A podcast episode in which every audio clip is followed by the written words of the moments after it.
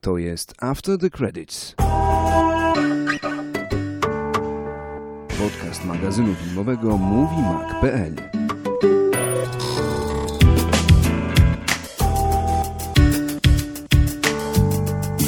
Podoba mi się tak samo, jak mi się podobał. W sensie mam te same Czyli drugi raz widziałeś Marsjanina? zażalenia. Tak, widziałem Mhm. wczoraj na Blu-rayu. No ja dwa razy byłem w kinie, też mam chyba już, już tyle wystarczy. Chyba tak. Chyba tak. Ale fajne wydanie? Coś tam zerkałeś, jakie dodatki? Właśnie nie, nie patrzyłem jeszcze na dodatki, wiesz? Nie, nie sprawdzałem tego, co tam jest. Mhm. Tam jest coś jakiś, coś tam z tym statkiem widziałem, jest, nie wiem, nie wiem, nie, nie, Mhm. nie chcę ci. No ja to będę miał za pół roku, bo niestety Czesi sobie ubzdurali, że wydadzą ładne wydanie i, No tak. No i zanim, zanim je stworzą, to, to poczekam pewnie do, do czerwca. Na razie nie mogą mi wysłać filmu sprzed pół roku jeszcze, bo jeszcze, Myślałem, że, ty, jeszcze myślałem, że kupujesz ten, niebieskie, a później po prostu podmieniasz. Nie, nie, nie, nie. Nie, tym bardziej, że zawartość czeska jest taka sama płyta jak polska, więc nawet nie mam motywacji, żeby podmienić potem, nie wiem, polskie płyty z, z czeskimi, to są te same. Więc... Nie, nie, nie. No, ale Marsjanin za ładne wydanie, żebym miał żebym miał nie kupić tego czeskiego. No nic. No okej. Yy, Dzień dobry, kłaniamy się nisko. 14 odcinek After the Credits. Cześć Wojtek. Witam, witam. Mieliście, chcąc, nie chcąc, nie umawialiśmy się. Krótką historię tego, co Wojtek kupił, co Wojtek obejrzał chwilę temu, ale o Marsjaninie na pewno już do tego filmu nie będziemy wracać, Oj obiecuję. nie, nie, nie.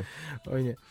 E, Dzisiaj mamy masę newsów, kilogramy, po prostu tony. Wojtek przyniósł w worku ziemniakami.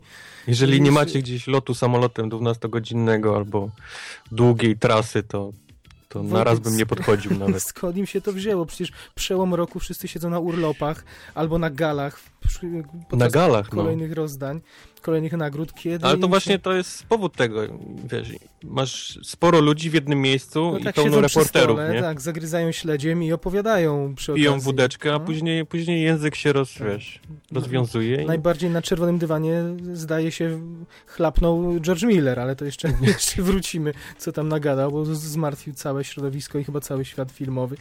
No nic, nie przedłużajmy, ale nie, przepraszam cię, zanim, zanim rozpoczniemy, zanim rozpoczniemy mierzenie się z naszym y, tonowym workiem newsów, jedna rzecz, nie możemy o tym nie powiedzieć, y, przemiła niespodzianka, jaka nam się spotkała, dostaliśmy na mailową skrzynkę, Dostaliśmy tajemnicze zdjęcie, które Wojtek, którym Wojtek potem podzielił się na swoim e, Facebooku. I zastanawiałem, zastanawiałem się przez co to jest. Pytam Wojtka, co to? To jakieś szaleństwo, jakaś konsola deweloperska, ale tam są nasze nazwiska. O co, o co kaman, tak? I okazuje się, że nasz słuchacz, Andrzej, z tego co rozumiem, e, pracuje w Traveler Tales, mhm. e, w, zakładam, że w Wielkiej Brytanii, bo tam oni mają swoją siedzibę i, i Mhm. klepie sobie kod e, w, e, no, gry. A jakiej to gry, Wojtku? w Lego grach, No i, i tak, Lego. czyli jednych z naszych ulubionych e, serii, niezmiennie, które mamy wycalakowane, czy tam wyplatynowane na, kto nie wierzy, może podglądać na, na konsolach, że nie, nie, nie przepuszczamy żadnej bez wyjątku. E, No i nie wiem jakim cudem, ale znaleźliśmy się w podziękowaniach. E, Więc Najwidoczniej słucha nas klepiąc ten, klepiąc kodziki, Tak. pisząc grę albo cokolwiek robi. Nie wiem, nie wiem tak naprawdę, co Andrzej robi, ale, ale ma dostęp do napisów, do podziękowań i, i tam nas zamieścił, za co mu bardzo dziękujemy. bardzo nam jest miłe, tak jak mówimy, no nie jesteśmy sobie w stanie wyobrazić, jak mogliśmy mu pomóc, ale jeśli faktycznie pomogliśmy, no to, to przeszczęśliwi jesteśmy i, i dla takich chwil również warto to nagrywać, spotykać się. No więc nie możemy dzisiaj krótkiego nagrać odcinka, no bo, bo, bo no co najmniej na jedną zmianę, bo musi 8 godzinną starczyć. Lubię, jak znajdujemy teraz. wymówki sami, sami dla siebie. E, Chociaż nie, no gra jest chyba już gotowa, więc podejrzewam, że teraz odpoczyła na urlopie na Bahamach, gdzieś się wygrzewa i już ma dość klocków Lego, Marvela i, i tak dalej pewnie po, Miejmy Po- nadzieję. po dwóch latach Albo już robi następne Lego. Myślisz? Ma, e, dwa, ale tak, fazę trzecią, Marvela już Może, trzecią fazę Marvela. z klocków Lego. No nic, pozdrawiamy. Strasznie, strasznie nam e, przyjemnie, Andrzeju, i, i dziękujemy za, za taką miłą niespodziankę. Będzie dla naszych dzieci, wnuków. Będziemy w stu kopiach mieć w piwnicy tą Ja mam w antyramce powieszoną Lego. Avengers. Y, Mówisz? No chyba. Ale to chyba kupisz fizyczną kopię teraz, bo ty teraz głównie cyfrowe teraz miałeś, ale zakładam, że kupisz pudełkową wersję. No ale na pudełku nie ma, wiesz, no, No to napisów końcowych, ale- co za różnica. No coś musisz powiesić w ramce, no chyba, że screenshota, okej. Ja screenshota mam Screenshot, w tamtej dobra. ramce. W porządku, okej. Ale dość o grach. Dość Filmy. o grach, filmy. Y, A co z y, na poletku filmowym najważniejszego wydarzyło się w ostatnich dwóch tygodniach? No przecież y, nie może Hmm. być. Nie, nie możemy nie Hmm. wymienić y, g, czego? Złotych malin. Złotych malin, właśnie. Czy nie? od Złotych Nie. malin. Czy może najpierw od Złotych Globów? Ja... może Złote Zacznijmy- Globy, bo Złote Globy były wcześniej. To, Dobrze. to może tak, No. miejmy to za sobą. Dopiero co mm, dwa tygodnie temu mm, opowiadaliśmy wam o naszych typach i o tym, jak kolejne koła krytyków ym, y, typują, jak sobie głosują, jak przyznają nagrody, ale mamy pierwsze rozstrzygnięcia. Czy prestiżowe? Nie wiem, jak Wojtek sądzisz, to są prestiżowe nagrody? Eee, nie, Chyba nie, nie, prawda? nie brałbym tego jako To prestiżowej jest- nagrody. To jest bardzo fajna impreza i każdy się dziwi, dlaczego te wszystkie gwiazdy tam przychodzą. To jest tak mało znaczące, przyznaję to parę dziesiąt Znaczy osób. przychodzą, bo jest, oni, każdy powtarza z nich, że atmosfera jest luźniejsza, Mhm. to siedzenie przy stoła takie ściśnięci, wiesz, cały czas gdzieś tam można się odwrócić do kogoś tyłem i coś komuś powiedzieć. E, Jest dużo alkoholu, mało jedzenia, więc różne dziwne rzeczy się też tam potrafią dziać. No i Ricky Gervais, który, No tak. który jest, wszystkich tam roastuje, jak to się Każdy mówi chce brzydko. przyjść i zostać ob- obrażonym Tak, przez Rickiego, tak. prawda? Kto nie zostanie obrażony, ten się nie liczy w Hollywood w danym roku. Dokładnie. Więc na dokładnie. pewno w tym roku liczy się Roman Polański. Mój. Polski... Zaczynasz od polskiego akcentu. Właśnie, ja zatweetowałem y, w nocy na, na Twitterze podczas Złotych Globów, że mamy iście polski wieczór, bo oto po pierwsze Kate Winslet zdobywa Globa za y, rolę Polki, zresztą córki Mhm. reżysera Jerzego Hoffmana, asystentki Steve'a Jobsa. W ogóle jest prawdopodobna historia, że w Polsce praktycznie nikt o tym nie wie, że to jest córka z reżysera y, słynnej trylogii Sien- Sienkiewiczowskiej. Nie? No w każdym razie Kate Winslet dostaje rolę za, za, za, za Globa za rolę Polki. Do tego nie To- dostał to była Globa. Chyba, przepraszam ci przerwę, ale to była chyba moja ulubiona nagroda, taka trafiona. W... A, w 200%. punkt dla siebie, że trzyma, trzymałeś kciuki, tak? No ale tam też Alicia Vikander była, no. No, no troszkę mi było nie, nie, nie. Ja miałem kciuki za Kate i, i tutaj. To, to była najmniej prawdopodobna To wygrana. prawda. Ona sama była tak w tej zaskoczona. kategorii wygraną, tak. I, I za nią trzymałem kciuki, dlatego cieszę się, że właśnie ona dostała. No właśnie, ale mówimy, to jest jeden polski akcent. Oczywiście y, to wszystko pół żartem, albo nawet nie pół żartem, a żartem. Y, Drugi akcent polski, Patrick Wilson za Fargo był nominowany, nagrody nie dostał, ale w, na drugim planie siedziała jego małżonka Dag- Dagmara Domińczyk, wsuwająca. Mhm. Y, Akurat kiedy go pokazali, Śledzika. śledzika, czy tam. Ona sama się śmiała, że to, nie, to wyglądało nie jak pralinka, ale to była pralinka, ona zapewnia, więc sama. Okej. Sama się śmiała i komentowała na Twitterze, że tak fajna impreza, ale po godzinie już tęskniła do dzieci i chciała wracać do domu. E, Tak opowiedziała. A trzeci polski akcent, no to Roman Polański w, tym, w tej wstępnej przemowie Rika Gervais o tym, Mhm. że film Spotlight to najlepszy film na pierwszą randkę i Roman Polański poleca. Dla, dla ten, tak, dla pedofilów. To o to chodziło. O to chodziło. I, i, i także były polskie akcenty, mm, jesteśmy obecni w Hollywood. E, No dobrze, a jakie rozstrzygnięcia? Mm, Film Zjawa, film The Revenant z DiCaprio, najlepszy film dramatyczny, również aktor w filmie dramatycznym, czyli DiCaprio i najlepszy Mhm. reżyser, czyli Inaritu. Mm, No, spytam cię delikatnie Wojtek, bo jeszcze o Zjawie nie rozmawiamy, bo ja jestem przed seansem.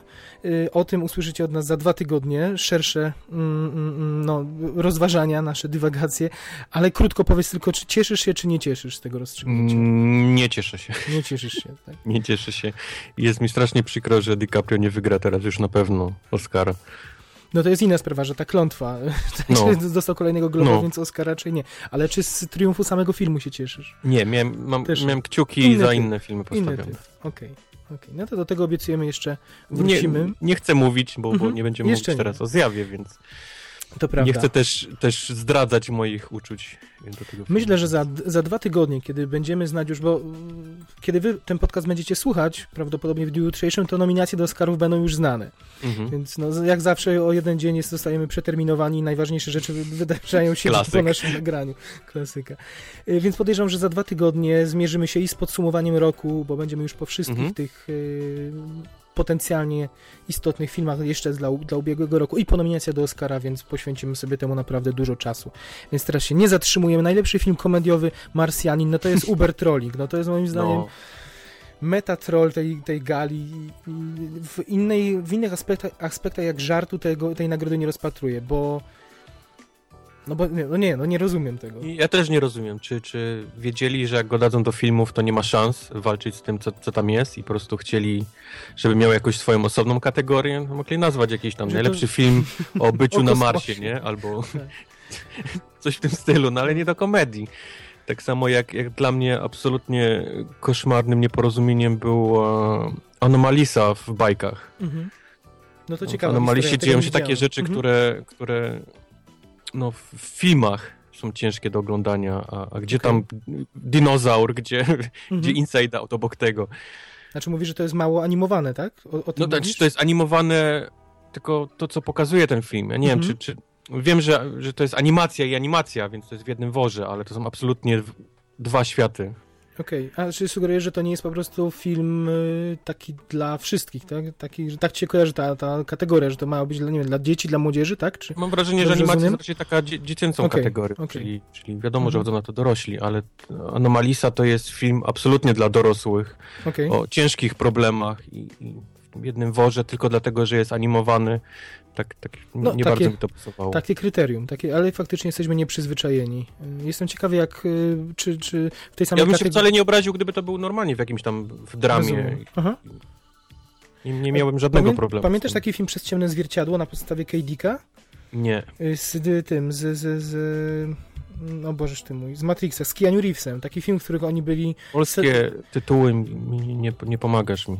Mi polskim tytułem. Jakbyś mi powiedział. Nie, no, nie, nie, teraz nie przypomnę sobie, ale takie, że Okej. m- aktorzy byli teksturami pokryci, animowanymi. A, tak, tak, no jasne. Oczywiście, że tak. No, więc jestem ciekaw, czy to było też y, wystawiane w kategorii animowanej, bo to podejrzewam, że to jest coś podobnego, tak? Jak, jak Anomalisa. Nie, nie, Anomalisa to jest taki poklatkowy, wiesz, kukiełkowy. A, w tym y, sensie, okej. mhm. Okej, ja tylko widziałem screeny i właśnie nie do końca czułem, jaki to jest rodzaj animacji. No dobrze, to wyjaśniłeś mi. Mm, więc z komedii Marsjanina się śmiejemy, ale prosimy żadnej, żeby powtórki na Oscarach nie było i tego Marsjanina już gdzieś tam na boczek filmów, y, no, niezłych, ale bez przesady odsunąć i, i już nie wracać. Najlepszy, najlepsza aktorka, Brie Larson, no to jesteśmy To przeszczęśliwi, jesteśmy, myślę, tak, tutaj za, też piątkę przybiliśmy. za pokój trochę wykrakaliśmy, ale, ale wspaniale. Chociaż yy, naszego Hana Ronan Soaris, yy, no też nie obrazilibyśmy się. Czy ty na Kate Blanchett, czy ja na Rooney Mara, ale Bria, Mhm. Brie- Brie Larson, jej się najbardziej ta nagroda przyda. Yy, wspaniale. I pięknie wyglądała poza tym na, na globach. Mhm. Jennifer Lawrence Joy, mm, najlepsza aktorka w komedii. To był, to, tu, tu już zwątpiłem w No tę nagrodę. nieporozumienie, To, nieporozumienie. to był ten moment, kiedy ja zwątpiłem, bo, bo absolutnie nie należała się y, ta nagroda. Mam wrażenie, że dostaje już z rozpędu. Rozpędu. Mhm. Za samo bycie Jennifer Lawrence mam wrażenie, że ona już po prostu dostaje tę nagrodę, a nie za, za filmy, w które gra. Nom- Nominacje tegoroczne za komedię pokazują, że to nie był najlepszy rok dla komedii, a przynajmniej komedii takich, które, czy komedii musicali, które mogłyby być właśnie nominowane do Globów, bo co by nie mówić, może, może się wykolejona podobać lub nie, y, czyli Trainwreck, może się agentka podobać tak lub nie, ale to nie są takie komedie, które zwykły być nominowane, to jest ciekawostka, Prawda. że one są w tym, w tym gronie. Big Short też trudno komedią nazywać, znaczy jest to komedia, ale to jest zupełnie inny ciężar gatunkowy niż pozostałe filmy. No, Ale jeśli już jest taki rozstrzał, to ja bym nagrodził Big Short jednak. Jeśli chyba już jest, tak, chyba, jeśli... też bym, chyba też bym strzelał w ten, zwłaszcza, że, że nigdzie indziej się nie pojawił, więc dałbym, dałbym też Big Shortowi tą nagrodę. Najuczciwiej by to było, jeśli miałby być w czymś doceniony. To takie właśnie drugie miejsce, nagroda taka pocieszenia czemu nie? Jeszcze o tym filmie dzisiaj oczywiście od nas y, Mhm. posłuchacie. Mm, Najlepszy aktor w komedii musicalu, no Matt Damon, pomijmy milczeniem. Matko Bosko, Steve Carell za Big Short powinien dostać jako na, pocieszkę Oj, za oj, pominięcie tak, go w oj, Foxcatcherze. Wspaniały był, wspaniały był Steve Carell. Rewelacyjny jest, Big no. Short. Y, Al Pacino za Idola, to, to śmialiśmy się, nie wiedzieliśmy co on tu robi, ale nawet nie pojawił się na, na Al. Pacino w ogóle nie było, ja się pytałem nawet ciebie, czy, czy on żyje, bo, Mhm. bo Al, Pa- Al Pacino to już dawno nie było widać nigdzie. Jest tu też zlekceważył, ale może miał przecieki, że nic nie dostanie. No o najlepszej aktorce drugoplanowej powiedzieliśmy, Kate Winslet za Steve'a Jobsa, no jest Tak. mi smutno, że Alicia Vikander za Ex Machina. żadne, żadne smutno mi. Tak, E, No i by się ta nagroda bardziej przydała, no ale to tak Nie. myślę koniunkturalnie, ale Team Kate również, więc nie jest źle, jest, jest okej. No najlepszy aktor drugoplanowy, y, wspaniała scena, mm, owacje na stojąco, łzy rodziny przy stoliku ekipy Creeda i Sylwester Stallone na środku. Wzruszy, wzruszyłeś się? Skakałeś pod sufit? Eee, wiesz co, cieszyłem się. Znaczy, jak zobaczyłem ludzi wstających, klaskających, to jednak robi wrażenie, nie? Jak, No. jak ludzie uznają aktorzy inni. Nie chce im się zbyt często podnosić tyłka, także to jest Nie. faktycznie docenienie, bo jednak trzeba się skupić na rozmowie i na wsuwaniu No obiadu. ale to też oznacza, że niestety Sly nie dostanie Oscara w tym momencie. Mówisz? Skoro tak, już było klaski, był, była statuetka, nie, ta klątwa się tyczy, ta klątwa tylko DiCaprio się tyczy. Okej, okej. No ale też powiedzmy sobie uczciwie, znaczy ja mu życzę z całego serca Oscara, ale jeśli się zatrzyma na Złotym Globie, to będzie mniej więcej odpowiadało poziomowi Tak, tej roli. tak, to jest taka godziwa nagroda, właśnie ten Złoty Glob za, za drugi plan i też wspaniale, jeśli na tym się skończy. Nie będziemy mieć, tym bardziej, że Mark Rylance, y, nieprzerwanie jesteśmy pod jego wrażeniem roli mo w Moście Szpiegów i, Mhm. Tu, tutaj był mój typ. i to chyba jest... y, Ale to, jest- to no, dobrze wróży, no. no. koniec. na, na rozdanie Oscarów. Aha. Najlepsza reżyseria Alejandro Iñárritu. No mówi, że, że dziwny wybór. Faktycznie za George'a Millera chyba trzymaliśmy kciuki tutaj w tej kategorii, tak mi się Mhm, wydaje. I, mhm. I smutno, I że... za niego będę trzymał też na, na Oscarach, no. I może się udać, i może się udać, Może bo się tutaj pamiętajmy, że Globy przyznaje Stowarzyszenie Prasy Zagranicznej i tutaj być może ta... Y, Jestem bardzo ciekawy, czy wygra w, Mhm. w gildii reżyserów. Ja mam wrażenie, że to jest też taka idealna nagroda byłaby dla niego. to też jest prawda, tam nominowany. To prawda, to prawda. No, pytanie, ile tam jest y, kumoterstwa, a ile jest, No, faktyczne, a no. ile jest faktycznego docenienia pracy. Jeśli będzie docenienie tego, co, co zrobili, no to Miller jest bezkonkurencyjny. Na końcu z myśl Iñárritu być może za tą jego y, taką odmienność kulturową, może ja właśnie Stowarzyszenie ja wrażenie, że Iñárritu Zagranicznej tak lubi. samo jak, jak Jennifer Lawrence dostaje po prostu za bycie Iñárritu Mhm. i za jakieś takie dziwne sposoby kręcenia tak? Rozumiem. filmów. Rozumiem. Najlepszy scenariusz Aaron Sorkin, Steve Jobs. Duże zaskoczenie, bo film e, no, bez echa przyszedł. Był dobrze oceniany, ale nie był pierwszym wyborem, tym bardziej, że, że wcześniej Quentin coś tam sobie za scenariusz Nienawistnej Ósemki też dostawał. Strasznie te, te, te globy jakieś takim w pewnym momencie stały się takie wybierzmy najbardziej sławną Mhm. osobę z tej, Tak. z tej listy. Tak, tak miałem wrażenie, że takie kto jest po, na- najsławniejszy z listy tych pięciu, ten wiesz, wygra po, i po tak było. najmniejszej linii oporu po prostu pójście. No, Nie? no. Bo co by nie mówić, no Big Short też był y, scenariuszowo, to jest ciekawa, znaczy ciekawy. Nie na, nie na każdym polu się ten film udał, to do, o tym do tego jeszcze wrócimy, moim zdaniem, ale akurat y, zrobić, z tego, zrobić z takiej tematyki film, to nie było coś łatwego, więc Mhm. no nie wiem, nie wiem. Ten, o Steve'ie Jobsie już rozmawialiśmy, mówiliśmy i y, miałem trochę do niego, do niego zarzutów i no i to nie był mój pierwszy wybór, ale To też nie był mój pierwszy wybór. ale scenarzyści, y, znaczy scenarzyści, Stowarzyszenie Prasy Zagranicznej tak wybrało, no Sorkin jest dalej mocny, Ale Sorkina lubię, więc, więc nie mam jakiegoś dużego żalu o to. jasne.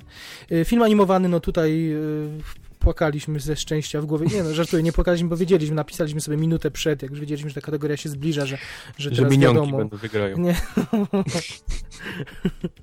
o ty cholero, no. Nie zaczynaj nawet. W głowie się nie mieści otrzymało tutaj e, nagrodę za film animowany, ale ja trzymam kciuki cały czas, że Akademia się odważy i nominuje do tej dziesiątki czy też dziewiątki filmów za najlepszy film roku, mm, a nie tylko za film animowany. No ale tutaj przy Globach niczego innego nie można się było spodziewać, Mhm. więc jest ta nagroda, najmniejszy wymiar kary i czy, czy, na, czy na, nagrody. tak. E, Baranek Sean był jeszcze, Fistaszki, e, Dobry Dinozaur i właśnie Anomalisa, o której wspominasz, e, Mhm. ale rozumiem bezkonkurencyjnie, nie zmieniasz zdania, Nie, w nie, głowie nie. się nie mieści. tu nie Mhm. było konkurencji w tej, Mhm. w tej kategorii. No tak samo nie było konkurencji w kategorii film zagraniczny, Syn, To prawda. Syn Szawła. Trzymamy kciuki, żeby dzięki tej nagrodzie jak najszybciej film również do Ameryki, do, do, do, do więcej niż do jednego kina się przedostał. Mhm. Także Wojtek wypatruje premiera w Polsce chyba za tydzień. Już możecie szukać e, pokazów przedpremierowych. A powiadam wam, że warto. Także Syn Szawła nie powinno być innego rozstrzygnięcia, nie wydaje mi się. e, Na Oscarach? Nie, nie. Na Oscarach. Hollywood i w To ogóle będzie ta media. sama lista, też Mustang i tak dalej, Mhm. i tak dalej.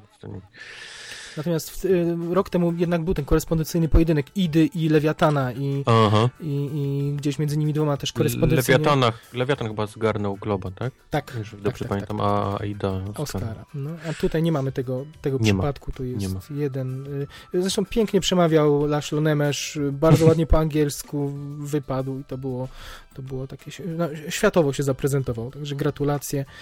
Mm, najlepsza muzyka, no to jest też mały skandal, Ennio Morricone, Nienawistna ósemka. Y, czyli film, który żartobliwie mówię, że złożony z odrzutów y, po, z horroru The Thing, ale faktycznie w tym filmie jest y, tona muzyki z innych filmów, z Egzorcysty.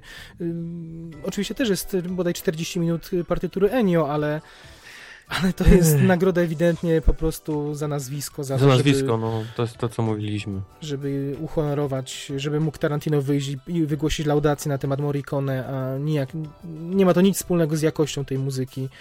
Mm, Carter Burwell moim zdaniem za Karol powinien otrzymać. y, Ja trzymałem kciuki za Danish Girl. Też jest. Desplat zrobił Desplata, świetną, mhm. to, tylko że to jest y, niemal kopia y, Extremely Loud Incredibly Close jego pracy z tego filmu sprzed paru lat z Sandrą Bullock. Y, to jest bardzo takie bezpieczne, to takie tak zwane plumkanie Desplata i on ani się o milimetr nie wyszedł poza tą swoją bezpieczną sferę, więc, więc to jest taki mój jedyny zarzut. No wolałem to niż te, te wiesz, odrzutki podszywane. Każde inne byłoby, byłoby No. lepszym rozwiązaniem, chociaż The, The Revenant jest bardzo ciężką, atonalną muzyką, taką, taką Oj, The. Revenant, no. No ale też y, czasem lubi Hollywood coś takiego nagrodzić. No, to, to zawsze jest i tak większe, bardziej kreatywne. Ja, ja też po cichu za Daniela Pembertona, za Steve'a Jobsa trzymałem kciuki, bo to mówiliśmy dwa tygodnie temu, że zdolny młody chłopak yy, i też by mu się ta nagroda przydała. No i na, kończę z najlepsza piosenka. O jest. Wojtka ulubiona. Ja wyłączyłem już telewizor. Szkoda, że nie śpiewali, nie? Na- Najgorszy, najgorszy wybór w tej Jezu, całej Jestem tej. w mniejszości. Na Twitterze też były takie reakcje, że wszyscy byli oburzeni. Jestem w mniejszości. Ja nic nie poradzę, słucham jej milion razy i sympatyzuję jednak z tą kompozycją z Writings on the Wall ze, ze Spectre. E, Ale nie obrazilibyśmy się, gdyby dostało Siłę Against Szybkich Wściekłych 7 jako wspomnienie Oj, tego tak. ważnego Oj, tak. E, Simple Song 3 z młodości to trochę żart, bo to, No. To, to nie był dobry utwór moim zdaniem, który, który, i to jedna z głównych wad tego filmu, że, że czekaliśmy przez cały film, przez całą młodość na to epokowe dzieło, które miało za, wybrzmieć w finale i jak już brzmiało, tak serio o to chodziło, wokół tego to wszystko. Elżbieta ma taki gust muzyczny, no nic. E, To, więc przy tej kategorii e, się pośmialiśmy. E, Tych kategorii telewizyjnych nie będziemy omawiać, bo Nie. podcast zająłby nie, Nie. 4, a Nie. 7 godzin, wybaczcie. Ale cieszymy się z Globa za drugi plan aktorski w serialu dramatycznym za, dla serialu The Affair. Ym, Muszę powiedzieć, to jest jedyny serial, który oglądam i, z, dostał nagrodę, więc czułem się jakbym wygrał tam, szóstkę w totka. Nawet nie chcę zacząć, bo, bo w tych telewizyjnych to, to, to była już masakra, jeżeli chodzi o przyznawane. Lady Gaga i, I John Hamm, jak wyszedł za Madmena, ja tak John Hamm za "Ej, to jeszcze- to który już nie leci nadają?" od 6 lat w telewizji. Dziwne, dziwne. Dobrze, Złote Maliny. Wojtek, to jest świeżynka dla odmiany. Te malinki. Zawsze dzień przed e, nominacjami do Oscarów mamy również nominacje do najgorszych pozycji sezonu Kapituła Złotej Maliny. Nominowała mm, kilka filmów, e, chyba szukam, miałem powiedzieć kilka filmów, które o dziwo lubimy, ale przeglądam tą listę i chyba widzę, widzę jeden i to i tak jestem na siłę. przerażony, jestem przerażony faktem, jak dużo z tych filmów widziałem. Widziałem, niestety. prawda?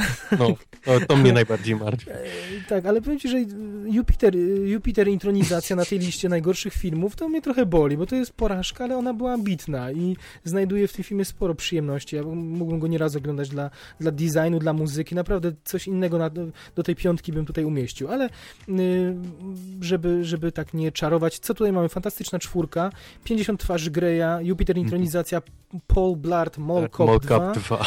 To nie wiem, co to jest, to już do Polski mamy, mamy jakąś y, blokadę. Jest- Absolutnie nie, nie powinniś żałować, że to nie doszło do Polski. To jest jakoś bardzo, nie wiem, nie wiem hermetyczny humor To amerykański. jest, to co jest, ta, Sam, ta, sama ekipa, co, co Saddam Andler. Okej, To, są, to są wszyscy te same filmy, mhm, ten, ten sam typ filmów. okej. Curious, Six nie ma tutaj, tej dla Netflixa, ale to może dlatego, że, że to telewizyjne Może nie zdążyło chyba, albo, albo może, że to nie jest telewizyjne, no. No, no, nie wiem, czy to było w kinach. No i Pixele na końcu też. No, Mm. Hm. Komu byś przyznał nagrodę? Z tej tu piątki? zawsze Adam Sandler wygra. czyli Paul Blart, okej. Nie, nie, Pixels. A, Sandler, dobrze, przepraszam, tak, tak, tak. Yy, no ja chyba Greyowi jednak, bo tamte inne filmy to było... No to jednak wiadomo, znaczy Jupiter wykluczam, tak jak mówię, Fantastyczną Czwórkę lubię przez to, jak była okropne rzeczy się wokół niej działy. Yy, natomiast 50 twarzy Greya to było wiesz, chodzi mi o zestawienie oczekiwań, jakby tego, jakie pieniądze za tym stały, jacy ludzie za tym stali, jak pompowany był balon, że to jednak będzie coś więcej i tego, jak y, bardzo kupą się to okazało i jak bardzo to było takie nadymane, takie niby glamour, y, no, a, a pod, jak, jak uchyliłeś prześcieradło, to tam sporo kupy leżało. O fuj. i, i wiesz, no piksele, no to nikt się nie spodziewał, to, to był taki Sandler właśnie i jakby wiedziałeś, Nie, na, nie, co, wiedziałeś na co idziesz. Nie, nie można absolutnie pozwolić mu, żeby kręcił dalej filmy. Dobra. Dobrze. Na- najgorszy reżyser y, dalej Paul Blart, y, Mall Cop 2, czyli Andy Fickman, Tom Six za Ludzką Stonogę 3, Boże, naprawdę jest trzecia część tego filmu, biedna Sam Taylor Johnson, 50 twarzy Greya, Josh Trank za Fantastyczną Czwórkę i Andy i Lena Wachowscy za Jupitera. No, Trankowi nie wolno dawać za Fantastyczną Czwórkę, bo jeszcze sobie krzywdę zrobi, więc nie wolno, nie wolno wysłać mu nawet sygnału takiego. Więc tutaj może za tą ludzką stonogę, że ten człowiek dalej dostaje pieniądze Nie na te widziałem filmy. ludzkiej No ja stonogi, też nie, ale z awansem, za to, że, że ktoś mu daje hajs na te, na te filmy może. E, Albo sam Taylor Johnson, no, że w ogóle dziewczyna się dała tak zbrukać i w ogóle zgodziła się na reżyserię takiego filmu. No. Okazało się, że i tak był zbyt za, za dobry i podziękowano jej i teraz będą tak samo jak i scenariusz okazał się za dobry i teraz Też już widzę koniecznie to Fifty Shades of Grey. Autorka książki pisze scenariusz sequeli dwóch, które będą kręcone naraz. No wszystko się tam, wszystko się tam zgadza. Będzie tylko, tylko gorzej. Najgorszy aktor Johnny Depp y, za Mordecai, Jamie Dornan za 50 twarzy Greya, jest Kevin James za Paula Yep, Blarta, Mol, y, Cop 2, jest, mój faworyt. y, Adam Sandler i Channing Tatum.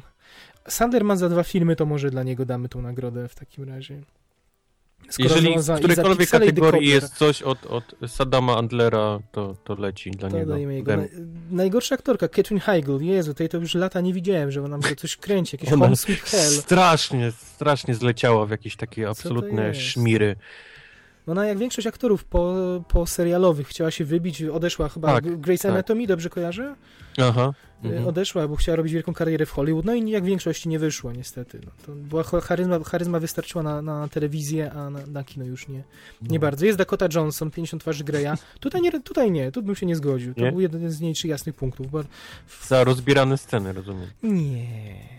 Nie, za rozbierane sceny to ma minus, bo miała fut, futerko sobie dorabiała, wyobraź sobie. Na, taka Żartujesz. ciekawostka. No serio.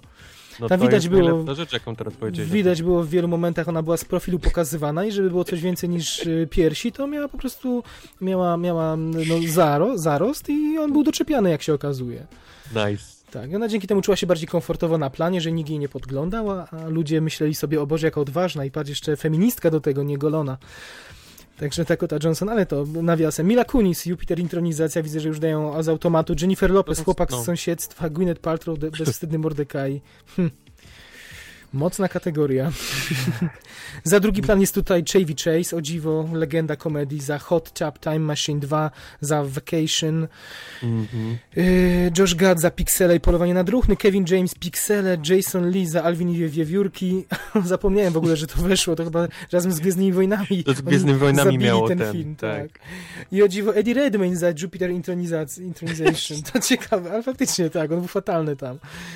Da- Dariapę przez cały film nienaturalnie, dziwacznie. A swoją drogą na globach y, świetny żart, nie? Yy, Rickiego.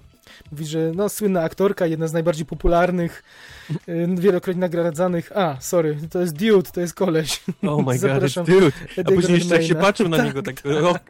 Tak. E, Podoba mi się, że Kevin James jest, jest i w supporting, i, i w głównej roli jest nominowany.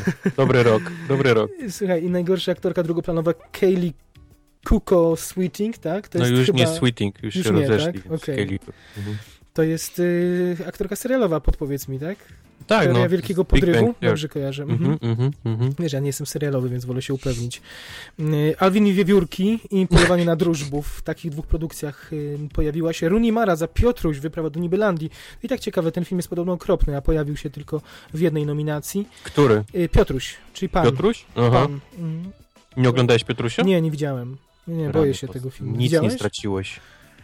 No to jest film, który miał... Nie przez- chcę spoilować mojego wyboru filmu, najgorszego filmu Mhm. w tym roku. Ale... No nie, to muszę się za- Piotruś. muszę obejrzeć w takim razie, jak będziemy przyznawać nasze wyróżnienia, bo to skoro tak boskie. mówisz. Już dawno nie chciałem sobie żył podcinać w No, kinie. ale to jest jeden z tych filmów, które były źle, zmo- źle nakręcone, źle zmontowane. Dostał parę miesięcy więcej, żeby go ratowali Och, i ratowali go na Jak stole to, montażowym. to aż mi podchodzi pod I chyba się nie udało, skoro tak mówisz. No. Więc jest No. tutaj Rooney, jest Michel Monaghan za Pixele, jest Julian Moore za Siódmego Syna a, i Amanda Seyfried za Love the Coopers i pi- właśnie za, za Piotrusia Wyprawę do Nibeland. Jest też najgorszy remake lub sequel, taka kategoria jest Alvin i Wiewiórki, Fantastyczna Czwórka, Hot Tub Time Machine i Paul Blart Mall Cop 2.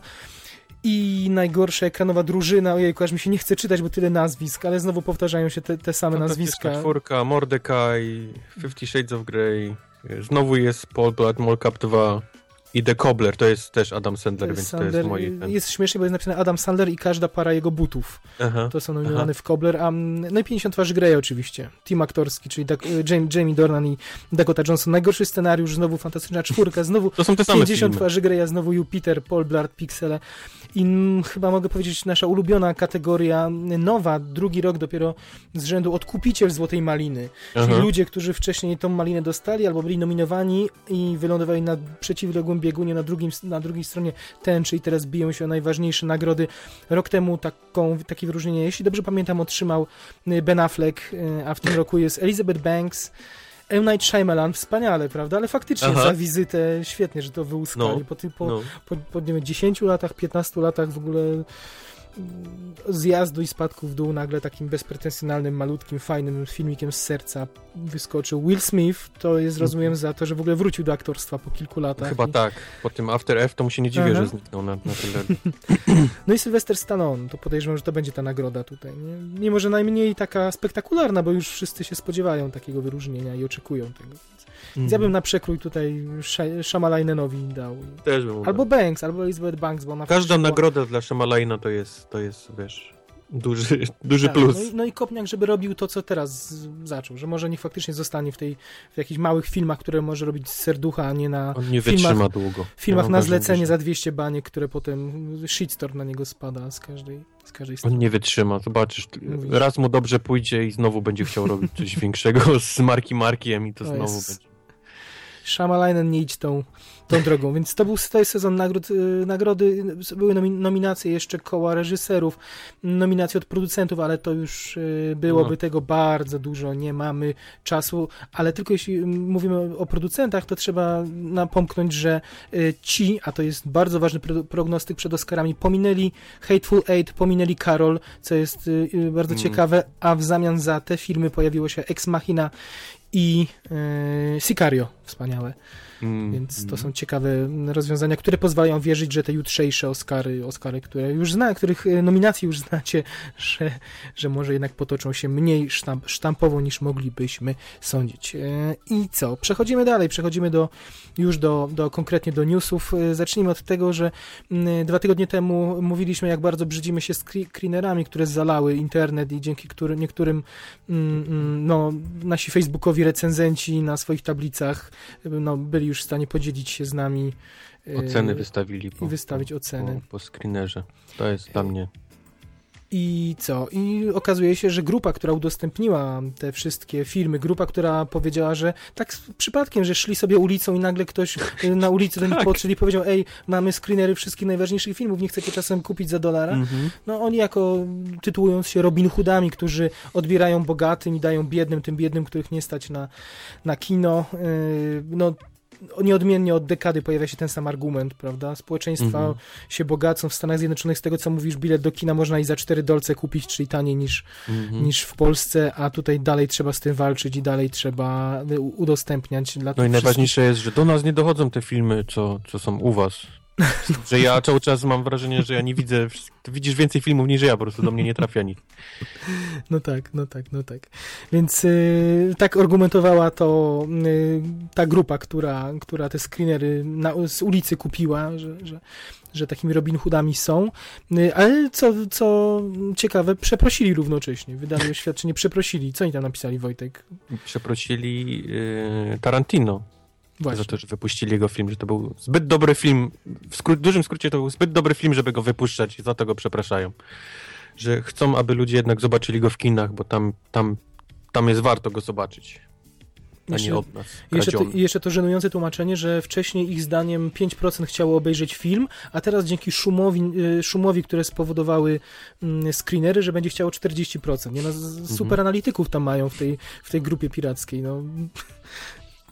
Skąd to wzięli, to no, chciałbym zobaczyć te wyliczenia, te tabelki w Excelu. I, mm, no, tym niemniej powiedzieli, że teraz już nie udostępnią żadnego filmu przed premierą, bo nie, Hateful Eight pojawiło się najwyraźniej parę dni jeszcze przed premierą kinową i mówią, że już y, wspaniałomyślnie The Big Short udostępnili po premierze kinowej. Zaczekali O, na ten moment. Kochani. Szlachetni, dziękujemy wam za to, wspaniale. Co za piraci Jest nam strasznie miło, tak, że możemy dzięki nim właśnie opowiadać na podcaście. Nagrodę Nobla powinni dostać. Dwie nawet, dwie nawet. Dwie. Rok po roku. Yy, I z, nie, to w jednym roku z y, pokojową, a w drugim z ekonomii, bo zajebiste mają Tak, z wyliczenia. ekonomią.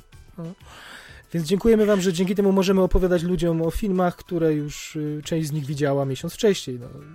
Have fun, ale, ale, 640 na 480 z rozmazanymi napisami na Tak. środku. ale wybaczcie, nie, nie będę The Revenant oglądał na, na monitorze komputera, bo nie po prostu. Ale To jest chyba największy, największy yy, zbrodnia największa. zbrodnia, no. Mhm. To jest Dead Revenant.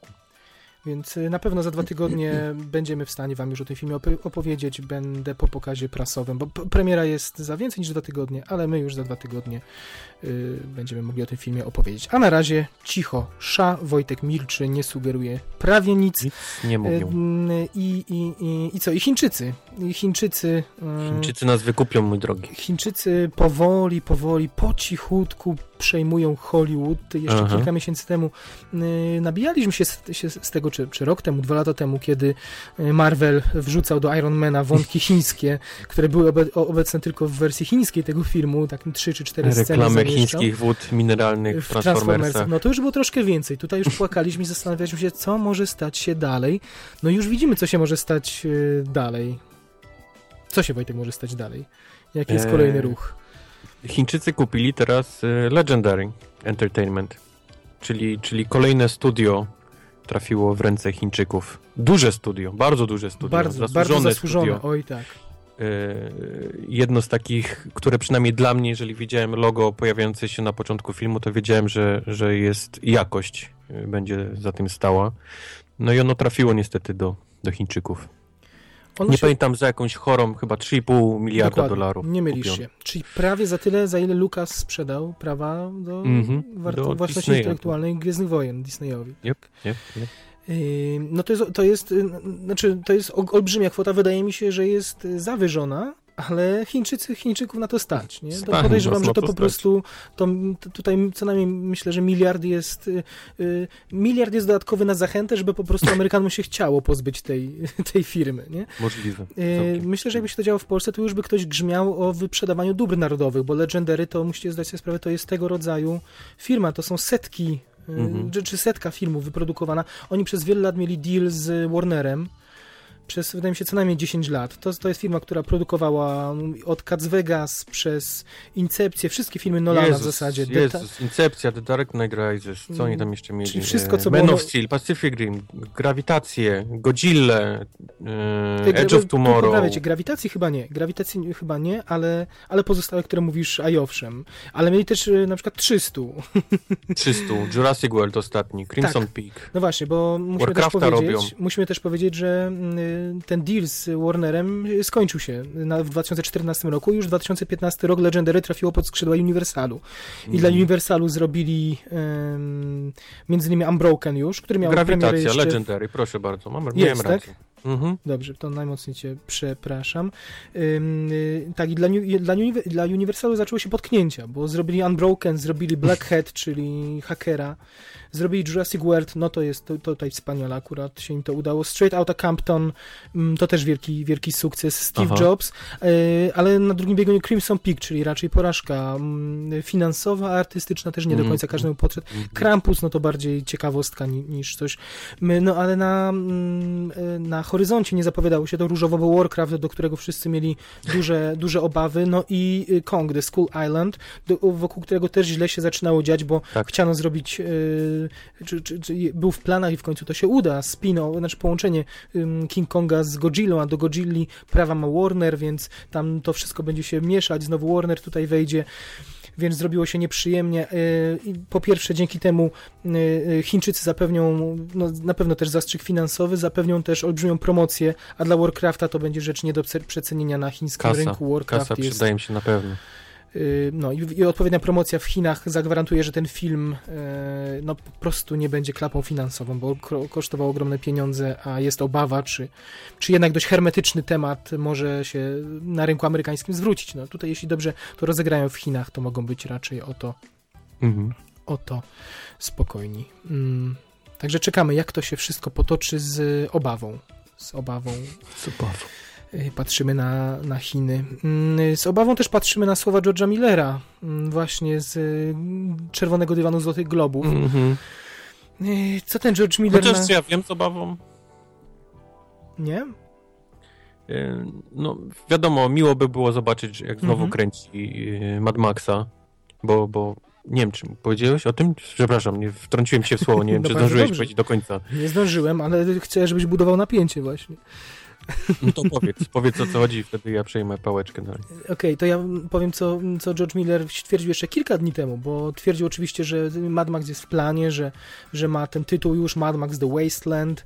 Na pytanie, czy chciałby zrobić film o Furiosie, no to mówił, że to jest oczywiście bardzo ciekawa postać, ale jak wiemy, Charlize Theron nie była zachwycona miesiącami spędzonymi w przyczepie na pustyni i, i więc y, mimo, że ludzie bardzo by chcieli prequel o Furiosie, to y, George Miller mówił, że hej, ale ten gość z gitarą jest równie interesującą postacią, może oni byśmy powiedzieli, no tak żartem zwracał uwagę, że tam jest tyle postaci, o których można by opowiedzieć ciekawe, poboczne historie, że no ten kilka sequeli co najmniej dałoby się tym ym, obsadzić i faktycznie mówiło się, że już dwa scenariusze co najmniej George Miller na biurku ma.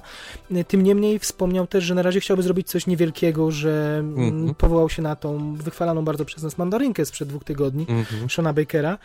Mm, Powiedział, że go zainspirowało, że chciałby coś zrobić iPhone'em, że to jest, byłoby ciekawe doświadczenie y, i, i może niekoniecznie iPhone'em, ale właśnie w tym kierunku niskobudżetowym i postawić na historię, a nie na wizualia. No i co podsłuchali dziennikarze na czerwonym dywanie, Wojtku? Jak to się skończyło, te deklaracje? No powiedział, że już więcej nie nakręci żadnego filmu z serii Mad Max. Że, że zmęczyło go strasznie. Jak, jak myśli o kręceniu, to cały czas widzi te miesiące czekania na, na brak opadów w Australii i tak dalej, i tak dalej, że, że po prostu on potrzebuje coś innego zrobić, a nie Mad Max. No, jest już wiekowy, to prawda. Każda, mówi, podróż do Stanów Zjednoczonych to jest ponad doba w jedną, w drugą stronę. W ciągu A tego ja się cieszę, że nie robi, wiesz? Powiem Mówisz? tak. Mhm. Mam wrażenie, że ten film wyszedł tak mu idealnie, Mhm. idealnie, że nie jest w stanie nakręcić lepszego i byłby porównywany wtedy z, z George'a Millera, którego uwielbiamy teraz za, za Mad Maxa. Byłby George'em Millerem, który, no, raz mu się udało, ale niestety, no, drugi raz już dał, dał wiesz, ciała i, i, i niestety, no. A po co? A po co? Możemy go mieć w pamięci jako, jako gościa, który przyszedł, nakręcił Mad Maxa po tylu latach i był wyśmienity. prawda. To prawda, masz rację, jak ktoś skopie tą markę za parę lat, to będziemy No. mogli powiedzieć, że Mad Max był tylko jeden i nikt inny poza George George'em Miller by Millerem- tego nie skopał, Tak, nie? Będziemy nie- też mogli no, powiedzieć. Nie Ha, powinien nikt tego dotykać. No ja się jeszcze martwię o jego zdrowie, bo faktycznie przebywanie w takich temperaturach i, no. przez tyle czasu i na pewno gość to robił 30 lat. No. Życie w takim stresie. Bardziej mnie ciekawi to, co mówisz, że go zainspirowała ta mandarynka i że, No. że, że coś mu do głowy wpadło. To No. może być ciekawe. Niech robi, niech odpoczywa, niech biega z iPhone'em. Zdrowia, panie George. Przekonałeś mnie, Wojtek, przekonałeś Dobrze, mnie. Jeszcze na dobrze. początku tego newsa płakałem, a jestem teraz kupiony. Teraz już się cieszysz. I niech George jak najdalej. Tak. Ale niech mu najpierw dadzą Oscara. Mhm, No. mhm. Oj tak. Y, Oscara na razie spodziewać nie może się Michael Bay. Mm, y, Powiedz, ty, ty byłeś, na tym, byłeś na tym jego nowym filmie? Czy to jeszcze, czy premiera w piątek? To niestety w piątek. W piątek, tak? Y, Aha. Ale to może być coś interesującego, bo Znaczy, niestety, nie, nie powiem niestety, Nie, bo no mam jasne. wrażenie, że to jest idealny film dla Michaela Beya. im, im mniej pieniędzy Bay ma na swój film, tym bardziej się przykłada. Mniej, mniej robotów Mhm. błyszczących, tym, tym myślę, że, że Bay jest lepszy w takich rzeczach. Więc czekamy na film o dzielnych żołnierzach, tak? Tak? Dobrze mówię? To jest No. znowu coś wojskowego, mm, ten Mhm. nowy film.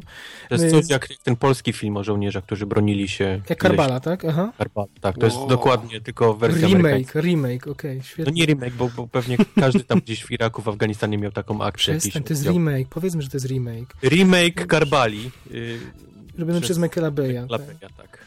Oficjalnie u nas pierwszy słyszę. Czekamy, 10 na 10.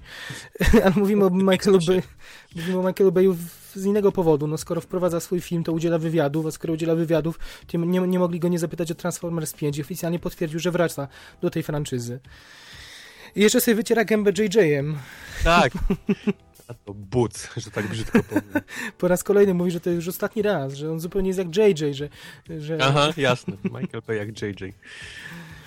że, że JJ powiedział, że, no, że, że trzeba komuś przekazać pałeczkę, że utwierdzi, że jesteś jedynym, który może to zrobić, ale w końcu musisz to zostawić za sobą. No tylko JJ to mówił po jednym filmie, a nie po, Nie a nie po po sześciu. 6, 7, 10, no. Kropieństwo, no. Ale na Transformersy trochę z, z uśmiechem, ale czekamy, bo tam jest spora... Nie, nie, no czekamy, nie. bo jest ta Tak fajna, mnie- spora tak grupa scenarzystów. No przestań. Denerwowała, że po prostu... No dobrze, ale tam jest ta grupa 10 ludzi, którzy mają gwarantowa- gwarantować odpowiednią jakość razem z Akiwą Goldsmanem na czele. No jesteśmy ciekawi i tym Ki- Robertem Kirkmanem od Walking Kiedy Dead. tak duża ekipa gwarantowała kiedykolwiek sukces? Nie wiem, no, a Marvel od tylu lat. No. No, Fakt, że potem zaczęły się kwasy i teraz wychodzi powoli, że jedni mieli więcej do gadania, drudzy mniej. No, no, no. Y, Ale na początku... zaraz będą się pojawiać informacje, że ten odszedł z tej ekipy, ten odszedł Tak, i zostanie ale- trójka. Ale, ale na początku tej... którzy de- przerobią szybko to, co tam ci wymyślili, wiesz, To prawda, ale to swoje pomysły i mini- wyjdzie takie bagno, że wow. Ale to minie jeszcze trochę czasu. Na razie wszyscy będą mieli spięte poślady Oj, i będą tak. pracować na, na każdy na każdego. Wiesz, jeden będzie pomagał w projekcie drugiego, drugi w projekcie trzeciego. Dopiero potem się zaczną kwasy, że ktoś się przyczepia, ktoś śmie mieć inne zdanie i pokłócą się i w końcu się rozpadnie. No. Ale to jeszcze czas. To jeszcze czas. No.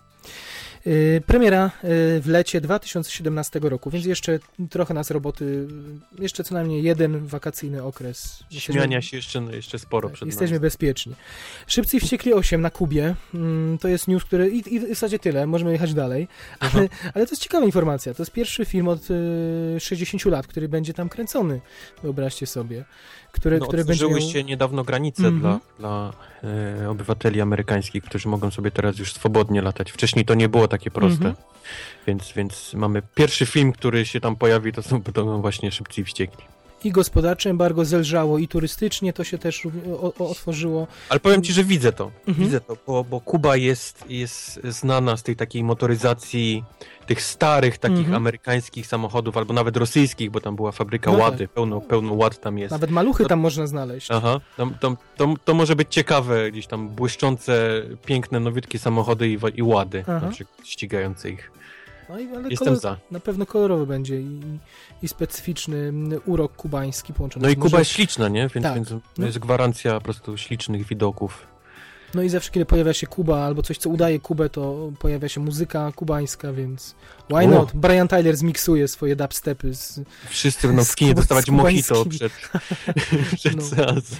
No, ale słuchajcie, no to jest kolejny trend. Po, po Chinach tutaj mamy kolejne otwarcie na kolejny Kuba. rynek i nie, po, przypomina mi się taka ciekawostka, że mm, George Lucas którąś z części Gwiezdnych Wojen podarował w prezencie Kubańczykom chyba, że ponieważ oni nie mogli mieć y, filmów amerykańskich, czy nie mogli kupować, czy wprowadzać y, za Mhm. hajs, to on powiedział, że tu macie kopię i wyświetlcie ją sobie za darmo, czy coś takiego. Była za, taka historia. Za paczkę cygar pewnie. jakiś, cza, jakiś czas temu. No, nie wiem, czy miał taki sentyment, czy mu było smutno, że go nie doceniają na własnym rynku, więc może stwierdzić, może chociaż na Kubie mnie docenią, może się spodoba, nie?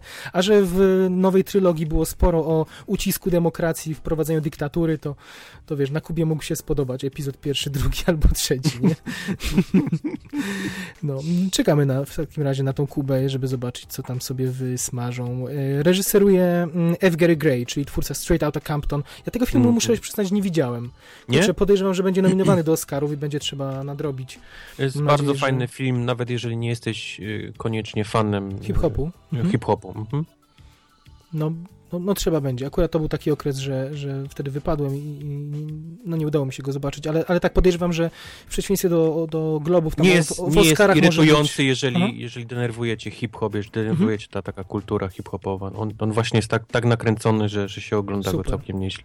Super. No, na pewno będzie w, w Oscarach w kilku miejscach może się pojawić, więc, więc będzie trzeba to nadrobić. I w F. Gary Gray kolejny od zera, znaczy od, nie chcę mówić od zera, ale kolejny, kolejna sytuacja, gdzie właśnie nazwisko wybija się jednym znaczącym, mniejszym filmem i dostaje ogromną... Czy e, Straight Outta Compton będzie Selmą tego, tegorocznym? O, ciekawe, no. Ciekawe, ciekawe. No, ale na pewno jest mniej narażona na komentarze, że to jest nominacja tylko i wyłącznie ideologiczna. Nie? No, Aha, jednak, mhm. jednak. No, sam, sam to mówisz, że nie jest y, li tylko hermetyczny i li tylko dla Tak, fanów hip-hopu. Tak, tak, tak, to prawda. No. No, y, to jest, nie jest jedyny przypadek, o którym będziemy dzisiaj mówić, właśnie takiego reżysera, który wybija się na jednym filmie, a zawsze takie przypadki witamy z radością, chociaż nie do końca, ale do tego jeszcze, jeszcze wrócimy. Javier Bardem y, dołącza do mm, tajemniczego projektu Darela Aronowskiego. Aronowski Mhm. no, milczał od jakiegoś czasu po Noem, po przed, y, spektakularnej chyba porażce sprzed półtora roku A, mi się bodaj. podobał, no. No, był niezły, tak, to prawda, to prawda. Ja Rozmawialiśmy jakoś na... mam, mam jakiś, nie wiem, no. Będę bronił tego filmu Mhm. za każdym razem, jak ktoś będzie... Rozmawialiśmy o nim chyba na, podsum- na pierwszym naszym No. podcaście, nie na podsumowaniu No. roku, tak mi się wydaje. Ten film miał dużo wad, ale, ale to tak odważne skoki na, na świętość to, to jest zawsze ciekawa rzecz. I, No. i, I szkoda, że ten człowiek y, no, nie do końca jest rozumiany, na, może nie przez ludzi, ale przez producentów na pewno. I jest mu trudno o finansowanie kolejnych swoich produkcji. No tutaj mamy jakiś tajemniczy mm, projekt. Na pewno jest to nie, kino niezależne, tak jest to określane. Historia pary, której relacja zostaje wystawiona na, na próbę, ale najważniejsze jest to, że nazwiska, że jest Javier Bardem, y, jest Jennifer Lawrence. Y, Co więcej, Bardem zrezygnował, nie wiem czy dla tego filmu, ale zrezygnował z y, ekranizacji Mrocznej Wieży Stephena Kinga. Mhm. To, to coś może mówić. Jest tak? to coś mówi, ale no, Aronowski to jest dalej nazwisko, z którym chyba każdy chce pracować w Hollywoodzie. Jennifer może- Lawrence na pewno dostanie Złotego Globa Globa za to. Mhm, Ale może to będzie lepszy film, jak ją, po, jak ją poprowadzi Aronowski, a nie y, David Russell. O Russell, Że tak. w końcu nie będą miękkie kluchy, tylko gdzieś tam... ją- Chyba, że y, będzie w tym filmie znowu grała 17-latkę. Nie, ona, ona gra zawsze starsze kobiety. Starsze. Ona gra 40-latki 40 z, dwu, z tak. dwójką dzieci, a ma 21 lat na przykład. Tak. Nie, No. może, jej, może jej nie grozi. Oby Aronowski wydobił z niej to, co najlepsze. Y, Wojtek, Christoph Waltz y, ma kontrakt na kolejne części Bonda. To jest zabawna To jest z sytuacja. tych smutniejszych wiadomości. Dowiadujemy tak, się, że, uwaga, to spoiler, jeśli ktoś nie widział Spectre i to niech nie słucha przez najbliższe pół minuty, bo to jest chociaż de delikatny spoiler. Uwaga, no to już mówię, ten człowiek ma kontrakt na jeszcze, a, a grał Arcyłotra z, ze Spectre, ma ko kontrakt na kolejne trzy filmy, tak? czyli Mhm. miałby się pojawić w kolejnych częściach. Co więcej, ma klauzulę, która mówi, że może się pojawić w nich tylko i wyłącznie, jeśli Daniel Craig będzie również grał. Wow. Czyli jeśli podpisywali ten Czyli kon- jest szansa, że nie będzie grał. że nie będzie. Znaczy Craig ma jeszcze kontrakt na jeden film, więc w Mm. najgorszym wypadku Waltz będzie jeszcze w jednej produkcji, ale to jest ciekawe, że jeśli kiedy pod, podpisywali z nim, kiedy rok temu była Mhm. konferencja przedstawiająca mm, Mhm. obsadę Spectre, no to wtedy rozumiem zakładali jeszcze, że Craig, z Craigiem przedłużą umowę, bo no, rozumiem, że nie podpisywaliby z Wolcem umowy z y, adnotacją mm, na trzy części y, kolejne Craiga, więc przy, przynajmniej liczyli, na, o, o, mieli ogromne nadzieje, że,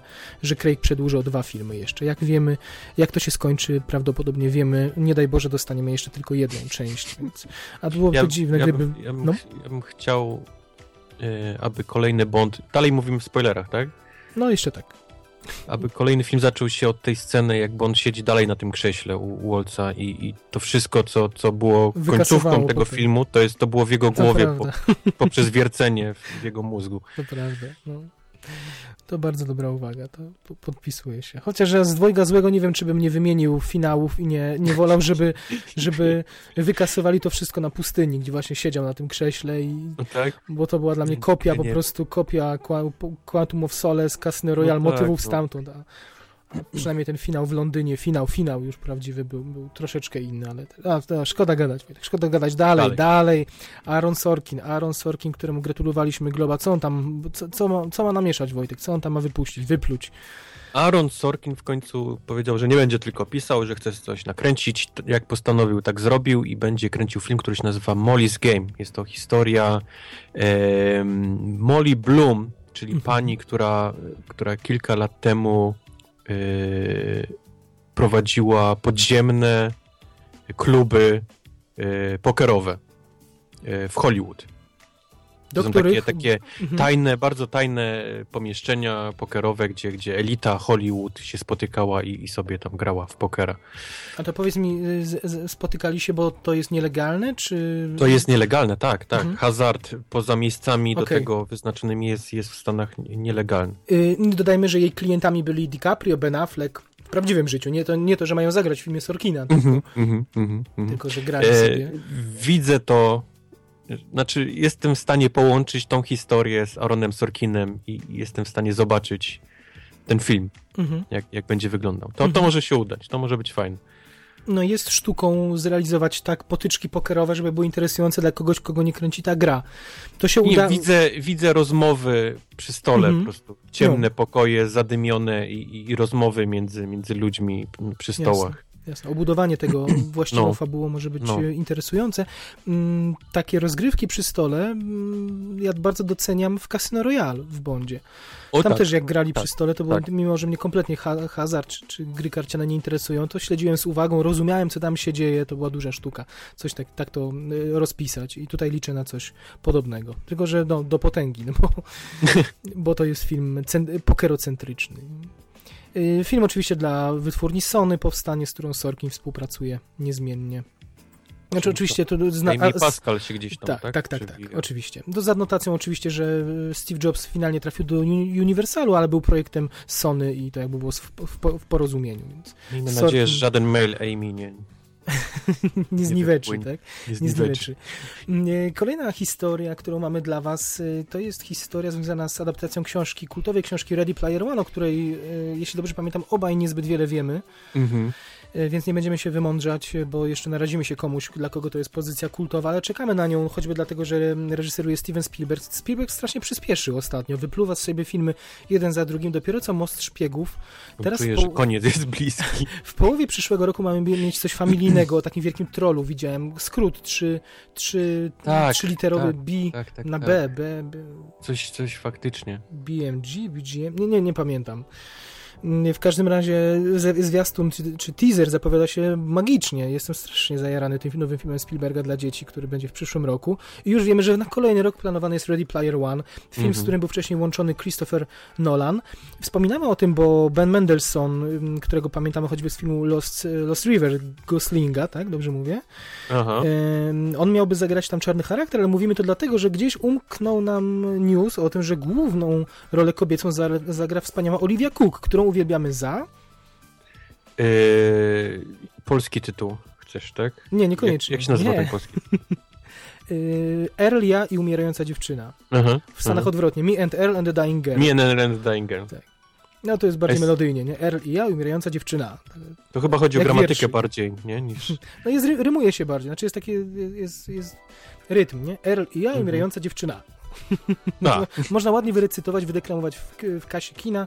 No pomijam to, że nie można było Film, film, fi- filmu, jeszcze raz polecamy. Tak, polecamy i, i tak, którego filmu, którego nie można było wydeklamować tytułu w kasie kina, bo nagle dystrybutor go zrzucił z, z, z, z planów. e, No. Ale o, o filmie na pewno za dwa tygodnie poopowiadamy przy okazji podsumowania roku, więc strzeżcie się. I właśnie ta wspaniała młoda dziewczyna Olivia Cook zagra y, główną rolę żeńską, zagra y, komputerowego awatara i, i, i, będzie pomagać prawdopodobnie głównemu y, bohaterowi. A to jest w ogóle historia jakiejś alternatywnej rzeczywistości, takiego wirtualnego świata i tam miliarder, który go stworzył, poukrywał jakieś y, y, kody, jakieś zagadki, które prowadzą do fortuny, jakiś dzieciak je rozkmija i w związku z tym wielu innych złych chce się na niego rzucić, żeby do tej fortuny nie Mhm. dotarł. Tak rozumiem ten, tą, tą historię. Trochę tronem pachnie. nie? Troszkę tronem, no, ale to ja Mhm. bardzo, ja, ta, tron to No bardzo. tak, no. no Więc tak, tak. Więc yy, właśnie pamiętasz, jak rozmawialiśmy, Spielberga? właśnie jak, jak rozmawialiśmy rok temu, to obawialiśmy się trochę, że u Nolana to mógłby być niezły trip, a u Spielberga to może być troszeczkę ugrzecznione i takie zachowawcze, ale ja liczę, że Steven jeszcze pokaże, jaką ma wyobraźnię i wykreuje nam tu niesamowite Mm. światy. Steven już będzie Stevenem już do końca. Troszkę tak. Więc na końcu i tak wszystko będzie się rozchodzić o rodzinę, wpadną sobie w ramiona na kanapie przed No telewizorem właśnie, i będzie no miłość. właśnie. No. Y, Premiera grudzień 2017, czyli, czyli dobrze myślę, to będzie starcie z Awatarem dwójką. O matko, ale numer. O Jezu, IMAXów nie starczy dla nich. 2017 to jest, to jest koszmar, No, jeżeli chodzi o miejsca w kinach. no. Wiesz, Gwiezdne Wojny uciekły i teraz wszyscy się z grudnia na maj się wszyscy na grudzień pakują, no ale to Na jedną datę. nie starczy IMAXów. Nie, to przeniosą. nie ma, jak nie dostaniesz, jak nie dostaniesz od Gwiezdnych Wojen, to dostaniesz od Awatara. Nie, Nie, ktoś się przesunie, nie ma bata, ktoś się przesunie. No, przesunie się na pewno premiera World War Z 2, mm, bo reżyser, y, bardzo uznany, Juan Antonio Bayona, czyli gość, który Mhm. zrobił film o wielkim huraganie, o, tak, dobrze mówię, niemożliwe. To był film y, z Iwanem McGregorem i Tak. z Naomi Watts, y, z Mhm. niesamowitą sceną. To był huragan, nie huragan, co to nie było? to była ta, to tsunami, było to przepraszam, tsunami. tsunami. Y, Więc ten człowiek miał zrealizować World War Z2. Ciekawy, bardzo interesujący wybór według scenariusza Stevena Knighta, człowieka od Loka ubiegłorocznego. Mhm. Więc też bardzo dobry wybór. Oczywiście ten scenariusz był potem y, poprawiany kilka razy, no ale to w Hollywood zawsze tak się dzieje. Nie ma się co, nie, nie ma co się bać, że Steven Knight napisał coś wybitnie złego, tylko, tylko potem, no ale Dennis Keely tutaj powiem dla porządku, poprawiał ten scenariusz. No i tyle. Wytwórnia Paramount podała, że mm, napięty grafik Juana Antonio Bayony spowodował to, że World War Z nie popilotuje. Ale nie- czekasz? Masz ochotę na. Mam ochotę, mam ochotę, bo, Z? bo książka jest znakomita, książka nie wykorzystała Oj, no, książka film- jest znakomita, tylko film że autor sam powiedział, że to nie ma nic wspólnego z Tak, jego no właśnie, książką. film nie wykorzystał potencjału książki, a, a mówi się, że fabuła, fabuła miałaby korzystać z tych wątków, o tak? których Czy książka nie druga mówiła. część. Drugiej Tak. części to się No, na pewno uda, tak, skoro więc podejrzewam, że ten World War Z2 to jest y, tytuł roboczy i to by było, nie wiem, World War Z Jak Begins, ja nie lubię, wiem, jak my we wszystko wierzymy. World? War Z Reborn. Taka historia. Taka historia. Ja myślę, że to będzie tak jak ten film właśnie o tym tsunami, tylko zamiast tsunami będzie fala tych zombie, taka fala, faktycznie No, fala. Miało, liczyli na to najwidoczniej, no ale nie uda się. Nie uda się. Oni zrobią remake nie tego z falą, tylko będą zombie zamiast wody. No, y, chociaż coś podobnego już było w pierwszej części, nie? Ta, ta, taka fala wspinająca się na mur, No mówię o powiedzieć, właśnie fali o tej ten, tak. tylko będzie taka Mhm. Tajlandia, będzie się działo w Tajlandii i zamiast tej fali wody będzie fala zombie. Fala zombie. Oglądałbym, oglądałbym, ale to bardziej jak Sharknado, wiesz, to nie potrzeba Tak, dużego budżetu tak, do tak, tego. no. Zombie tsunami. Tak. Jeśli ktoś zrobi taki tsunami. film, to poprosimy tutaj do nas prawa do filmu. Tak. Tanio nie sprzedamy tego. A, mały procent, ale jednak. Delikatny, tak.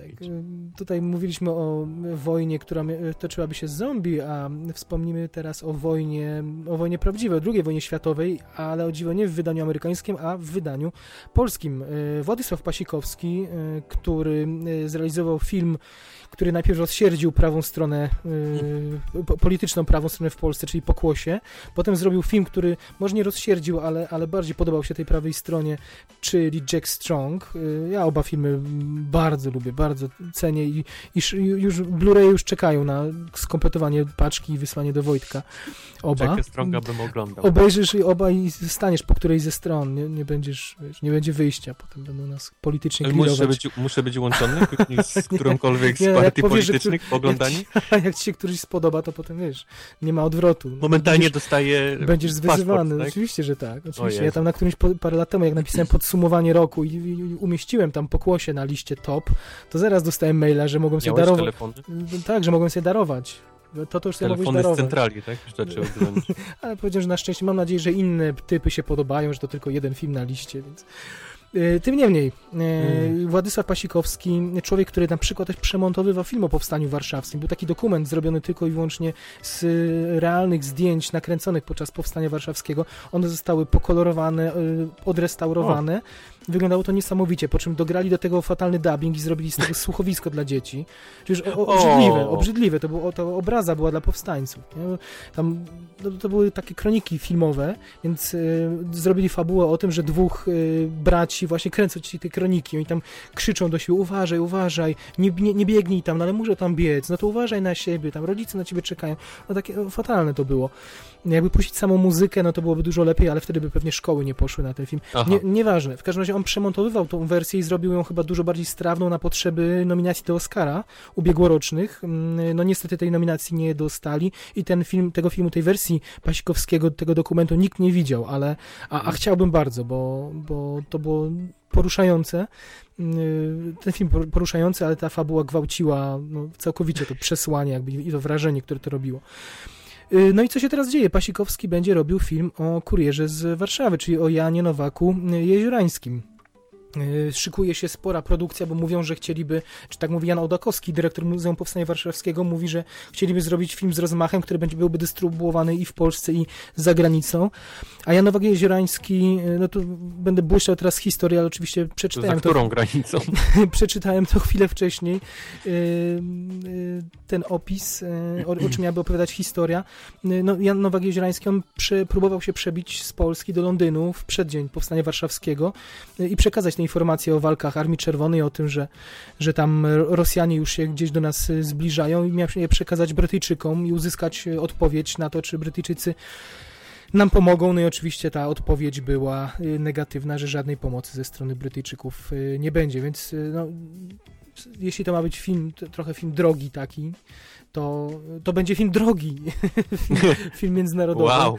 Film, który no, wymaga odpowiedniego rozmachu. I brzmi interesująco i, i myślę, że to Filmy jest... drogie są drogie? No bo trzeba go zrobić w kilku krajach, no jeśli No mieliby, tak. mieliby być wiarygodni i nie poruszać się tylko między polskimi polami, zbożami. Nie, to- no sceneria, wiesz, z Warszawy się zrobi Londyn, tu zaraz będzie. Więc tak, scenariusz jest już gotowy, autorem jest właśnie Władysław Pasikowski, on też go mm, wyreżyseruje i mm, roboczy tytuł to Kurier, no bardzo czekam. W końcu może się doczekamy takiego filmu, który, y, skoro masa osób krzyczy, że fajnie byłoby, żeby był polski film dla odmiany nasławiący, a nie opowiadający tylko o tym, że, że Polacy zabijali Żydów.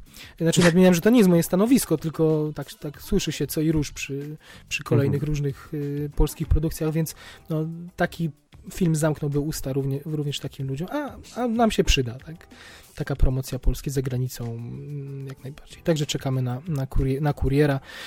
Y, Czekamy też na Krida 2. O tym, dlaczego czekamy na Krida 2, dowiecie się w naszej sekcji polecankowej, ale już w newsach y, musimy powiedzieć, że mm, studio MGM, studio, które jeszcze parę lat temu było, chyliło się ku upadkowi, które chyba mogę tak powiedzieć troszkę uratował Hobbit i to, ten Mhm. deal z Warnerem, to, że udało się dogadać, Zaskakująco hobby. dogadać się udało z, na temat i realizacji, i dystrybucji podziału praw do filmu i, i teraz MGM sobie całkiem fajnie poczynia i, i dalej sobie Bondy produkuje razem z Sony i, i teraz y, zaprezentowali nam Creed'a drugiego i okazał się takim sukcesem. Wojtek o tym wiedział już od listopada, ja wiem to od kilku dni, Mm, y, że Gary Barber ze studia MGM potwierdził dla, dla portalu Variety, że już w listopadzie 2017 roku zobaczymy Mhm. kontynuację. Niestety prawdopodobnie bez Ryana y, Kuglera Stallone też w niektórych wywiadach ostatnio przy okazji Złotych Globów y, gdzieś na, na, napomykał, że o ile Rambo nie bardzo, to, to, to Creed 2 y, super, kontynuacja, że fajnie by było, gdyby aktor grający Apollo Creeda wrócił, czyli rozumiem, że jakieś retrospekcje byłyby tutaj Mhm. Mhm. ym, prezentowane. Ym, Mieli też nadzieję, No że... musimy zobaczyć tą walkę y, Stallona z Creedem. Mhm. Znaczy, s- no, Mhm, mhm. Y, Mówisz o tej, w, o której wspomina y, jego tak, syn filmie, takiej, tak? tej, Mhm. tak, której Mhm. z zamkniętymi drzwiami, którą przegrał ponoć. No i do tego mm, w końcu jakiś po, miałby się pojawić w końcu jakiś poważny, charyzmatyczny przeciwnik, no bo nie, nie, nie, nie umówmy się w, w pierwszym Creedzie. Mr. T. No, tak, ktoś taki jak Mr. T, tak, tak. Stallone sugerował, że chciałby, żeby to był kolejny wielki Rosjanin, tak jak był Dol- Dolph tak. Lundgren. I must break you. E, Tutaj mógłby być. e, Ja nie wiem, masz jakiś taki pomysł castingowy, kto mógłby grać przeciwnika? E, Michaela B. Jordana w kolejnym filmie, żeby być taki, Znaczy jakiegoś młodszego? No, no, jakiś przeciwnik, no na przykład Rosjanina, albo w ogóle kogo byś widział jako, jako boksera przeciwnika mm, Michaela B. Jordana w kolejnym Creedzie. No bo um- umówmy się, Ja ten- nie wiem, czy chciałbym iść tą, tą, tą drogą Rocky, że czy, czy Rosjanin, musi mhm. być musi być teraz wielki czarnoskóry bokser, teraz musi być Rosjanin, bo to tamte lata, kiedy takie jeszcze Mhm. zimną wojną, wiesz, pachniało. Ale, słuchaj, ale umówmy się, ten przeciwnik w Creedzie to była taki żart, znaczy żart, bo to on był specjalnie taki, takim, taką kluską, żeby nie przyćmiewał charyzmy Michaela B. Jordana. Wiem, ale mi się to Nie? podobało, że to jest taki prawdziwy światek e, bokserski. No. Mhm. Nie, nie zawsze musi być wielki Rosjanin, nie? Wiesz, teraz, a to ja nie mówię, że. Rosjanie, ale kogo byś widział w takim razie? Jeśli nie Rosjanin, masz jakiś typ? Nie wiem, mi się podoba, podoba mi się pójście w tą stronę, że robimy z jakiegoś totalnie in, zwykłego boksera Mhm. złego kolesia, przez to, co na przykład właśnie mówi, nie? Co, jak, jak, jak cię próbuje wkurzyć na, Mhm. na wywiadach, jak coś Mhm. w ten deseń. To Mhm, mhm. nie chcę, żeby to był robiony wielki Indianin, nie? No a co powiesz na przykład, jak y, przeciwnikiem zostałby Tom Hardy? Co ty na to? No to jest już ol, olbrzymia charyzma. Trochę za stary, mi się wydaje. Mhm. Ktoś, ktoś to musi być. To niekoniecznie chciałbym, chociaż może, to, to powinien być jakiś sławny aktor. Właśnie to, o to chodzi. Ja nie wiem, czy, czy potrzebuję, żeby to był sławna osoba, jakaś taka, wiesz, żebym widział w niego kogoś innego. Mhm. No rozumiem. Podobała mi się ta historia w Creedzie, bo to był właśnie taki prosty światek yy, bokserski. Żadnych, żadnych bossów na końcu. Żadnych gości, którymi zabił brata, wiesz, jednym kopniakiem. Mhm. To I, I tak dalej, i tak dalej. No. To prawda. No ale nie wiem, czy żeby, nie wiem, czy żeby zbudować legendy, nową legendę, mam nowego wrażenie, boksera, że drugi Creed będą... będzie raczej, będziemy uśmiercać yy, kogoś. No zobaczymy. Zobaczymy. Wchodzimy na niebezpieczne. Schodzimy na pole grząskie minowe piaski, spoilerowych więc- min. Na razie, na razie unikajmy. Y, Nie zmieniamy do końca tematu. Ryan Coogler, reżyser Creeda, nie powróci w drugiej części. Mm, Potwierdzono już oficjalnie to, co, to, co jeszcze tydzień czy dwa tygodnie temu Nie, mówiono że gdzieś nie wróci, bo nie chce wrócić. Nie wróci, Mhm. ponieważ no, daty się nie zgadzają. Kręcenie filmów bierze sporo, a, a, a wziął teraz na barki Czarną Panterę, więc po prostu się nie zmieści czasowo, żeby nakręcić i Creeda 2 i Czarną Panterę, więc musiał wybrać jedną rzecz. I potwierdził to, o czym mówiliśmy, że, że Marvel usilnie starał się o reżysera z y, tego środowiska. Mhm. No i udało im się. y, Nie udało się z Avon Duvernay, mm, udało się z Kuglerem. Dobry wybór? Dobry wybór, jak najbardziej. Yy, Będziemy o tym mówić, ale, ale, ale yy, Czarna Pantera to też jest taki styl walki, a, a, Creed pokazał, że, że Kugler potrafi nakręcić bardzo fajne, fajne walki. Nienudzące, niedługie. Także myślę, że dobry wybór. No jest kreatywny, to prawda. Ale mm, ja dostrzegam w Creedzie, poza tym, że ten film już teraz ubóstwiam, ale mm, dostrzegam troszkę niedociągnięć w nim i nie wiem, czy nie wolałbym, żeby ten gość jeszcze okrzepł.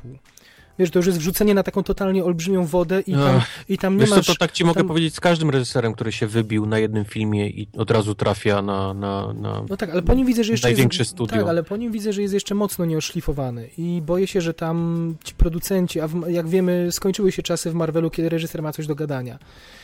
Teraz rządzi Kevin i stłamszą chłopaka. No strasznie się tego boję, bo nie chciałbym, żeby tak utalentowany facet yy, no, zniknął. No, liczę po cichu, że ta Czarna Pantera będzie miała niewielki rozmach i, i jednak też nie jest to najważniejszy tytuł dla Marvela, Tak, więc, tak, więc tak, będzie tak, sobie tak, mógł tak. po, poużywać. No ale tak samo mówiliśmy na przykład o Doctor Strange'u, a teraz, teraz y, tak, tak potrafią zrobić hype, że wszyscy czekamy na Doktora Strange'a, którego tak naprawdę nikt nie tak, czytał. ale, ale Scott, Scott Derrickson, jeśli dobrze pamiętam, który robi Strange'a, to jest jednak już mocniejsze nazwisko, bardziej mm, okrzepnięte, ogarnięte. To, to... No tak, ale o kim się mówi teraz bardziej? O Kuglerze niż, niż o nim, nie? Mhm. No to jest inna, inna sprawa. Nazwisko robi jednak na plakacie. No, no boję się właśnie, żeby, żeby to nie było tak, że został zatrudniony, bo jest, y, bo jest teraz na topie, nie? Bo, no jest, jest też tani na Tak. pewno. Możesz się bać, Marvel- ale tak jest, no. Został Marvel zatrudniony, bo jest na topie, a szukali konkretnego reżysera konkretnym z konkretnym kolorze. rodo, rodowodem. rodowodem, również, tak, więc no. oczywiście, oczywiście, oczywiście. No więc, ale mówię tutaj wszemi wobec na, na długo przed premierą, na, na, na długo przed Pantery. premierą Czarnej Pantery, bo ona kiedy za dwa, ponad dwa lata jeszcze, Tak, tak, tak, czasu. jeszcze jest sporo czasu. No. Że mnie ten wybór nie cieszy. Znaczy ja wolałbym, żeby on zrobił Creed'a dwójkę niż... Nie chcę, żeby oddawał tej serii. Takie mam teraz Tak? dziw, dziwne poczucie, że ktokolwiek tej serii nie dostanie, to rozmieni ją na drobne. Wiesz, że z czegoś, co nie, nie miało prawa się udać, Kugler takim swoim serduchem Ja mam zrobił- trochę, trochę podejście do tego jak, jak z Mad Maxem i, i Millerem. A co jak, jak drugi Creed nie byłby tak fajny jak pierwszy? No. I popatrzcie, jak jego, jego akcje by poleciały non stop, bo każdy mówił, no raz mu się udało, nie? Znowu. Drugi raz, drugi raz mu się udało, czyli nie jest tak dobry, jak Mhm. myśleliśmy. A może, a może właśnie teraz, wiesz, jak go w Marvelu go Tak, ale w, Mar- tam w Mad wiesz, Maxie, w Mad Maxie pomalują go, wiesz, jak mu coś nie wyjdzie, to podmalują, wiesz, i będzie dobrze i... Ale w Mad, w Mad Maxie tych niewiadomych było dużo więcej, a tutaj jednak gdyby, gdyby on po prostu zrobił więcej tego samego i wykorzystał te wszystkie motywy, które tak zagrały w Creedzie, to byłbym spokojny o to. To byłbym spokojny. O, o poziom. jakby. Może, może zobaczył e, e, czek. Nie no kurczę, no nie odmawia się. No, Paterę, no bez a- żartu, no tak, Widział oczywiście. czek za Creeda i pomyślał, no kurde. Oczywiście, no ale nie, nie, no, nie odmawia się, więc my sobie tu możemy mówić, co nam się podoba, co nie, ale, ale Marvelowi chyba się nie odmawia, póki co jeszcze. Mm, I tym oto sposobem dotarliśmy do naszych kącików. Sprytnie, ukryli, sprytnie jej. ukryliśmy przed wami, tak, że zawsze zaczynamy od Gwiezdnych Wojen, od, od y, chłopaków w pelerynach i w getrach. To dzisiaj na koniec takie schowane. Myśleliście, że już nie będzie, a tu a kuku, nie, Strażnicy Galaktyki 2 i i Benicio del Toro. Mm, Podobała ci się ta postać w Strażnika Galaktyki? Kolektora? Czyli kolekcjonera? E, e, grana przez niego? Tak, tak. Tak, tak, takiego, No. takiego świra, no, takim jakim był zawsze Jak kolekcjoner. nie, jak nie połam do mi, miłością do Benicio, to tak tu mi pasował. To mm, biała czupryna przykryła jego benicjowość i był spoko. Spoko. I co, i był w dwóch scenach, zaskakująco niewiele go było na hype, jaki był wokół tego budowany, Mhm. jego pojawienia się. I co, i mówi w wywiadzie, że no, chciałby się pojawić w drugiej części, ale na razie nic o tym nie wie, więc chyba raczej go nie zobaczymy. Co ty na to? E, mi się wydaje, że go zobaczymy. Mhm. Zobaczymy, bo, bo jest on posiadaczem jeszcze jednego kamienia, o tym wiemy na pewno, więc, więc nie zdziwię się, jak go... W... Co on kręci wtedy? W tym czasie, kiedy oni kręcą. No, Benicio kręci epizod ósmy przede wszystkim. Epizod ósmy. A to będą kręcić obok siebie. I to Disney, to i to jest- Disney, nie? To jest Disney i to Disney, więc, więc przejść z jednego hangaru do drugiego powiedzieć, ej, Benicio, potrzebujemy cię tu na 5 minut. Przebrać się szybko w siwą perukę i, i, i mamy chociaż kolekcję. nie, chociaż nie do końca pamiętaj, że Marvel teraz osiadł w Atlancie, nie? a Gwiezdne Wojny Wielka Brytania i, No, Me- i Meksyk, więc... Żartuję, nie? Bardziej mówię, że to jedno nie, studio, no, jedno więc studio oczywiście, że tak. Więc mogą go, no, wiesz, może dostać propozycję nie do odrzucenia, no. prawda? No. Chcesz być w kolejnych sequelach, to zaglądnij tam u Jamesa Gana na plan. No. Widzisz, no, nie miał dużo, dużej roli w, w pierwszych No nie Guardiansach, miał, tak. więc naprawdę ta, jakieś, ta scena to jest, Mhm. to jest jeden dzień tak naprawdę. Jasne, jasne. Y, A z tym bardziej, że on sam mówi, że chciałby się pojawić. Premiera Strażników Galaktyki nieco wcześniej, bo prawie rok wcześniej niż Czarna Pantera. 12 maj 2017 rok. Y, Teraz mi zadzwoniło w głowie, to jest przecież tylko dwa, tygo- dwa tygodnie przed epizodem ósmym, kurczę. Mhm. Mhm. Och ja, Mhm. ale to będzie starcie, bez kitu. No. Tym bardziej, że strażnicy jednak u, mówi się, że to są, że, że to jeszcze rok temu mówiono, że to jest Star Naszych Wars. czasów. Nie, że to Mhm. są Star Wars nasze, przez niektórych uważane za lepsze Gwiezdne Wojny, nawet teraz. Niektórzy deprecjonują epizod siódmy, mówiąc, że to Strażnicy Galaktyki byli lepszymi Gwiezdnymi Wojnami. No to już nie wdawajmy się w dyskusję, nie, nie będziemy tego oczywiście komentować, ale, ale to jest ciekawe, ciekawe starcie będzie. Ciekawe, jak się zakończy. James Gunn, o którym powiedziałem, który reżyseruje, trzyma pieczę nad Strażnikami Galaktyki, widział już e, Civil War, czyli Kapitan Amerykę Wojny Bohaterów i podzielił się z nami. Zazdroszczę. ale to pewnie widział niedokończoną wersję. Wiesz, jaka to przyjemność oglądanie takie z zielonym, ekra- no, no, no. z zielonym ekranem czy, z- czy z czymś. No. To jest y, trudna robota. No. Nie będzie potem miał fanu. No ale to może przyzwyczajony jest. Swoje filmy też tak ogląda, w takiej wersji widzi No najpierw, właśnie, więc, no właśnie. więc może jest przygotowany i sobie coś dośpiewuje w głowie. No co on powiedział? Powiedział, że oczywiście, że to jest jeden z najlepszych filmów Marvela, że nie może uwierzyć, jaką robotę wykonali reżyserzy, czyli bla, bla, bla, i że obsada, i o mój Boże, że są fantastyczni, że niesamowity film, że będzie, że, że bardzo będą ludzie podekscytowani. Mm, Co do Spidermana, mówi, że oczywiście niewiele może powiedzieć, powie tylko jedno, że Tom Holland jest niesamowity, że jest nadzwyczajny, że jest nieprawdopodobny i że mówi z ręką na sercu. No, nic więcej nie mógł powiedzieć, bo oczywiście podpisał pewnie odpowiednie lojalki i nie chce, nie chciałby za to beknąć, nie? I nie ma, I nie, że nie ma czerwonego Halka. I Za tego, to trzymałem kciuki. że będzie, a, a potwierdził już, tak? Że, Mhm. że Tadeusz Ross nie będzie Red Hulkiem. Nie, nie zmieni się w Red Hulk. Hmm. Zasłona dymna, myślę. Zasłona dymna. No nie zdradzą ci Nie, ja myślę, że to za dużo by było. Nie chcą odejmować Czerwony Hulk jest dużo fajniejszy niż zielony Hulk, a nie chcą zielonego Hulka. Wszystkie Aha. zabawki teraz, wiesz, przemalowywać No na dobra. czerwono, to, to, to się nie uda. No dobra. Jesteśmy, jesteśmy, przy Marvelu. No troszkę więcej ujawnił Kevin Feige. Kevin Feige rozmawiał z dziennikarzami magazynu Empire i opowiedział e, sporo o całej fazie trzeciej. Zapytano o Thanosa, czy pojawi się w Strażnikach Galaktyki 2. Mówi, że nie, że nie czekajcie na Thanosa.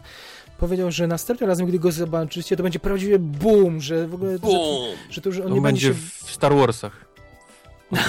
Się tam przelecieć na, aster, na Tak. asteroidzie tam. Uhu, uhu.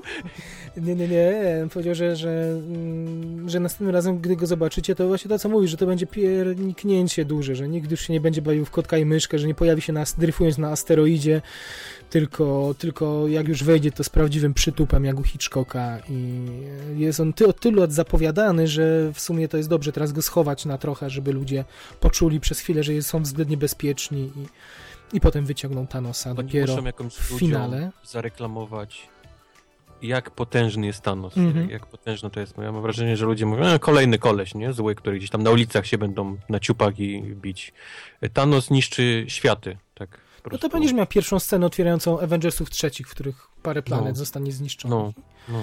I będzie. Pewnie się będzie w rozmowach przewijał w tych kolejnych filmach, a, a zobaczymy go podobno dopiero w trzecich Avengersach. Y, O Spider-Manie mówi, że to, że pojawiają się określenia, że to ma być mniejsza i kameralna produkcja, mówi, że to jest bardzo relatywne określenie, bo on i tak będzie ma być bardziej spektakularny niż kiedykolwiek wcześniej.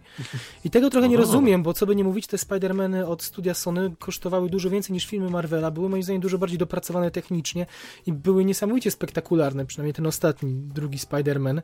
Więc y, jeśli on mówi, że to ma być jeszcze większy film, to ja się łapię za głowę. On powiedział, tu jest ważna informacja, bo on powiedział spektakularny, to jest bardzo ważne słowo, bo Spider-Man na pewno wiesz, ma różne Tak, edycje spektakular, tak? komiksowe, jest amazing, spectacular Mhm. i tak dalej. Bardzo rzadko się używa słowa w zdaniu spectacular, jeżeli nie chcesz, wiesz, powiedzieć spectacular, więc ludzie już to będzie ten Wyszukują Spider-Man. okej. Mhm. No to widzisz, nie zwróciłem na to uwagi, ciekawe. Y, No i potwierdza, że to oczywiście jest historia 15-latka, który chodzi do liceum, że on ma, w Mhm. końcu ma nie mieszkać w jakimś bogatym domu, co jest dziwne też, bo nie przypominam sobie, żeby poprzedni W bohater którym- grał w jakimś bogatym mieszkał w domu. bogatym no, domu, właśnie, właśnie. ale on tak No. mówi, że w końcu chcą, żeby to był z biednej rodziny, że mieszka sam z ciocią i tak dalej, i tak dalej. No, no nic, y, czekamy. Mm, O to, że Ragnarok opowiedział, że nie po... to, to ciekawa informacja dla ciebie, Wojtek, że nie powinniśmy się sugerować tytułem filmu. Okej. Czyli chyba rozumiem, że nie To po co powinniśmy dawać się... tytuł Ragnarok i nie No sugerować? ładnie brzmi, to na pewno. To tak jak Civil War i, i, i nie zrobić No wojny. słuchaj, ale trochę tak jest, bo Civil War, no jest dużo odstępstw od komiksu Civil War, prawda? W Civil War, więc tutaj może też o to chodzi. No wiadomo, że się różni, ale jest powiedzmy, wiesz, o tym, nie? Mhm. O tym samym. W każdym razie- sugerować Ragnarokiem i nie o Ragnaroku. No tak mówi Kevin Feige, masz się nie sugerować i mówi dalej, że najważniejsze że jest to, że to będzie kompletnie inne od poprzednich dwóch części, że to ma być mniej więcej taka zmiana jak zmiana zimowego akurat, no. żołnierza w stosunku do kapitana Ameryki pierwszego. To akurat najlepsze, to jest dobre zdanie. To mi się Mhm. podoba. To chciałem usłyszeć. że chcą odkrywać nowe światy, że ma, chcą przedstawiać dużo nowych bohaterów. Dodajmy, mówi się, że Kate Blanchett miałaby zagrać e, głównego złego w tym filmie. Mhm. E, chcą pokazać wszystkie światy, jak duży świat, jaki, jaki jest duży świat, jaki wykreowali. Być może to się też wiąże z tymi deklaracjami z doktorem Strange'em, że tam też chcą pokazać, jak Strange przemierza te kolejne wszechświaty, więc być może tutaj jakaś korelacja też będzie. No i dodaje na koniec, że no i mamy Halka przecież, więc że ten film dzieje się praktycznie w całości w kosmosie, prawie w ogóle na Ziemi i mamy Halka. I Wojtek Mhm. nam może opowiedzieć, co to, co to znaczy, albo pozaczynać, powyciągać z tego jakieś wnioski z tej deklaracji. Film halkocentryczny, czyli film o Halku bez Hulk w tytule, czyżby? Bez Halka. Nie Nie, mogą- wiem, czy to... nie, mogą zrobić, nie mają nie prawa. Znaczy mają mówię, nie mają praw do zrobić filmu samodzielnego, więc zrobią Tora, który będzie filmem o Hulku tak naprawdę. I Torze, tak? Przygoda Aha, Hulka i Tora. Aha, aha. Być może to Ale, jest ale kreatywne obejście Kate Blanchett tego. się sama wychlapała z tym, Mhm. z tym graniem w Ragnaroku w którymś wywiadzie. I od razu ludzie, o mój Boże, zmieniają e, Tora na, na kobietę, Na kobietę. bo teraz w komiksach jest, Mhm. Thor jest kobietą. No tak. Ale to ni- niestety Kate Blanchett nie pasuje do, do Mhm. roli kobiecej, kobiecego Tora, więc raczej nie. Więc pewnie będzie grała jakiś zły charakter. No, ale mm, y, przyznaj, że to brzmi kusząco, nie? I to jest, to jest jakiś pomysł na samodzielny, względnie samodzielny film o Hulku. Znaczy, można by zrobić bardzo fajną chemię między Torem i Hulkiem I Gdzie się, na każdej, co każdą scenę się ktoś klepie, tak? to na Takie przykład. klasyczne łup. Wiesz, i zestawić ich, zrobić równoważny film o dwóch równoważnych bohaterach. To by było Prawda, odważne i prawda. ja bym był za tym bardzo. To, było, to brzmi świetnie, no. Tam, gdzie Hulk by nie domagał charakterologicznie, to by go spokojnie Thor uzupełnił jakoś, w coś wtrącił, i, ale spokojnie postawić tak akcenty, żeby, żeby było to niemal równorzędne postacie, no.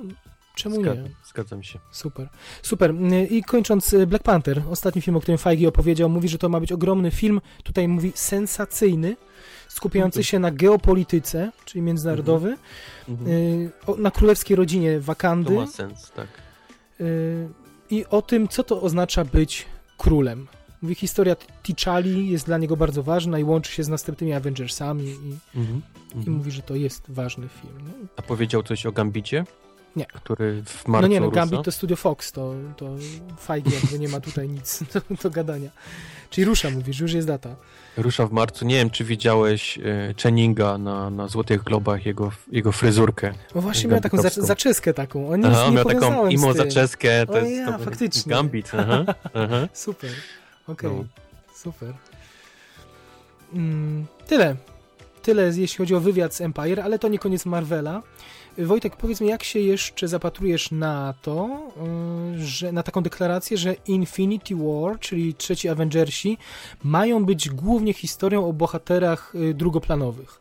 Czy pojawia się też plotka, że naliczono, że ma być 60 kilku Aha. bohaterów w tych dwóch filmach? 61, 67, nie pamiętam teraz dokładnie, ile widziałem w newsie.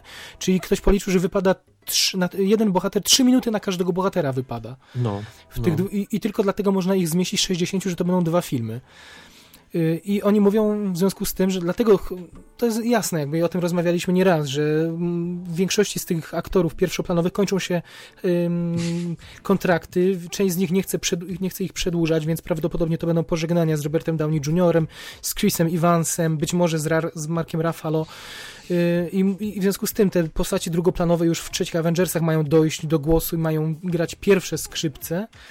Mm, No jak to widzisz? Położenie dramaturgii na barkach tych mniej znanych aktorów, znaczy mniej znanych. Może no, chcą, może chcą przetestować, wiesz, który się ludziom no tak to ma wyglądać, tam. ale to, to No. zagra w tak wielkim filmie, myślisz? Eee, no, o, Jak- tym jest, o tym jest ten film tak naprawdę. Jak pomieścić tylu bohaterów na Boga?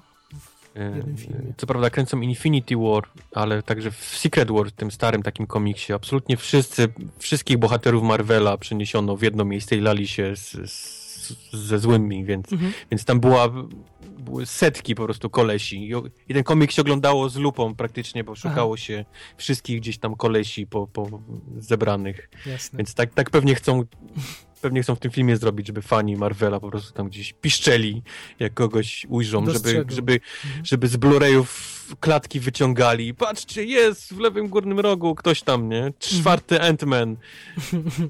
I tak dalej, i tak dalej. No, więc może albo tak, albo, albo będą robić mega test, y, kto podejdzie, który bohater podejdzie. Wiesz, wyobrażam sobie takie sceny dialogowe, że stoi tam 10 z jednej strony, 10 z drugiej strony i są takie szwęki, zmiany po prostu ujęć na, na 10 osób z jednej, 10 osób z drugiej i, przerzucają się tak. Czasem tak są e, okładki Marvela Albo trzy godziny nie? takich, takich, że podchodzi, zakłada ręce i jest podpis, nie? Jakim, jakim jest superbohaterem. O Jezu. Vision! Iron Man! Nie, ekranizacja encyklopedii Marvela, tak, to Tak, trochę brzmi na razie, no. Oglądałbym. Tak to, no domyślam się, tylko pytanie, czy ludzie by to łyknęli. A, tam ludzie. Gdzieś No nie mają wyjścia, słuchaj, nie mają wyjścia. Ludzie jeszcze spekulują, czy skoro powiedzieli, że naliczyli tych 60 bohaterów, że nie ma rady, że muszą tych y, serialowych aktorów i bohaterów Marvela wcisnąć, ale to O, jest o, niepewne o. raczej, nie? Nie, spodziewasz się, nie? Tu, y, widzę, że serial i film się bardziej, Mhm, tu mhm. będzie rozwód większy niedługo. Mhm. Wiesz, to będzie ciekawe, jeśli taki na przykład Bucky albo Czarna Wdowa, mm, czy nie wiem, czy y, Hawkeye mieliby zostać liderami kolejnych filmów, no to nie jest ta charyzma jednak. Nie. Na samodzielny film Nie. mówiliśmy wielokrotnie, więc, więc to jest ciekawe, że na ich barkach chcieliby umieścić, y, no Ant-Man może bardziej, nie? No już ma swój, zresztą ma swój własny film solowy, więc on, on już bardziej może pociągnie. Czy, czy bohaterowie, których jeszcze nie znamy, Doctor Strange, Captain Marvel i tak dalej, i Ja tak myślę, dalej. że oni są w naprawdę ciężkim, ciężkim problemie. Mówiąc o tym, że odchodzą ci najsławniejsi aktorzy, Mhm. grający te najważniejsze postacie ciężko jest zastąpić Ironmana No. kimś innym. Ciężko będzie zastąpić. Czy powiedzieli No. oczywiście, że, że uruchomią osobne historie i nowych aktorów zatrudnią, ale to musi minąć czas. No nie wprowadzą po musi dwóch minąć latach czas, no. nowego Ironmana, tylko. Są, są takie role jak Ironmana właśnie i Downiego Juniora. Mhm. Po prostu wydaje mi się, że nie ma absolutnie na tej planecie w tym momencie. Mhm. Kogo by nie dali, to ludzie będą po prostu nie, to nie jest Iron Man. Jasne, jasne. No ale będą musieli go zastąpić. Niestety. Garza rośnie tak, tak astronomicznie, że kolejny film y, po Avengersach trzecich, za których Downey dostanie nie wiem, 70 milionów dolarów chyba z tych, z tych, z tych 900, czy, czy nie, czy dwie- 200? Nie, nie pamiętam, przepraszam. Mówiliśmy o tym kiedyś. No, astronomiczne kwoty, najlepiej opłacany aktor mm, wszechczasów. Więc to się już w pewnym momencie przestanie kalkulować. No chyba, że Chińczycy zaczną tak masowo na to chodzić, że... Albo że... ja wygram w lotka te miliard No właśnie, 400, tak. to Downey będzie mi buty pucował. Jasne.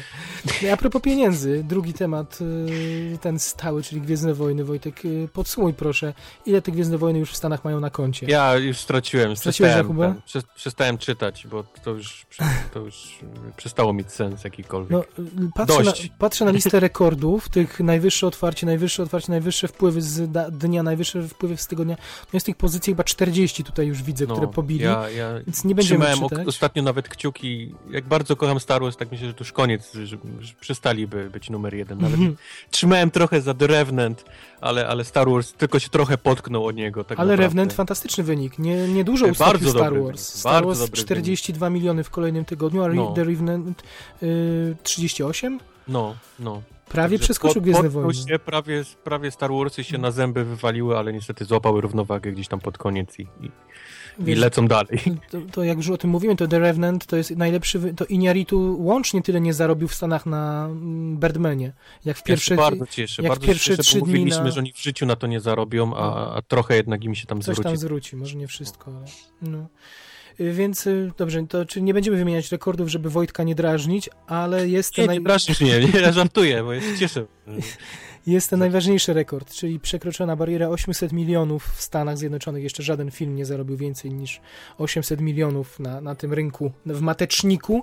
Na Jest mi razie... strasznie, strasznie smutno, że nie dogonią awatara tego worldwide, czyli na, na całym świecie. No, tego jeszcze nie wiadomo. Znaczy faktycznie na, na razie jest przeskoczone mi, półtora miliarda dość Ostatnio znacznie. się zastanawiałem, jak to jest możliwe, że Mhm. awatar, który ma praktycznie zerową ten, ten bazę fanów, Mhm. tak zarobił, a, a, a Gwiezdny Wojny z tak, tak po prostu, takim pierdolcem na tą markę go, go nie dogonią. No to, to jednak był, mnie- to jednak był trójwymiar. To, to jednak poszła fama, że to jest coś re, rewolucyjnego. Pierwszy raz kręcenie na taką skalę kamerami trójwymiarowymi na planie i potem poczta pantoflowa, bo ten film miał bardzo długą żywotność. Nie? Plus Chiny, no to była też eksplozja, też rynki azjatyckie. No i e, Gwiezdne Wojny dopiero co zadebiutowały Teraz w Chinach w tym tygodniu. Więc tam nie kracz, że, że nie przeskoczy Awatara, bo one miały chyba albo najlepsze, albo pierwszą trójkę otwarć w Chinach, najlepszych ever, więc, więc jeszcze może się udać. Ten film dalej się świetnie sprzedaje w Stanach również. Te 42 miliony to też jest weekend, one w tygodniu też swoje zarabiają, więc Tak. ja bym, jeszcze bym nie skreślał tutaj przeskoczenia mm, tego y, Awatara.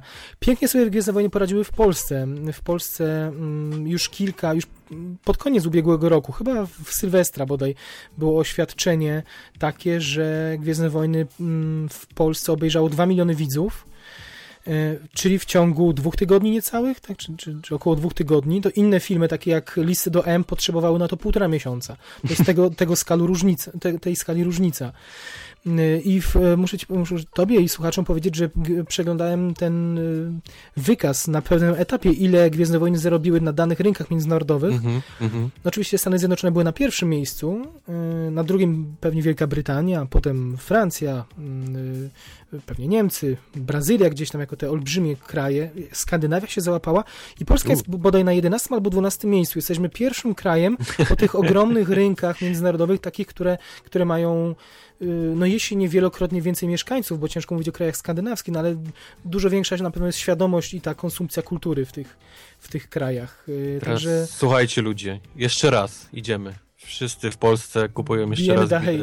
Musimy dalej. się wbić w top 10. w top 10, bo byliśmy chyba na 11 albo, albo 12 miejscu i jeśli analitycy, jeśli dobrze policzyli, to Gwiezdne Wojny w Polsce zarobiły mm, na tamtą chwilę 10 milionów dolarów. U. No to jest, to jest wynik. No, to jest Nieźle. wynik. Nieźle. Wiesz, to jest kropla w morzu, ale jednak... Nie, mm, no, kropelka tu, kropelka tam i masz trzy krople. No, no, to są te 2 miliona. Podejrzewam, że teraz już co około 3 będzie, czy tam 2,5. No, dalej się to przecież ogląda. Piękny wynik. I pozostając przy Gwiezdnych Wojnach, co ten George Lucas Wojtek tam nawyprawiał ostatnio? George Lucas coś powiedział, musiał przepraszać, jak to George. Najpierw powiedział, to już cytowaliśmy to, że to są te Gwiezdne Wojny, których ludzie chcieli. Ale to było jeszcze delikatne. To jeszcze było delikatne. To jeszcze było delikatne, a później po- przypomnij mi, co on dokładnie On powiedział. powiedział, że, mm, że, że sprzedał Gwiezdne Wojny, cytuję, to o Disneyu, że sprzedał białym właścicielom niewolników. Przestańcie robić wywiady z George'em, Robisz deal, za 4 zostawcie go. mili- robisz deal za 4 miliardy, po czym słyszysz, że jesteś właścicielem niewolników. No i co? I potem musiał Ja myślę, że George oczywiście. zobaczył wyniki y, Gwiezdnych Wojen kapnął się, że sprzedał to trzy razy za tanio niż mógł. A, Jezus, Jezus Maria. Zwariował. George zwariował. Znaczy nie robi się tak, no to jest, jest jakaś dyplom, No. dyplomacja, no to się trochę jak nasz nowy minister spraw zagranicznych Waszczykowski zachow- zachowuje, no, czy, czy wicepremier Gliński, no pewnych rzeczy, jak się jest ministrem albo ministrem spraw zagranicznych, to się nie mówi, czy załatwia się to kanałami dyplomatycznymi, więc mógł zadzwonić wiem, do szefa Disneya i mu nawtykać i powiedzieć mu do telefonu, że jest białym właścicielem niewolników, ale na Boga, nie mówi się tego w wywiadzie, który czyta cały świat, nie? A jeszcze śmieszniejsze jest sprostowanie, bo on mówi, że oczywiście, że chciałby sprostować złe słowa, że to ten wywiad był przed premierą filmu, jakby to coś miało znaczyć w ogóle. Aha. On mówi, że źle się wyraził, że użył bardzo niestosownej analogii i przeprasza, że, że pracował z Disneyem 40 lat, że y, wybrał ich y, jakby no, dosyć świadomie jako opiekunów Gwiezdnych Wojen, że przez szacunek, jaki ma do tej firmy i do Boba Eigera, który jest, jest szefem, że Disney wykonuje kawał dobrej roboty.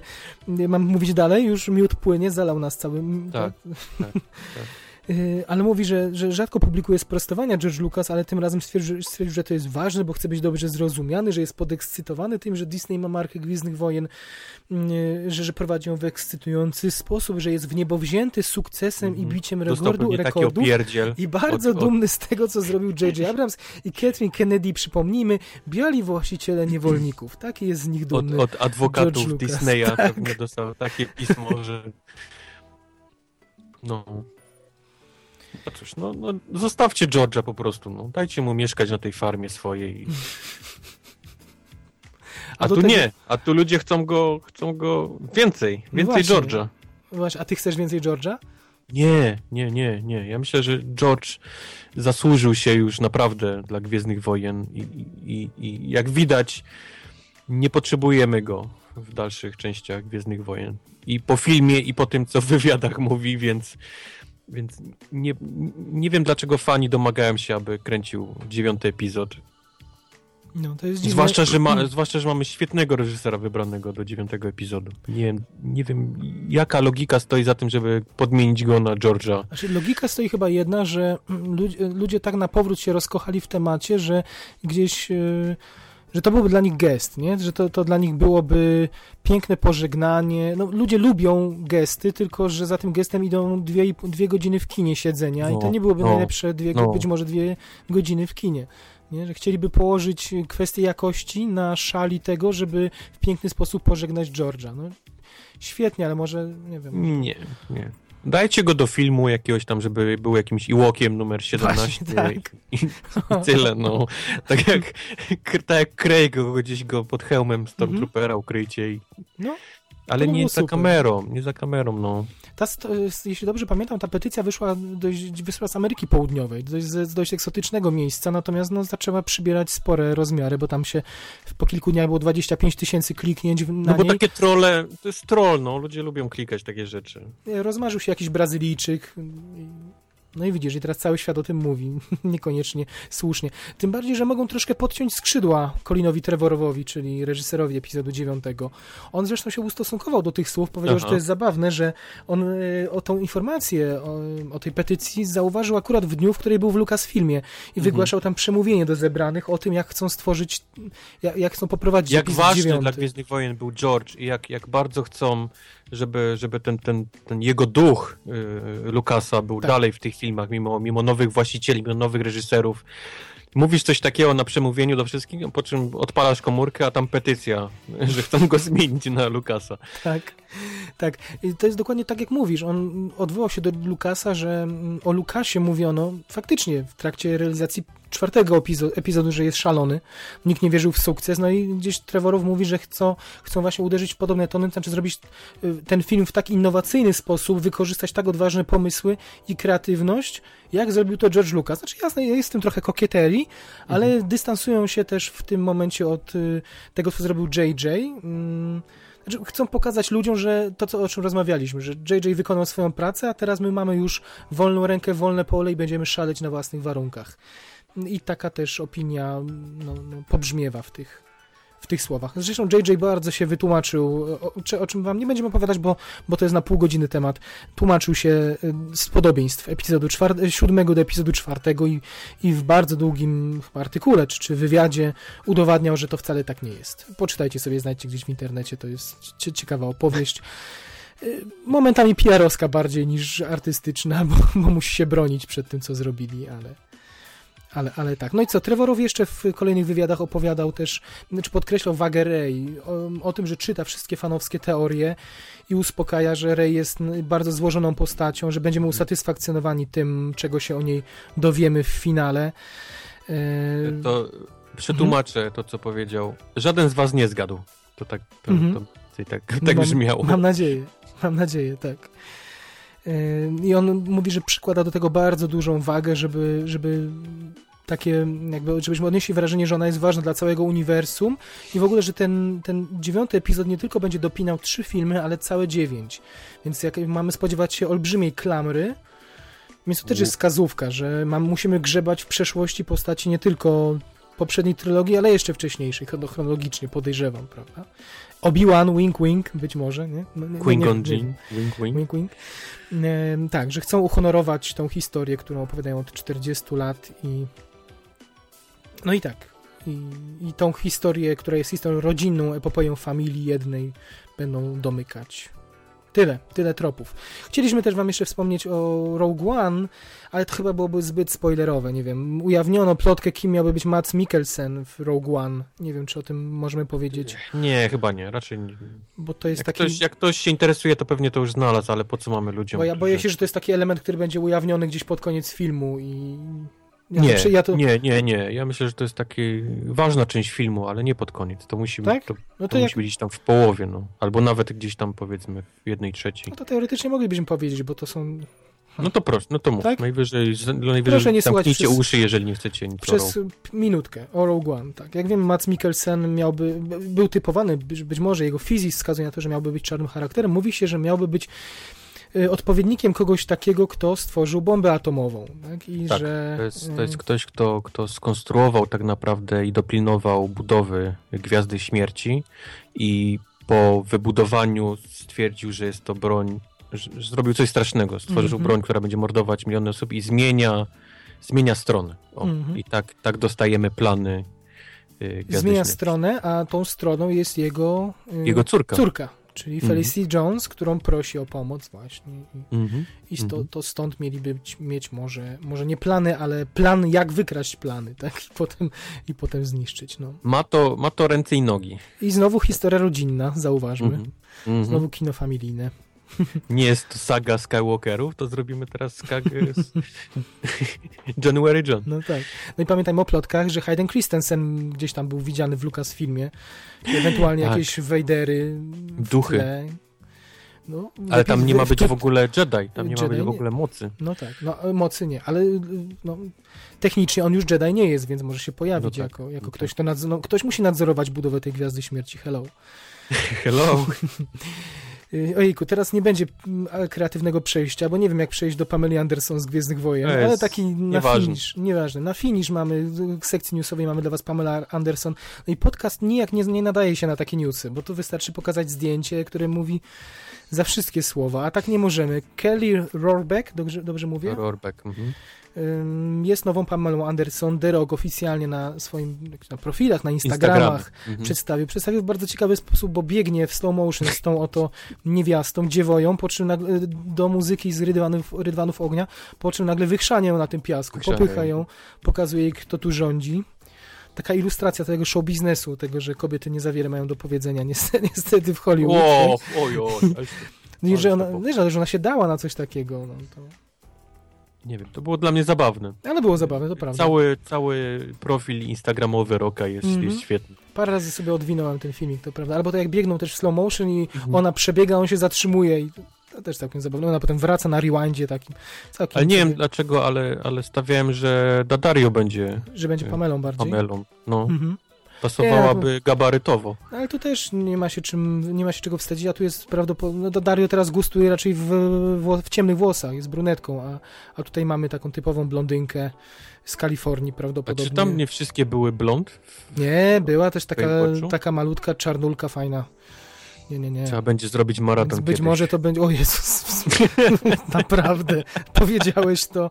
Nie żartuj. Ile to leciało lat? 12 lat. Dam radę.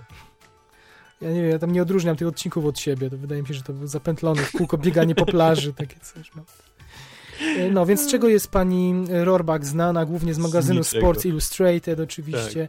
Ktoś, mi, ktoś mi gdzieś napomknął, że ona była z DiCaprio związana, ale pewności nie mam, więc nie będziemy tego potwierdzać. Wiesz co, wakacje DiCaprio, a właściwie Z- wakacje, no tak.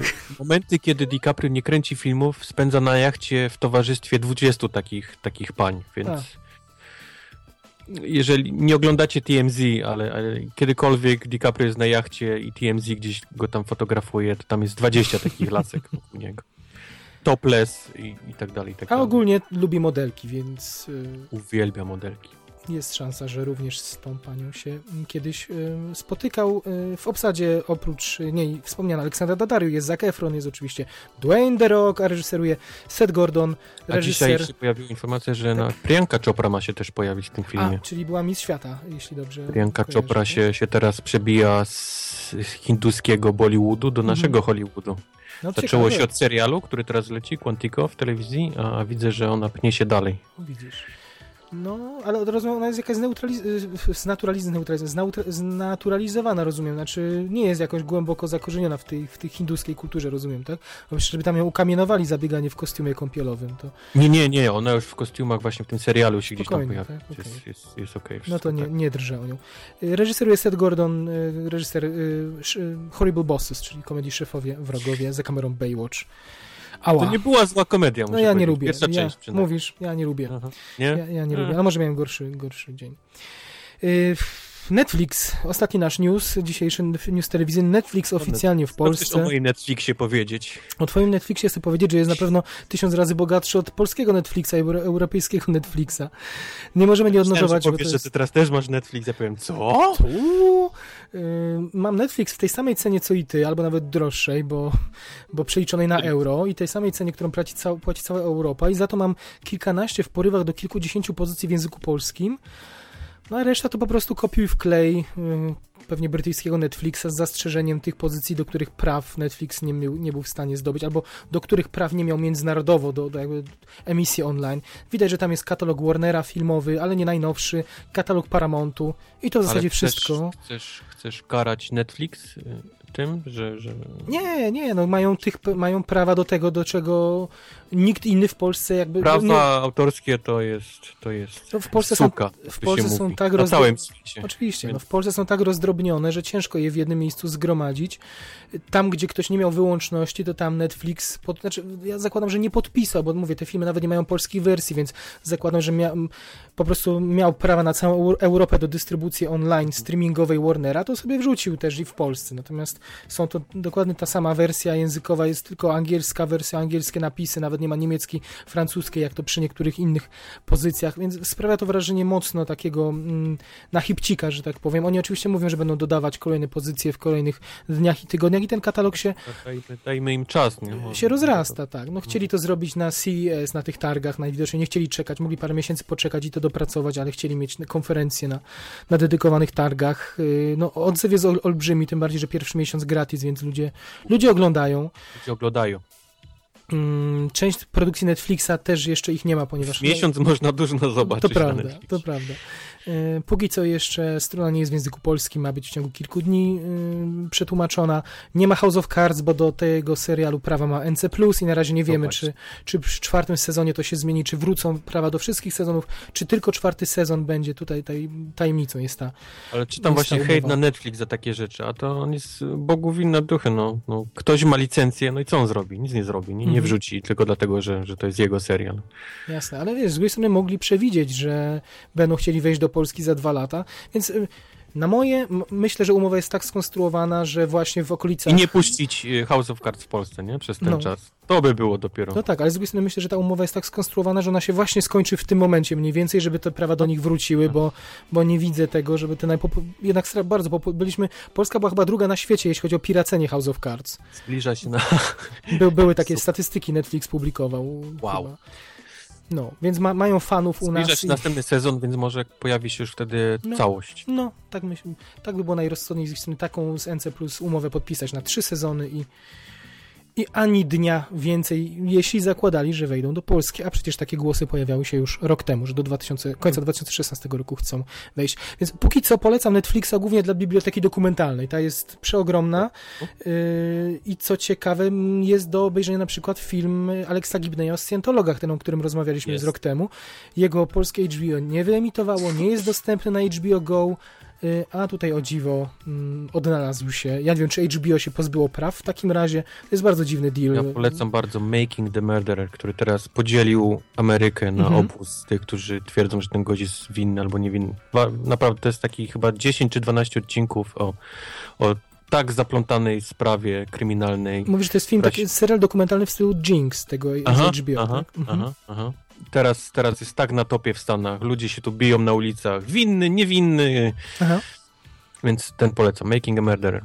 No to jest również na polskim, widziałem, polecamy. Ja ze swojej strony ym, polecam dokument o molestowaniach seksualnych na kampusach uniwersyteckich. Coś absolutnie świeżego, coś, co jeszcze niedawno było do zobaczenia tylko na festiwalu w Polsce, na festiwalu we Wrocławiu, coś, co będzie prawdopodobnie nominowane do Oscara w tym roku za najlepszy dokument. Film nazywa się The Hunting Ground. Ja Jest nie na tej wiedziałem, że ty krótkiej- lubisz tak dokumenty. Bardzo lubię, tylko w Polsce jest ciężko. No poza Ja sobie to zapiszę, bo to będzie ważny argument dla mnie przy The Big Short i przy Spotlightie. Mhm. Poza HBO y, w Polsce jest z dokumentami ciężko, przynajmniej tymi topowymi, tymi, które oprócz y, merytoryki mają też jakość y, no, realizacyjną, prawda, co też jest, co też jest ważne. A Beast of No Nations jest? Jest, jest, jest, Jest. jest. Nieprzetłumaczone póki co na polski, ale sobie, ale sobie leży. Także Ja polecamy. widziałem ostatnio tłumaczenie pierwszego epizodu Gwiezdnych Wojen na polski. A, to było tak... Jak coś tam, jak nie umrzesz, to zginiesz, To coś zginiesz. takiego, więc może lepiej oglądajcie Ktoś prostu. się po- przysłyszał, to prawda.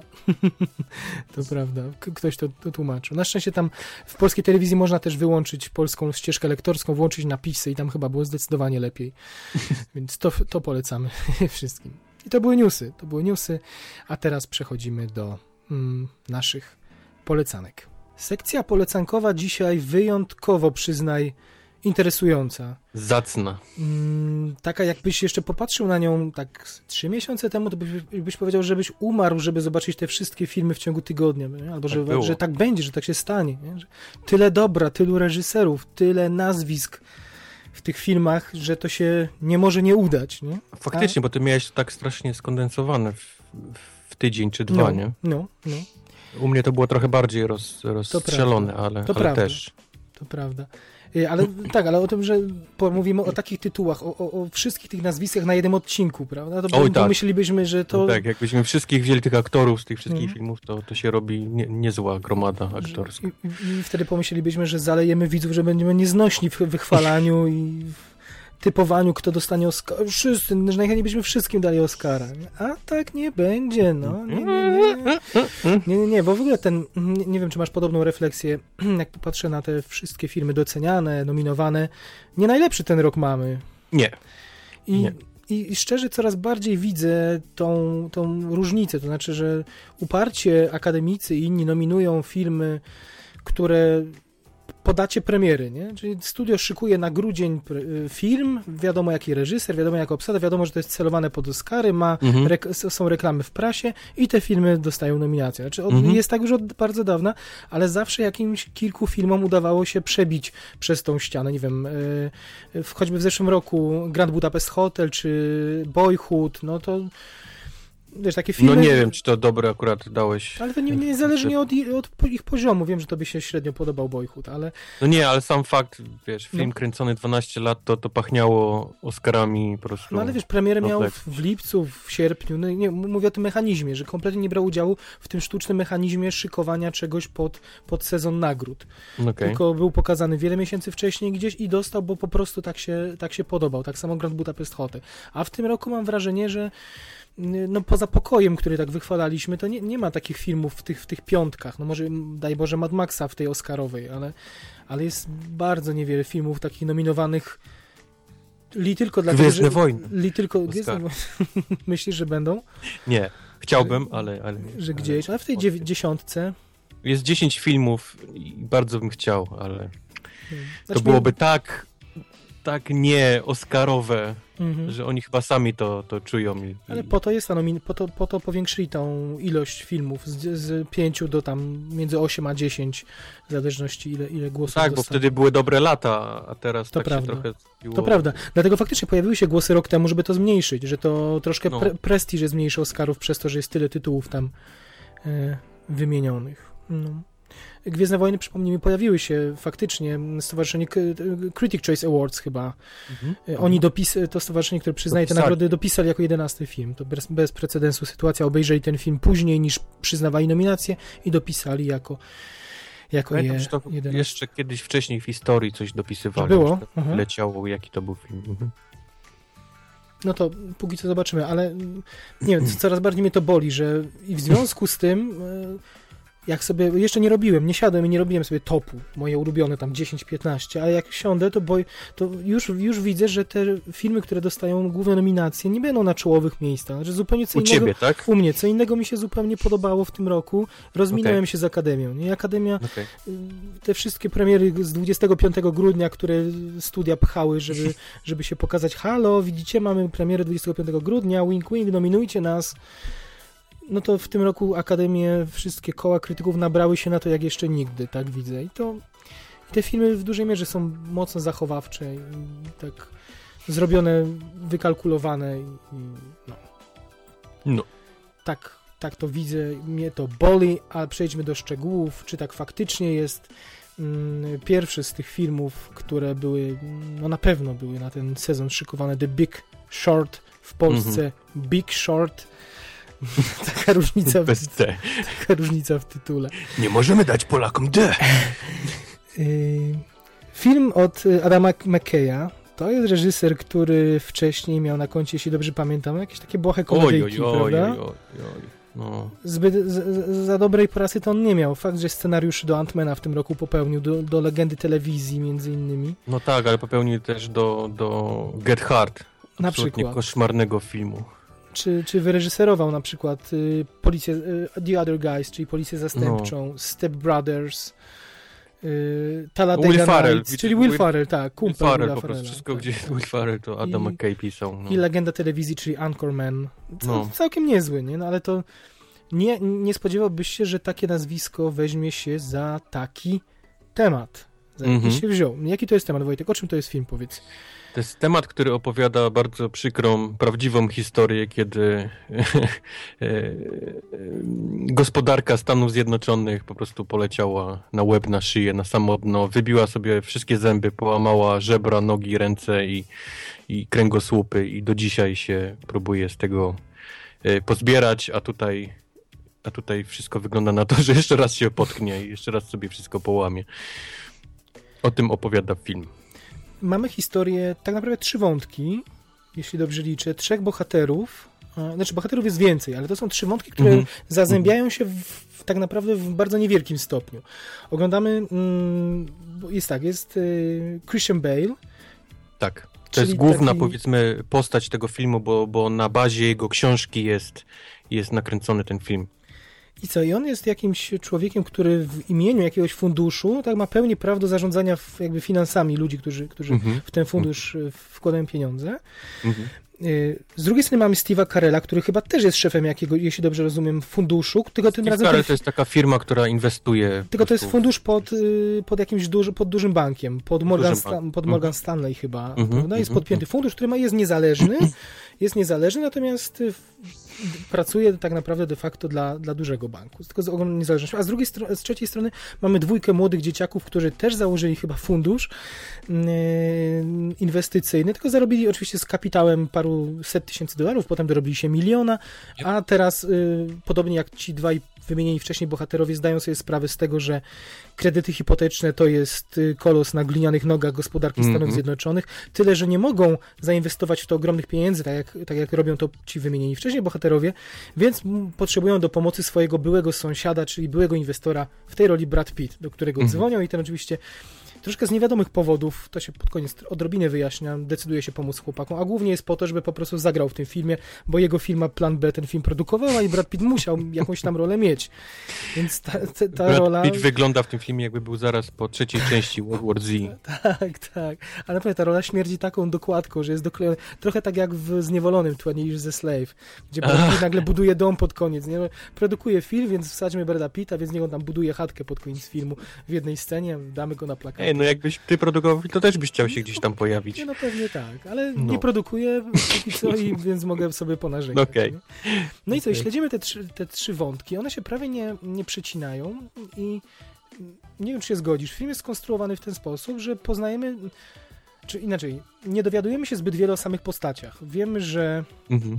widzimy po Christianie Bale'u, że to jest postać mocno introwertyczna, momentami socjopatyczna. Gdzieś Mhm.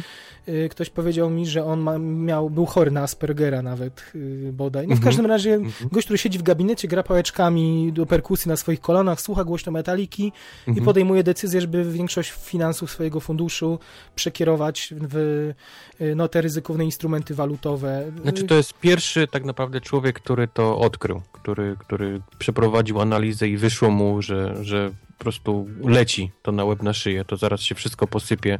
Mhm. i, i, i jako pierwszy próbował alarmować o tym różne zarządy i banki i tak dalej. I, i no film opowiada o tym, czy, czy mu się to udaje, czy, czy mu wierzą, czy nie, kto i kto następny tak naprawdę jego, jego pracę czyta i, i, i- i zaczyna to samo robić, Mhm. zaczyna zauważać prawdę. No, film pokazuje, że nie było, przynajmniej według filmu, nie było trudno do tego dojść, wystarczyło poczytać, jak wygląda spłacalność kredytów przez Amerykanów, przebić się przez No, tysiące... Ktoś musiał, ktoś wykazów. musiał siąść i, i te wszystkie cyferki do siebie po, po, po, porównywać. Ktoś A musiał być pierwszy. No i sam on, mówi, był, że- on był właśnie tą osobą. Sam mówił, że nikt tego nie czytał poza prawnikami, którzy sami Tak. konstruowali te, te instrumenty. I, No.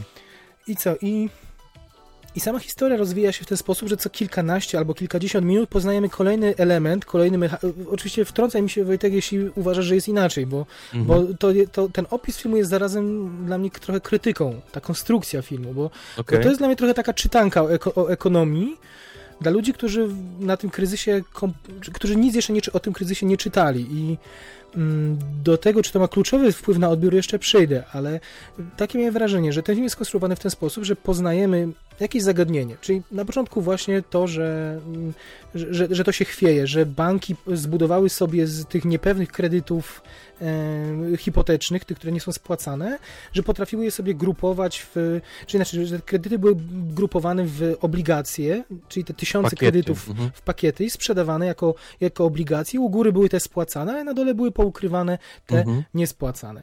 No i oni Mhm. przez kilka, przez 20 minut y, załóżmy, ci trzej bohaterowie, każdy z nich powtarza to, ten mechanizm, gdzieś opowiada sobie, żeby Fitz go zrozumiał. Więc Okej. słuchamy tego, tej opowieści o tym Michael, y, na, najpierw Michael Bay, Christian Michael. Bale, przepraszam. Najpierw się jest, jest szokowany, dzwoni do kogoś, opowiada o tym. Potem y, Steve Carell dowiaduje się o tym, tak, bodaj od Goslinga, y, Gosling mu to opowiada, on opowiada to swoim współpracownikom, potem opowiadają to komuś. Potem te Mhm. dzieciaki to rozkminiają, opowiadają to Brad, Bradowi Pittowi i tak dalej. Potem jeszcze, żeby nie było, że mamy, mamy czytankę, że to jest czytanka i że to jest tylko i wyłącznie tak o, o tym film, to jest dla niepoznaki wrzucona Margot Robbie. To jest ten fajny element filmu, ten, ten, ten fajny twiścik formalny, że nagle w kilku miejscach Adam McKay zdecydował się zatrudnić celebrytów, aktorów, A to jest kilka takich. tak, kilka takich wrzutek, którzy mhm. grają sami siebie i którzy jeszcze raz komediowo tłumaczą to samo, co już wcześniej wytłumaczyli nam, albo zaraz wytłumaczą ci bohaterowie, więc mamy w pierwszej fazie pierwszą, pierwszy ten Nie ma, to są, oni mechanizm. zazwyczaj tłumaczą te, te skróty, nie? To, to są Tak, te wstawki z takimi celebrytami, gdzie tłumaczą, gdzie jest celebryta, który musi wytłumaczyć, co oznacza skrót, tak żeby widz dalej wiedział, że jak oni korzystają z tych skrótów, o czym Mhm. on mówi. No tak, więc, ale, ale to się jakby pokrywa, bo Margo robi tłumaczyć C, właśnie te CDS-y, czyli te, te obligacje. Mhm. Mm, Potem mamy... Ale to się nie pokrywa, bo to jest pierwszy raz, kiedy dowiadujemy się o tym. Poznajemy ten skrót, poznajemy, co oznacza i wtedy jest ta scena z robi Margo i wtedy możemy już spokojnie, oni mogą już korzystać z tego w każdym zdaniu. Mhm, to prawda. No i to jest, to jest fajne, bo to oddziela, mówię, ja to doceniam, ten element, ten zabieg formalny do, do, doceniam. I potem jest rozmowa o tych, o tych CDS-ach przez 20 minut tłuczenie. Potem y, oni nagle po iluś tam minutach dowiadują się, że to nie jest wszystko, że, że były kolejne jakieś, że y, inaczej, że No ekonomia to nie jest prosty temat, więc to, nigdy nie jest proste, że coś bardziej, jest jednego. Tym bardziej, że nie chcemy wam tutaj zrobić też wykładu ekonomicznego i tego, bo zresztą sami będziecie chcieli obejrzeć pewnie w filmie Mhm. i poznawać, a to jest główna oś, główna oś yy, fabularna jednak, poznawanie tych kolejnych mechanizmów. Jak to Prawda? działa. Tym niemniej, że potem te złe kredyty walutowe były z tych obligacji wyłączane, były budowane osobne portfele, bardziej ryzykowne, nad tym oczywiście nie było kontroli, e, kontroli państwa, więc w związku z tym tłumaczył ten słynny kucharz, tak Antony Burde, Mhm. Burden, Mhm. on z kolei tłumaczył w kolejnej takiej wstawce, tłumaczył, jak to się, jak zrobić, żeby nieświeża, nie, nieświeże ryby, które kupił, z powrotem sprzedać ludziom. Nie? Więc, więc Mhm. mieliśmy jakby to, czy, czy te wstawki były na finał, czy na początek kolejnego takiego ekonomicznego, ok- ekonomicznego wątku. Potem w końcu te, te syntetyczne tak zwane CDS na końcu, czyli ludzie grali, jakby robili To tak zwane, tak zwane zakłady na te, ob, na te obligacje, czyli okazało się, że rynek ty, tych Zakład na zakład, Tak, na tych- zakład, na zakład, na zakład, na opcji zakład. i tak w zakładów. nieskończoność. Tak, opcji i zakładów na te obligacje hipoteczne, których to obligacje jest skończona ilość, bo skończona ilość jest To, domów. to, to było przepięknie nakręcone. Jest To wielokro- pokazywało chyba każdemu, kto nie rozumie nawet ekonomii, jak jest, jak pada jedna rzecz i za tym leci po prostu Mhm. wszystko. No i, i to kolejna osoba tłumaczyła. Nie będziemy już mówić jaka, żeby nie psuć niespodzianki, ale, Mhm. ale jest to kolejne. To są dla mnie takie mimo wszystko oddzielenie tych kolejnych aktów filmu. Tylko, że między tym właśnie dzieje się dla mnie niewiele więcej, bo oni w kółko powtarzają ten mechanizm, co jest dla mnie zrozumiałe, żeby widz się z tym oswoił. No w końcu wokół tego to, toczy się taka ta dramaturgia. Natomiast ja nic, praktycznie nic nie wiem o tych postaciach i, i tak jak Wilk z Wall Street na przykład potrafił opowiadać, też sporo powiedzieć y, w prosty sposób, w miarę prosty sposób o ekonomii, to jeszcze, jeszcze osobna historia była w to wpleciona, interesująca, zajmująca. Natomiast to, tak jak mówię, była dla mnie czytanka z ekonomii, która, która na szczęście była wzbogacona y, interesującymi zabiegami formalnymi, bo nie tylko to, o czym mówimy, ci celebryci tu nagle obracają, czy, czy Gosling obracający się do kamery i łamiący czwartą ścianę i, i, No i właśnie, nagle widzę, że ty to widza. odebrałeś jako, jako film, a ja z kolei miałem cały czas wrażenie, że oglądam dokument. Mhm. I to mi się strasznie podobało, bo poszedłem na film, a dostałem dokument, a uwielbiam dokumenty. I mimo tego, że był odgrywany przez aktorów, a nie był, Mhm. wiadomo, na, na, na faktach to oglądało mi się to świetnie. Łącznie z tymi stawkami, łącznie właśnie z łamaniem czwartej ściany. E, To wszystko takie, takie bardzo niefilmowe, absolutnie nie, nie, niefilmowe, Mhm. niszczące. Próbujesz się gdzieś tam w tym filmie, a nagle masz Margot Robbie, nie? W, w, właśnie w tej, w tej pianie z szampanem pijaną. E, Dalej Gosling, który do ciebie mówi cały czas przez Mhm. film. Tak naprawdę on, on prowadzi narrację cały narratorem, czas. tak. Mhm. No. E, gdzieś zdradza gdzieś tam, co będzie, no, no takie absolutne łamanie czwartej ściany. Ja, ja oglądałem to jak dokument, jak świetny Mhm. dokument odegrany przez, przez, przez aktorów, a nie jak film, Mhm. w którym ja potrzebuję, tak jak mówisz, znać ich, ich historię, wiesz, ich poznać, tych, tych ludzi. Tam było też tego sporo, no, no dramatyczna ta, ta historia brata. e, No to, to, to postaci mi przychodzi do głowy przez jako jedyna rzecz właśnie, historia brata No. Steve'a Carella. Tak. Karela. e, O pozostałych nie wiesz nic poza tym, że brat Pitt spędza urlop w Irlandii, A mi się podobało, że koleś jest jakiś taki dziwny, pierdolnięty. On gdzieś się zaszywa, podlewa, ma, ma własną sałatę, którą podlewa własnym moczem yy, w ogródku. Jest jakimś takim totalnym dzikusem, yy, który gdzieś kiedyś był największym bankierem, Mhm. teraz jest, teraz jest dzikusem, No tyle, tak to wszystko naprawdę. nie wiemy, to wszystko co nie wiemy. Okej, zgodzę się Ale, z tobą. ale mi się Mhm. wydaje, że nie potrzebujemy wiedzieć Mhm. więcej, bo to nie jest tak naprawdę film o nich, tylko to jest film o, o ekonomii. Mhm. No dobrze, to jeśli faktycznie masz rację, gdyby to był dokument, to ja bym się na to zgodził, bo, bo jest y, klarownie, rozrysowuje w dosyć, y, w, mówię w dosyć prosty sposób, na tyle na ile można o tym powiedzieć w prosty sposób. Jest to zrozumiałe dla widza. Widz się czuje, wydaje mi się, po takim filmie widz się czuje nasycony intelektualnie, znaczy, że Aha. dzięki temu, że zrozumiał to, te wszystkie mechanizmy, to jest taki dopieszczony, prawda? Tak mi się wydaje, po takich, to, Tak. to, to się zawsze dobrze ogląda i Taki widzowie... czujesz się, wiesz, zrozumiałem, nie? Zrozumiałem, No, co nie no. mówią, bo mi, bo mi to nieźle wytłumaczyli, ale na końcu zrozumiałem i jestem zły. No. I, i, I to od razu przez sam wybór tematyki i formy ten film od razu zyskuje plus 5 do tego, że, że ludzie go polubią właśnie dlatego, że będą się mogli po nim po, poczuć dobrze. Ale to jest dla mnie troszkę manipulacja. O tym jeszcze będziemy mówić, bo podobny zarzut będę miał do filmu Spotlight, o którym, Okay. o którym, mm, y, o którym za chwilę. Ym, y, I nie, nie wiem, czy też odnosisz takie wrażenie, że przez to, że to jest taka super obsada, że to jest film Dream, dream Teamowy, nie? to miałem takie przez cały czas nie mogłem się opędzić od wrażenia, że to są po prostu grupa kumpli, która się zebrała i stwierdziła, ej zróbmy, robimy film oscarowy z, z fajnymi dialogami. Nie, Nie, miałeś takiego wrażenia? nie, tak? Mam wrażenie, że coś, coś ci zaszło tam strasznie i, Mhm. i wyrwało cię z tego filmu, absolutnie No, oglądałeś absolutnie to mnie wyrwało. Tam... No, no byłem totalnie, właśnie przeleciałem obok filmu, nie pod... Nie, absolutnie przez moment nie, nie czułem czegoś takiego jak na Pixels, który jest, jest filmem robionym tylko dla, po to, żeby oni sobie zarobili. Nie, to, nie. wiesz, nawet ja, nie widziałem, wiesz, Karela, nawet nie widziałem Goslinga, wiesz. To ja nie mówię, że, że robiony dla, dla kasy, czy dlatego, Nie że wiem, tylko mówię, tylko że siada grupa kumpli mówisz, że mówi tak, czterech kumpli, zróbmy sobie film o... Zróbmy ten. film, w którym Nie. się wyżyjemy aktorsko, w którym będą, s- wiesz, będą śmieszne dialogi, będziemy mogli pojechać po bandzie, będziemy mogli coś skrytykować. Strasznie żal, bo, bo coś poszedłeś coś albo w zły dzień, albo coś i oglądałeś to z Byłem trzeciej dwa osoby. razy, byłem dwa razy, żeby nie Byłeś było. dwa razy, byłem, tak? Hmm. byłem się przekonać to po pierwszym razie, czy faktycznie to jest, to ja mam problem, znaczy inaczej, czym to był zły dzień, ale, ale nie, drugi raz też przeszedłem obok, obok filmu. Trudno jest mi wytłumaczyć to, bo to bardziej... Nie wiem, dla mnie, dla mnie było fantastyczne to, jak tak ciężki temat y, udało im się wytłumaczyć. Mhm. To jest trudny temat, y, żeby zrobić film o tym i za, zachęcić ludzi do oglądania tak naprawdę. Oczywiście, bo to, oczywiście, bo to, to się zgodzę. gość mógł zrobić dokument dla HBO i to byłoby, to byłby kolos nie? Do, do oglądnięcia, bo tam by się nie pierniczyli w tłumaczenie skrótów i tak dalej. A jest... Nazwanie tego czytanką bym też nie nazwał, no. No mówię, niewiele dla mnie tam było poza uporczywym tłumaczeniem kolejnych zabiegów i wykrzykiwaniem ich, że o Boże, dlaczego nikt na to nie wpadł, o i wiesz, zatrzymywanie Ale mi się właśnie podobało to, co ja, ja przeżyłem to na własnej skórze i to Mhm. dość ciężko, ten, ten, ten, e, ten cały krach gospodarki tutaj. Mhm. E, Wiedziałem mniej więcej, co, co się stało, nie? Dlaczego popłynąłem i, i znam, znam swoje wybory, Mhm. e, przez które popłynąłem, ale nigdy tak naprawdę nie wiedziałem do końca, jak, jak to, wiesz, góra, Pira- nie? tej Jak mi piramidki, załatwi- tak? Mhm. no, tej piramidki, kto mnie tak naprawdę, wiesz, u, udupił w tym, w tym całym interesie. Mhm. A ten film pięknie to pokazuje.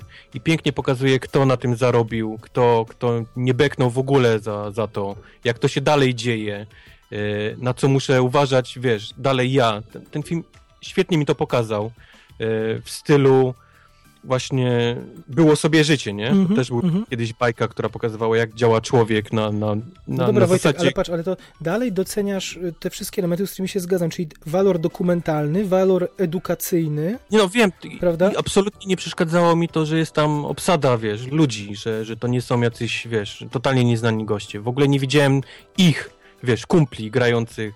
Nie czułem też absolutnie, że to jest Oscarowa rzecz, yy, kiedy szedłem na to. Mam wrażenie, że ty jakoś się, się nastawiłeś źle do tego filmu już na, na starcie, że, że, że to będzie y, Wilk z Wall Street. Y, I, i, I tego nie dostałeś i, i byłeś trochę zniesmaczony pod koniec, takie mam wrażenie. No, oczekiwałeś historii, oczekiwałeś No, głębi bohaterów, no krytykuję, oczekiwałeś krytykuję to, dialogów jak u, u Sorkina, a, a, to nie był, a to nie był film o nich, to nie był film nie mało obchodziło tak naprawdę, kim oni są, co oni robią i ich No, życie. Dialogi próbują być jak u Sorkina, tylko im nie wychodzi, to jest inna sprawa. No jednak No, ten film y, leży na dialogu, a, Tak, to prawda. a tutaj mamy jednak w kółko uporczywe powtarzanie tych y, tłumaczenia na różne sposoby tych samych zaskoczyły te mechanizmów. wstawki celebrytami. Zaskoczyło mnie czwarta ściana na plus, nie Na plus. Nie, na minus. Znaczy, no to wi- widzisz, mamy na podobne rzeczy zwróciliśmy uwagę pozytywne, tylko dla, dla ciebie cała reszta jest y, tym doku- i to, że w- przyjęło taką formę dokumentu skupionego Tak. li tylko na wytłumaczeniu mechanizmów, to jest dla ciebie plus. Natomiast ja tutaj widzę za mało filmu w filmie po prostu. I trochę mnie to, być może właśnie to, co mówisz, czegoś innego, y, czegoś innego oczekiwałem. Tym niemniej ten film się dla mnie wybronił właśnie tą stroną formalną. Tym, Mhm. że potrafił McKay nagle mi wrzucić teledysk hip-hopowy jako komentarz, No, a nie kolejny dialog o tym, że ktoś coś robi tylko dla hajsu. Y, Czy, czy, pod, czy te cy, czasem cytaty z tyłka, za przeproszeniem, który wrzucał y, tam, nie wiem, zasłyszany z jakiejś knajpy, czy z czegoś, Tak. takie, żeby... No, to było, to było zabawne I, i właśnie ta, to łamanie czwartej ściany i ci celebryci to są te niewątpliwie największe największe plusy. To, to co, o czym powiedziałem, to, że odbieram to jako film, w którym zebrała się grupa kumpli i stwierdziła, że zróbmy Mhm. fajny film z fajnymi dialogami. Nie mówię, że w tym jest coś złego, znaczy, że to jest jakoś wyrachowane, czy że to jest skok na pieniądze albo skok na, na Oscary, tylko bardziej przez to, chciałem powiedzieć przez to, że odbieram ten film jako po prostu zabawę kilku kumpli, którzy chcieli, mieli kaprys, żeby zrobić film z fajnymi dialogami na poważny temat, w którym, po którego obejrzeniu ludzie poczują się dobrze, bo zrozumieli trudny temat. Nie?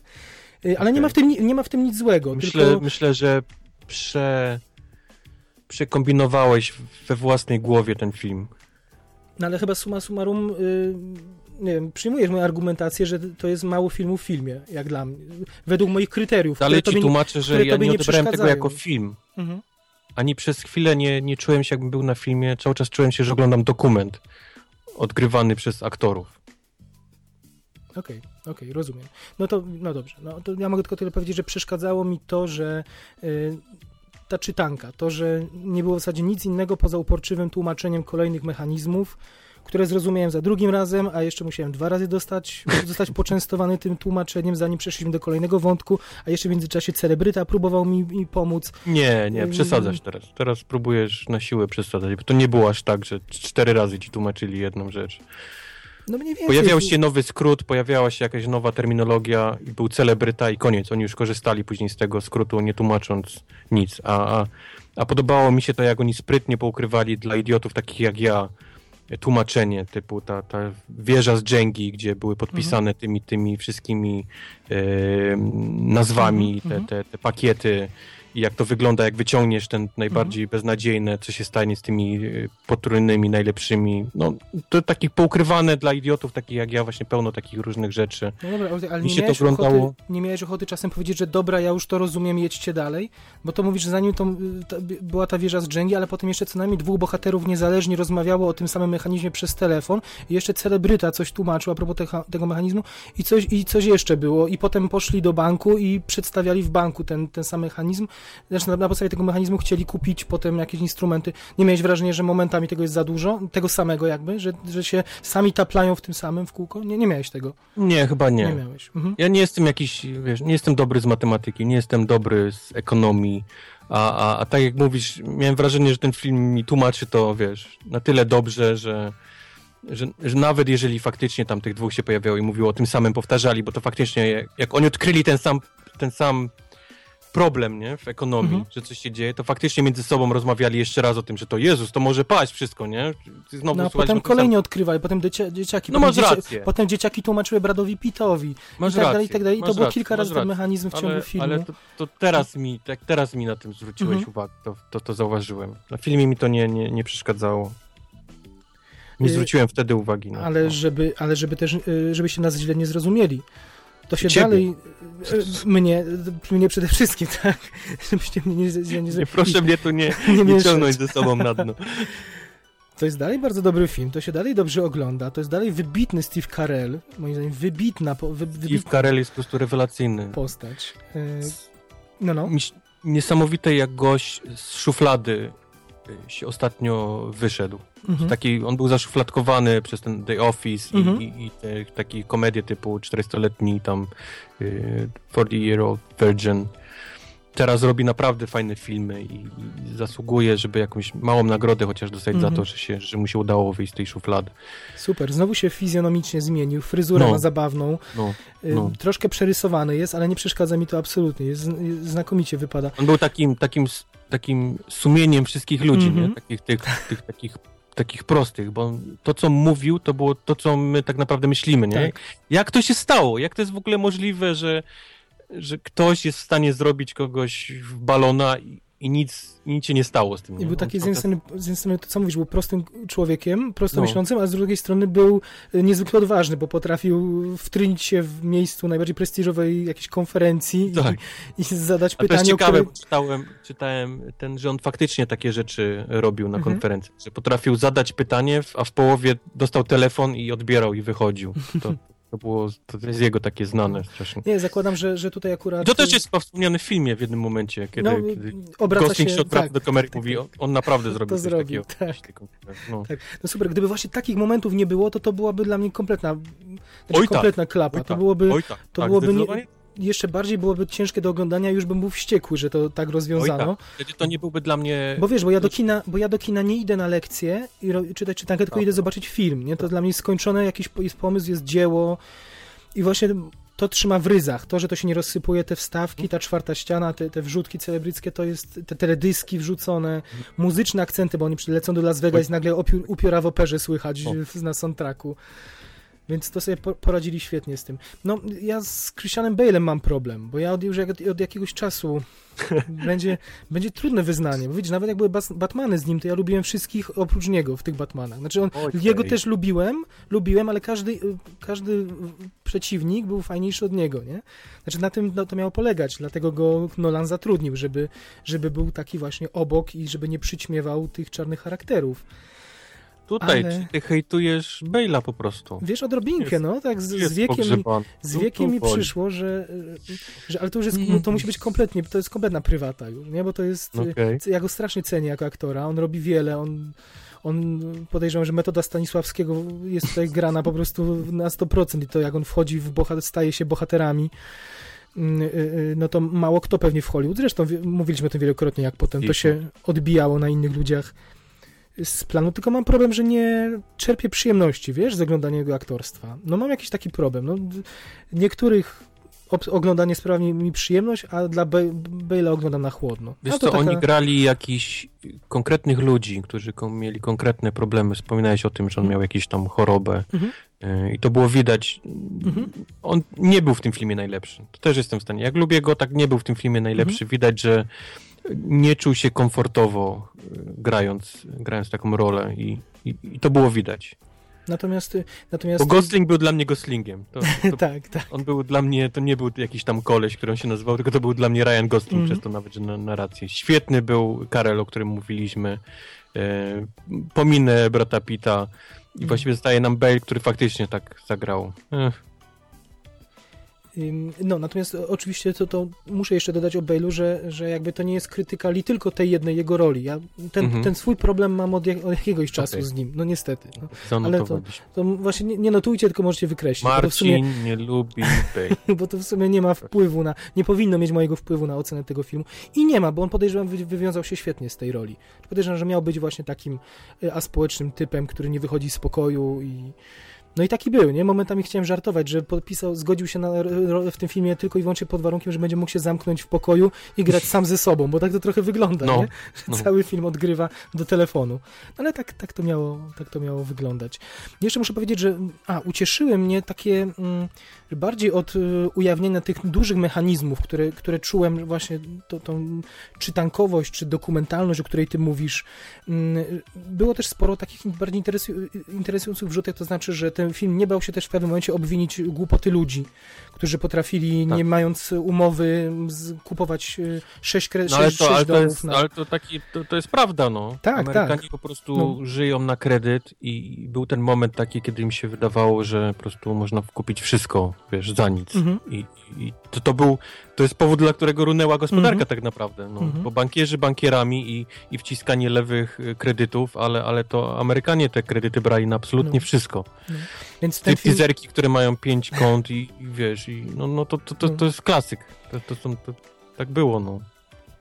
I to jest fajne, że ten film nie boi się tego, nie boi się też pokazać na to palcem, bo zazwyczaj te filmy związane z ekonomią to są zazwyczaj filmy, które hejtują ba banki, które właśnie pokazują jakichś yy, no, takich bardzo złych maklerów albo szefów banków, którzy, którzy dybią na, na biednych obywateli. Tutaj każdemu się dostaje porówno. No bankom może bardziej jednak, ale ale jest to tutaj na pewno zaznaczone, czy te sceny, kiedy oni lecą do Miami i oglądają całe puste przedmieścia w zasadzie, nie, z Mhm. jedną osobą Mhm. mieszkającą, to te obrazy zostały we mnie. To, to były te nieliczne momenty, kiedy ten film właśnie przestawał Albo być ten moment, kiedy ci bankierzy opuścili tą, ten, ten, ten, taką salę, gdzie, gdzie byli, oni weszli do pustej, takiej rozwalonej, z papierami Mhm, wszędzie, mhm. to, też, to też było mocne. Czyli znowu do, chyba do Morgan Stanley, prawda? Do Morgan siedziby Stanley banku, to był, tak.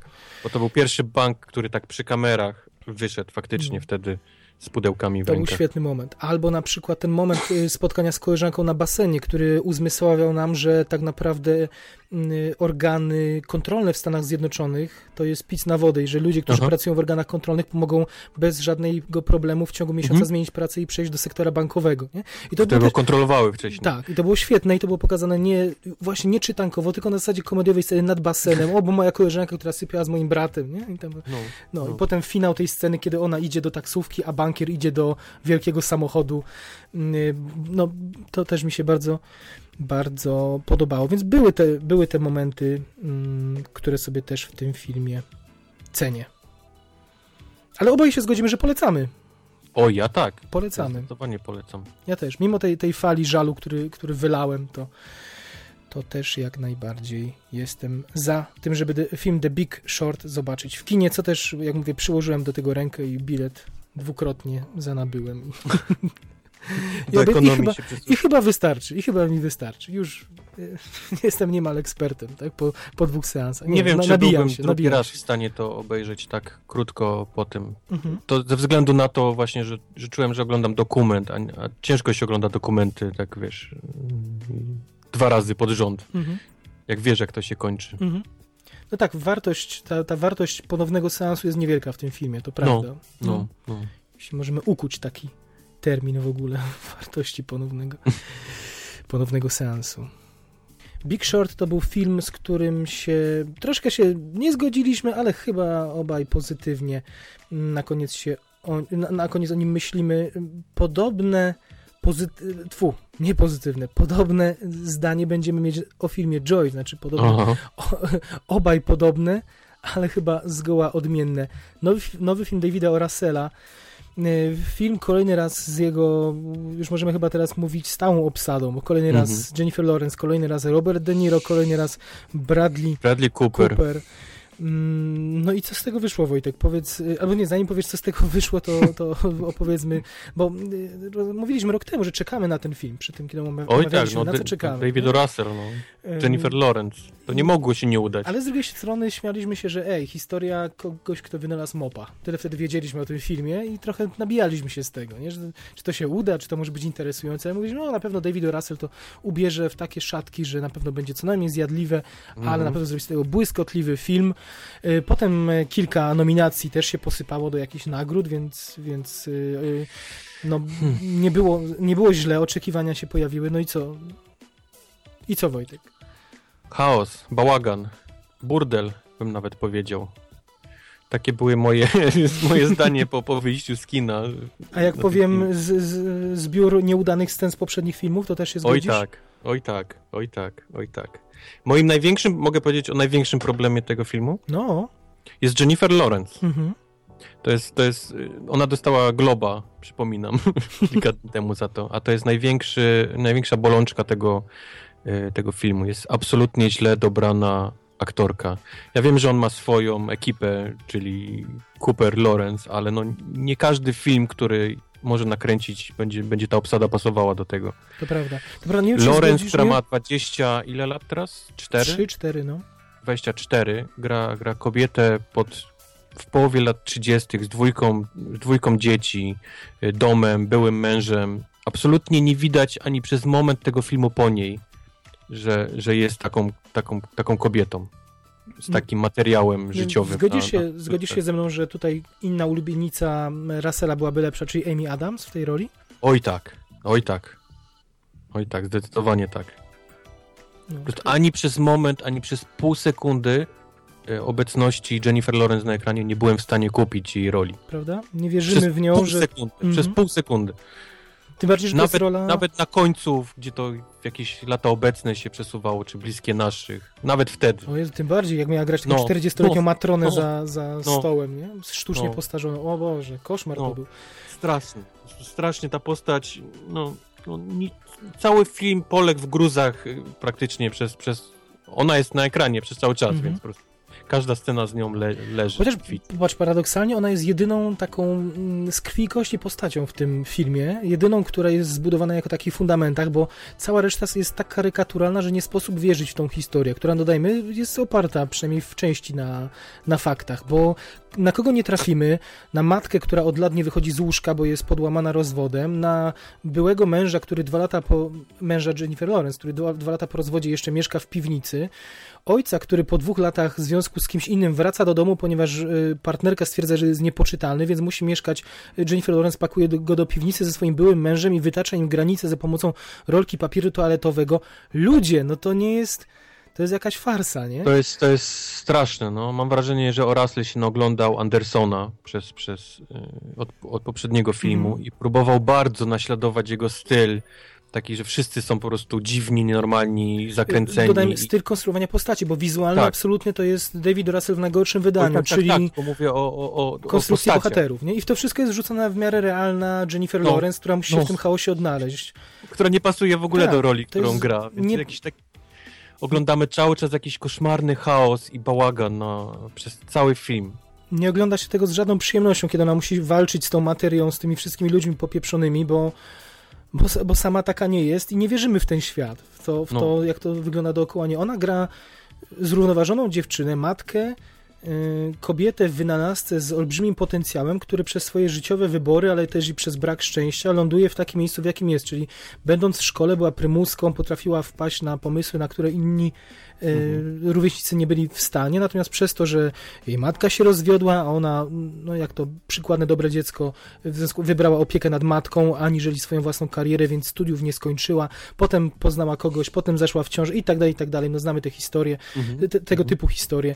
Nie mogła realizować swoich planów, więc rysowała gdzieś tam, czy wymyślała do poduszki różne rzeczy na, za pomocą kredek swojej córki, namalowała tego mopa, który, który wszędzie w tych opisach filmu widnieje, że ona wynalazła mopa, co też no, nie jest do końca prawdą, bo to jest, chodzi o, o spe- o specjalny rodzaj mopa, który się sam wyżyna i, Tak, tak, tak. i tak, ma tak, de- tak. generalnie pomóc kobietom, żeby już nie, nie musiały ścierać yy, i zbierać potłuczonego szkła, tylko, tylko No widzisz, ale to jest początek filmu, który o tym mówi i, i, i- i nawet już ten, ten element, o którym mówisz, czyli tego takiego życia, które ją Mhm. pociągnęło powiedzmy w dół, to dalej nie jest pociągnięte już. Bo następnie od mniej więcej połowy filmu dostajemy reklamówkę tego QVC, czyli tego takiego kanału Mhm. e, w z telewizji. telezakupami, tak. Jest takie telezakupy mango po prostu. Film przestaje być o niej i zaczyna być o, o telemango Tak, od znaczy, połowy filmu. masz rację. Już nigdy nie dostajemy odpowiedzi na to, dlaczego ten ojciec z tą matką, dlaczego matka te, te telenowele, co się dzieje, nie? Tak naprawdę jakieś takie wytłumaczenie tych, tych wszystkich postaci, nawet te relacje z tą, tą przyrodnią siostrą. Tego nie ma, to się ucina. Nagle pojawia się Bradley Cooper, Telemango i od tej chwili film jest o Telemango. I, już o niczym więcej. A na samym końcu, pod sam koniec dostajemy jakiś taki totalnie trzeci film, gdzie ona w ogóle dostaje skrzydeł, nie wiadomo Mhm. skąd, nie wiadomo w jaki sposób. Y, Jest scena, kiedy ona płacze, czy jakieś takie załamanie i nagle następny dzień już jest wszystko okej. Wszystko nagle jest pięknie... Znaczy dostajemy coś jedną- w stylu American Hustle, czyli Tak, przez tak. 10 albo 15 minut mamy nagle g- intry, intrygę, twiścik jakiś, tylko jeden, prawda? Tym, czym no. inne filmy są usłane, to tutaj faktycznie w finale przez chwilę to jest zajmujące nawet, bo jesteś w końcu ciekawy, jak to się wszystko skończy i, i dostajemy... Ale też nie, a, a, przez moment nie uwierzyłem w tą jej taką kolejną kreację właśnie. Mhm. Laska ma, ma naprawdę ciężkie życie, ma prawie milion dolarów kredytu wzięte na, na, na ten głupi mop, po czym ona jednego wieczoru obcina włosy i jest wszystko już wtedy jest w cacy. Wszystko, wszystkie problemy odchodzą po prostu od niej, bo, kredyty, Bo to jest ten twist, no, wpada na no, to, jak to rozwiązać. No. Ale, no, proszę cię. No jasne, tylko masz ochotę powiedzieć, że skoro ona była takim bystrzakiem od dzieciaka, to dlaczego dopiero teraz, nie? Ale no. to jakby... Nie, mnie, mnie boli też ta, ta, struktura filmu, o której powiedziałeś właśnie, że te pierwsze, nie wiem, 40 minut to jest y, ta sytuacja w domu, która się w niewielkim stopniu To jest Wenda, i, Wes Anderson, no. I oglądasz po prostu komiczne, surrealistyczne relacje między ludźmi, w które wsadzona jest dziewczyna zupełnie do nich niepasująca, która Aha. ma jakieś tam ambicje. Nagle pojawia się ten, ten wątek mopowy. To jest też, może ten, nawet bym powiedział, ten, ten wątek telewizyjny jest najbardziej interesujący, bo to się dobrze ogląda. To jak ona próbuje, stawia pierwsze kroki w telewizji, jak próbuje wziąć, próbuje zareklamować tego mopa, to i funkcjonowanie No niby tej, tak, tych to już jest inny film dla Tylko mnie. to jest inny film, tak, wiesz, tak. Przesiadłem się na drugi pośladek i zacząłem mhm. oglądać inny więc, film, nie? Tak więc albo robimy Wesa, Wesa Andersona, no, tylko że, tylko, że no. lepszego, bo to jest nieudana kopia, te pierwsze tam 40 minut. Nie? I robimy o tym film, o tym życiu w domu, albo opowiadamy tą historię walki o, sukces, o, no. o, sukces ten ekonomiczny, bo tam się faktycznie pojawiają wątki, że dostawca próbuje ją zrobić w konia, że podnosi ceny części, że ktoś próbuje przejąć jej tak. patent, ale to są momenty, to jest tak nieinteresujące, tam jest przebłysk, gdzie ona próbuje... Ale to jest jakiś o ludziach, którzy są gwiazdami w tym, w tym telemango i którzy tak. sprzedają I to też jest rozmienienie no, na drobne. Jakieś takie historii. straszne, tak, jakieś tak. takie detale, które w ogóle nie związane z historią, z nią, z tym mopem, tylko właśnie z tym telemango. Nie wiem po co. Po co tłumaczyć ludziom, co to jest telemango? No chyba wszyscy wiedzą, na czym polega telemango. Czy, mówię, to, to nawet jeszcze dla mnie byłoby do przeknięcia i to byłoby interesujące, tylko gdyby zachowana została no, ciągłość jakaś, jakiś sens w tym, w tym pokazywaniu, a nie, a nie nagle aż tak y, brutalna zmiana, bym powiedział, tonacji. I nawet jak już się wkręcisz w tą historię Mopa, to chciałbyś, żeby ona była, ona była dużo, dużo ciekawsza, dużo więcej tych, tych y, kamieni milowych na niej było, które by zmieniały, które... No bo co, bo próba, próba podwędzenia mm, patentu, czy, czy próba podniesienia ceny, to jest troszkę za mało na kolejną godzinę mm -hmm. i mhm. zmiany dramaturgicznej, to jak, mm -hmm. jak Jennifer Lawrence na to reaguje. Przez to ten film jest bardzo rozciągnięty, to się wszystko dłuży i, Oj, i tak. dałoby się wycisnąć Oj, tak. z tego dużo lepszy ekstrakt z tej, z tej ostatniej godziny i to byłoby się, być może to by się lepiej oglądało. No ale to nie, to co to są za argumenty w ogóle? To, nie, to jest David O. Russell, to jest plejada gwiazd i to jest błahy, niepod, nikomu niepotrzebny film, prawda? Zgadza się. Ja nie wiem jeszcze, jak to jest odbierane w Stanach, bo nie wiem, na ile to jest legendarna postać, ta, ta To nie jest legendarna nie postać. Jest, tak? jest, jest, jest, powiedzmy, znana nie wszystkim, mhm. ta, ta historia Mopa i ona ma dużo, dużo, dużo innych takich gadżetów, straszne śmieci, wiesz, pierdoły. No wszystko leciało na tym QVC, w tym telemango, więc to, to stąd jest znana to jedynie ta postać. Ona zarobiła mhm. absolutnie ciężkie miliony, miliardy dolarów na, na tym całym przedsięwzięciu. No. Ilekroć ją jeszcze... Ale tego nie ma. Tego, tego w filmie się nie dowiesz, że ona na tym zarobiła. No gdzieś na końcu, kończy... jak ją widzisz za wielkim No ale to, to ciężko biurkiem, powiedzieć, nie? bo to jest jakiś taki dom rozpierdolony, ludzie wchodzą, jacyś z dziećmi, przepraszam za przekleństwo, no. Ona rozdaje pieniądze biednym. No... Straszny chaos, straszny bałagan. Strasznie męczący był ten film. Strasznie czułem się zmęczony tym filmem, tak, jak, jak się tak. skończył. Tak. No, no bo jak oglądasz coś niepotrzebnego, no to, no to się męczysz. I ja na przykład Lorenz, kupo... ona mi się bardzo nie podobała w tych scenach, kiedy z dziećmi była. No nie, jako matki jej kompletnie nie kupowałem. no oczywiście, że w tym, nie. W tym no. finale z klipsami za tym biurkiem ahoniowym nie kupowałem. Ona była jedynie nie. fajna w tej środkowej, sek- w tych sekwencjach, nie wiem, kiedy spróbowała sprzedać tego mopa. włosy w skórzanej kurtce, no, i ubiera, i ubiera... super bohater szpieg tak, chodzący tak, po... i ubiera okulary A, ja też, a dla mnie to koniec, też była jakaś kolejna kolejna kreacja nieudana. No. Ona w ogóle nie pasuje do takich filmów. No, no jedyne co to te momenty, kiedy próbowała sprzedać mopa. No to było jedyne urocze, to była Jennifer Lawrence, no sierota, okay. pierdoła, która, która zaraz Ale to była Jennifer Lawrence, to nie była... Gdzieś tam potknie, no ale to... Wtedy widziałem Jennifer Lawrence w dalszym ciągu. No ale to był jedyny moment, który mi sprzyjał, przyje, sprawiał przyjemność w tym filmie. Okej. Okay. Tamte, tamte sceny. No i Bradley Cooper też, marginalna rola w zasadzie. Nie? Cooper, no właśnie. No. I też ciężko mi było przyjść na porządku dziennym gość, który ją tak naprawdę zrobił w konia, wykiwał, a na koniec ona i tak jakby no, poprosiła o jeszcze jedną szansę i w ogóle miałem wrażenie, że zaraz sobie padną w ramiona i będą nawet mieli romans. No właśnie po- też nie wiedziałem. tej No właśnie to zagrywce, też którą- była jakaś taka dzi- dziwna, jakaś dziwna chemia między tymi dwoma Mhm, bohaterami, która też do niczego tak naprawdę nie, nie prowadziła i nie tłumaczyła ich, ich no, chociaż może tłumaczyła, bo oni mieli to takie zdanie, że będziemy przyjaciółmi nawet Mhm. będąc, będąc konkurencją i to się tam Ale wiesz, po tym, co on jej zrobił, po tym, do czego nią, jakby do jakiego poświęcenia ją zmusił biznesowo i potem, jak bardzo ona na nim się zawiodła, to dla mnie to powinna być kosa na... Wiesz, no też przez... Nie możemy mówić dokładnie o co chodzi, bo spoilery, nie? Ale, No. Ale to było dla mnie też bardzo niewiarygodne. No, podsumowując, niepotrzebny film, wydaje mi się, że tak możemy...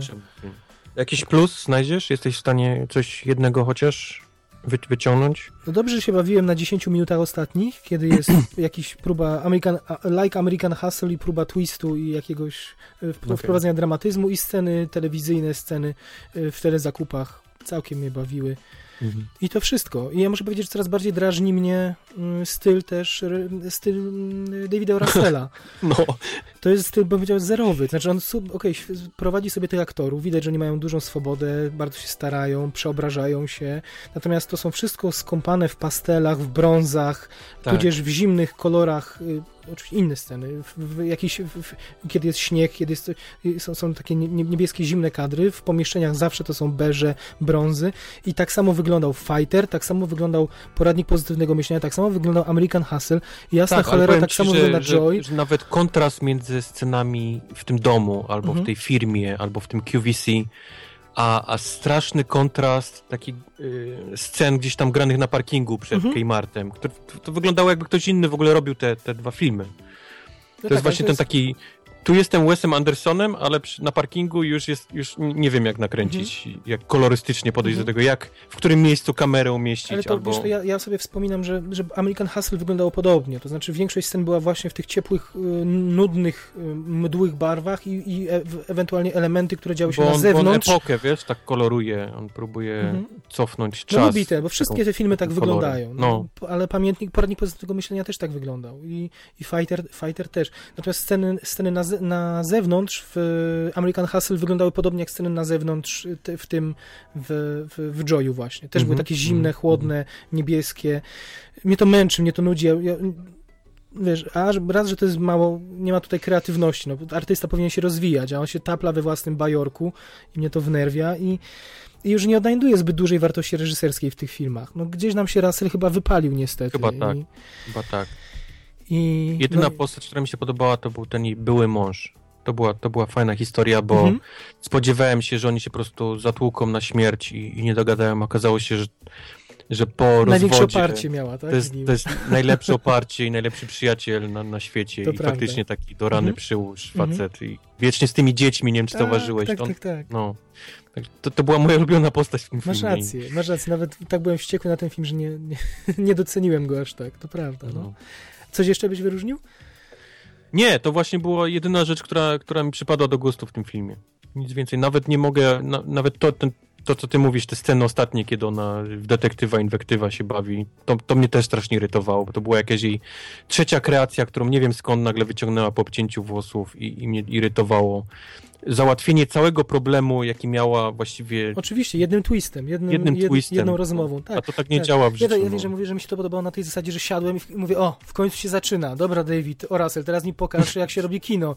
No, minęło 10 minut i napisy końcowe, tak, okej, to, to tyle mnie połechtałeś. 10 Będę minut. bardzo, bardzo ostrożny przy następnym filmie Davida Mhm. Russella. Nawet jeżeli to będzie i inna ekipa, to, to straciłem gdzieś do niego to zaufanie. Wiesz, fajnie, że on bierze tego De Niro, że De Niro chce u niego grać, bo to są, co by nie mówił o Joy, to i tak są najlepsze filmy, w jakich gra De Niro na razie. Ale I, De Niro, no jest, jest De Niro u De Russella i jest De Niro, który gra teraz jakąś koszmarną szmirę no, o, o wakacjach Tak, na Florydzie. o tym mówię, no, dokładnie.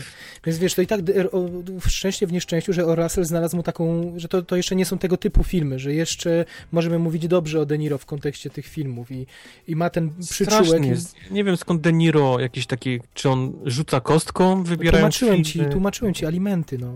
alimenty. Raz jest w Intern, który jest okej, ja na- nie, Mhm. nie przeszkadzał mi tam absolutnie. A raz jest właśnie w jakimś takim komedii dla, dla, Mhm. dla, dla nastolatków. No. No, nie ma innego wytłumaczenia na rozmienianie swojej legendy na drobne niż alimenty. No. Al Pacino robi to samo i, i on chyba też. No. Nie wiem, to, znaczy chciałbym wierzyć, że, że coś innego jest za to. Nie wiem, może, może jak czyta te scenariusze, tego bawią na starość. Może go, On bierze wszystko chyba, mam wrażenie. Tak to ma, wygląda. Nie? No, Co ma podsunięte pod, pod nos. No. no.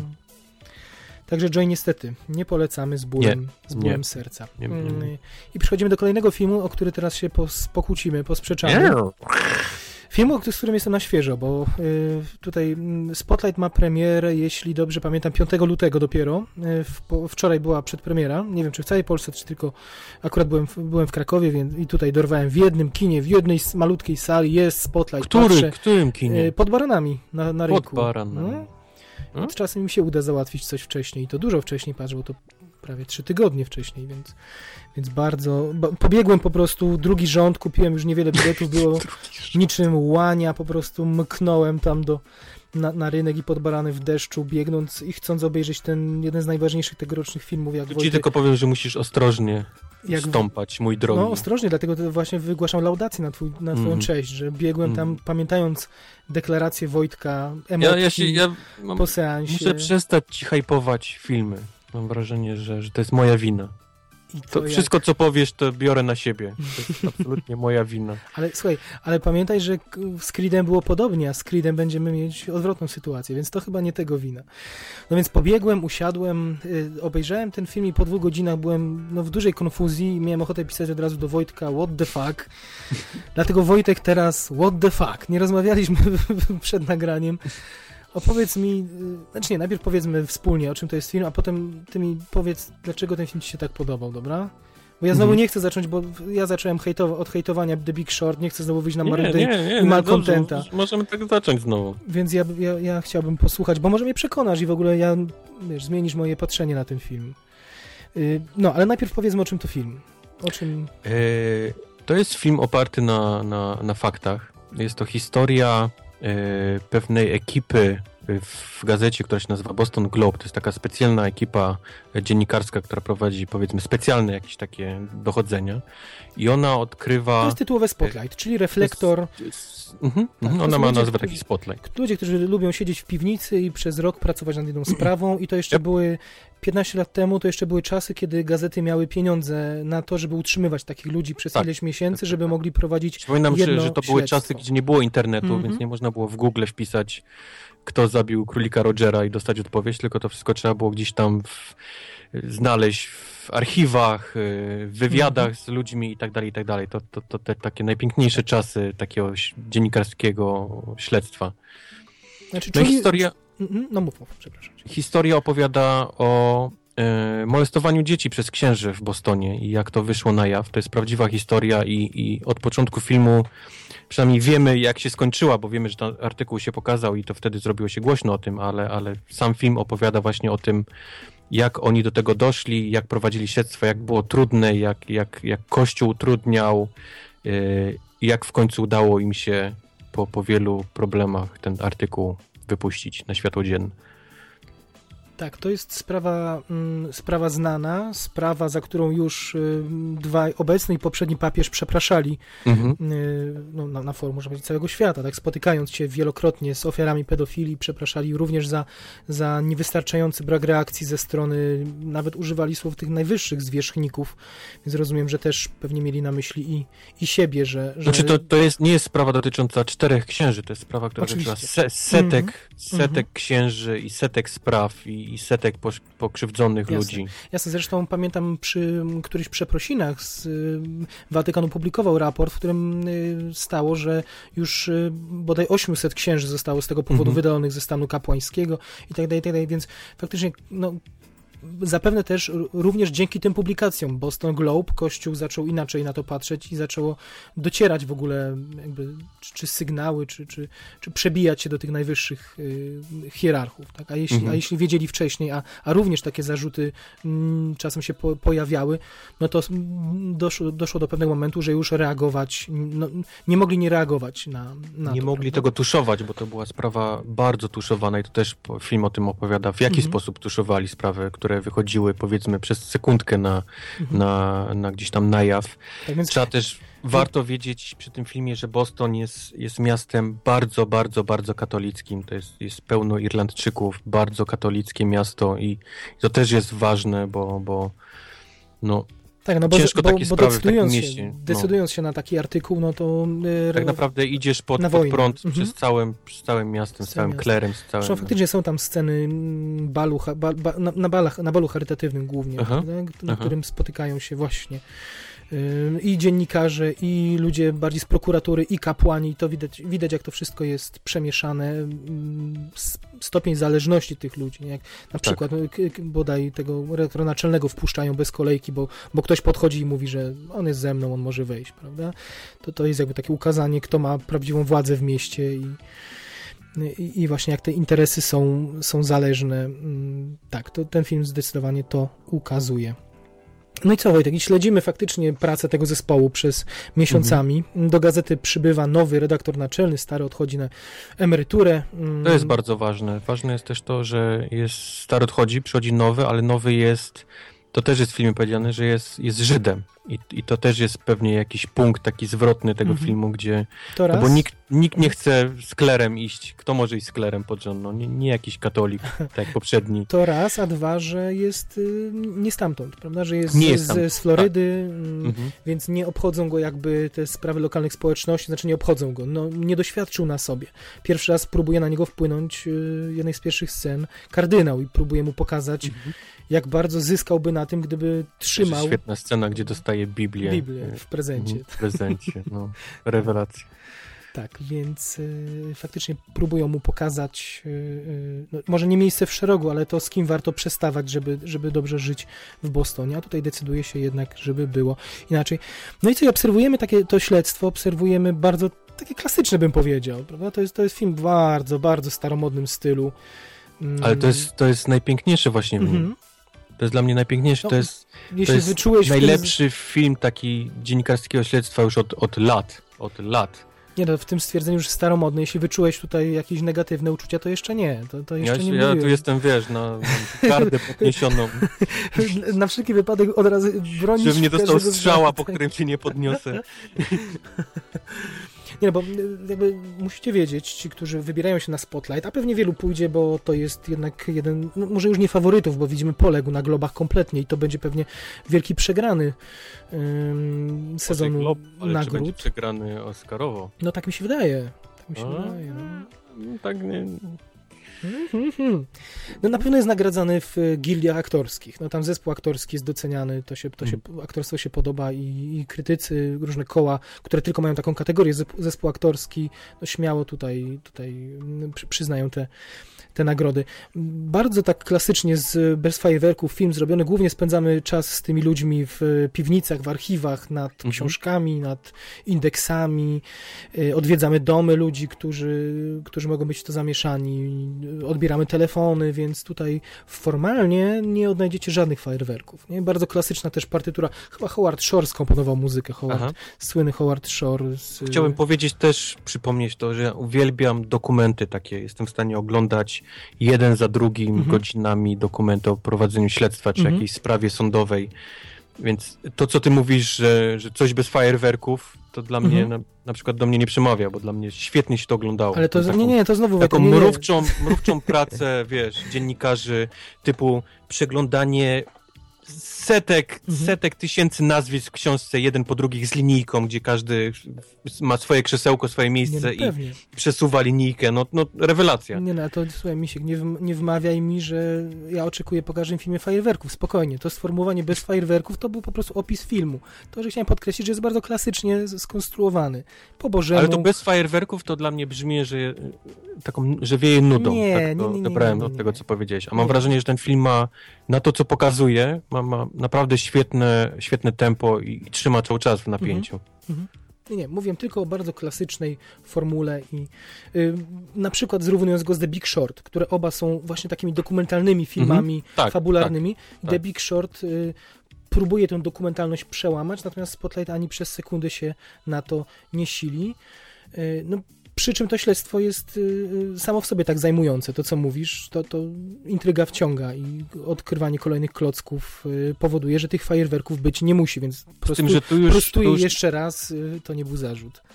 tutaj już nie miałem takiego odczucia jak na Big Short, że oglądam dokument. Tu, tu byłem, tu to jest film. Mhm. Tu nie ma żadnych dwóch zdań do tego. Mhm. No dobrze, Wojtek, to powiedz mi teraz, dlaczego ten film aż tak ci się podobał? No, po części już wytłumaczyłem to. To jest jednak miłość do dokumentów i takie śledzenie takiej mrówczej pracy dziennikarzy. Mi osobiście strasznie się podoba.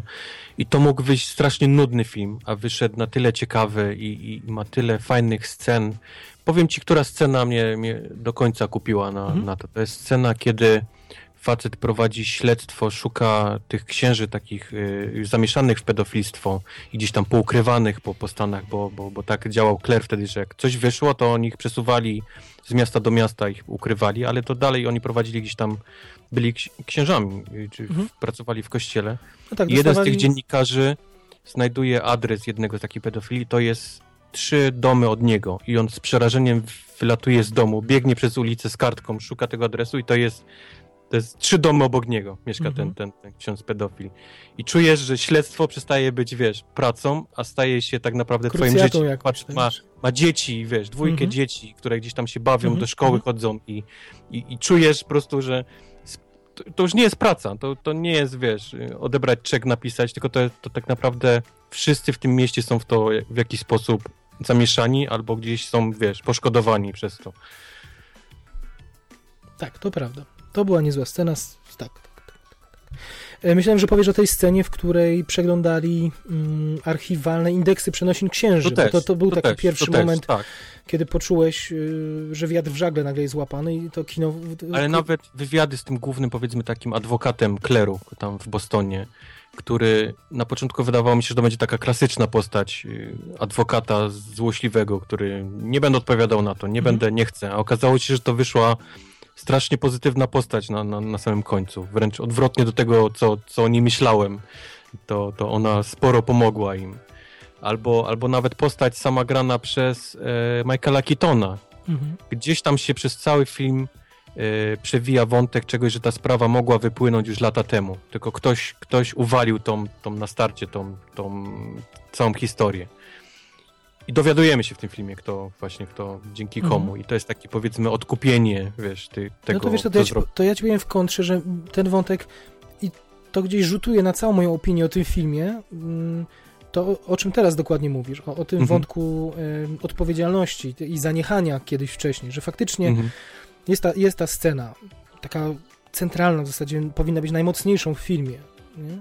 Kiedy nagle do, do głosu dochodzi poczucie, że że to nie jest wszystko czarno-białe i że i faktycznie jed, jeden z bohaterów wyraża taki pogląd, żeby nie minęło 10 sekund i redaktor naczelny gazety mówi taki, taki banał rzuca po prostu w stylu, że pamiętajcie, chodzimy, błądzimy wszyscy w ciemnościach, gdzie prawda jest y, często gdzieś obok, na nią jest reflektor, a my tego nie widzimy i kiedy już po tym błądzeniu w ciemnościach ją zobaczymy, no to mogą pojawić się wyrzuty sumienia, więc pamiętajcie, to jest element naszej pracy i y, no i tyle. I wiesz, jakby przekreślił cały, wiesz, cały film czekałem, żeby, bo zaraz przejdziemy do tego mojego głównego za, jakiegoś zarzutu, ale ta scena miała okazję przewrócić, wywrócić ten film. Miała okazję Okej. pokazać mi, że nie, nie, ty jednak się myliłeś, ale po 10 sekundach, jak Liv Schreiber, czyli właśnie ten redaktor naczelny, w ten Mhm. sposób y, uwalił mi to, na co liczyłem, to stwierdziłem, o nie, o nie, dzięki, O nie! nie polubimy się już. No,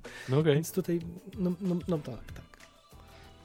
No Ale faktycznie to był, był potencjał na świetną scenę w tej, w, tej, w tej scenie. I w tym wątku całym, o którym mówisz, tak, bo mogę, możemy się śmiać, że się różnimy i że ty lubisz, a ja hejtuję, ale tak, ten wątek był bardzo ważny, to co mówisz, ta Mhm. scena. I, i, I strasznie jest mi źle, że to tak zostało potraktowane. To ja, ja powiem ci teraz, y, jakie mi uczucia towarzyszyły w tym, podczas seansu i jakby...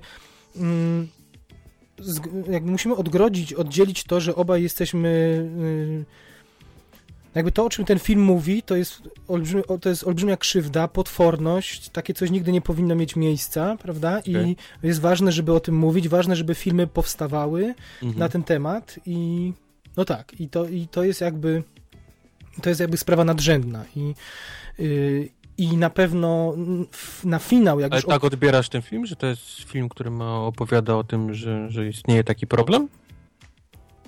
Znaczy, znaczy jakże opowiada. No, Znaczy, że to jest powiedzmy... nie, nie, nie. Mówię to zanim zacznę mówić, zanim zacznę analizować, mówić o samym filmie. Jakby chcę Okej. powiedzieć, że, że to, co będę mówił, nie ma nic wspólnego z moim stanowiskiem do tej sprawy, o której film opowiada. O, że jakby Okej.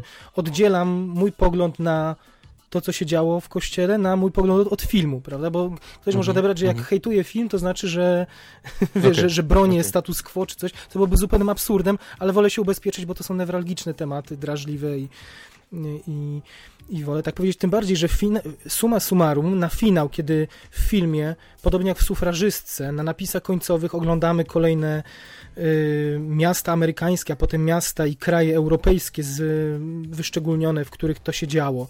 I tego są nie dziesiątki, to, to, to są setki miejsc.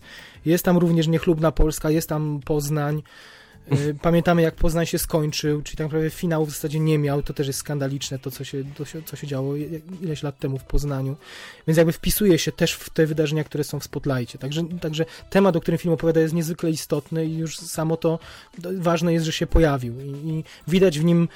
zna- Znaczy, głęboko wierzę, że, że jakby scenariusz jest y, oparty na, na artykule, za który oni zdobyli Pulitzera, na serii tych 600 artykułów Mhm. i, i zakładam, że, że to jest na tyle mocny temat, że tam research i robota dziennikarska do tego filmu była, musiała być zrobiona na 100%, bo, bo, poz, Mhm. bo pozwy by się posypały, prawda, więc, więc tego im Boże nie odbieram. Ja mam inny problem, wiesz, że, że po jakimś czasie oglądania filmu zdałem sobie sprawę, że oglądam... Y, Najpierw widziałem, że oglądam rację tylko jednej strony, czyli dziennikarzy, nie? I jeszcze Okej.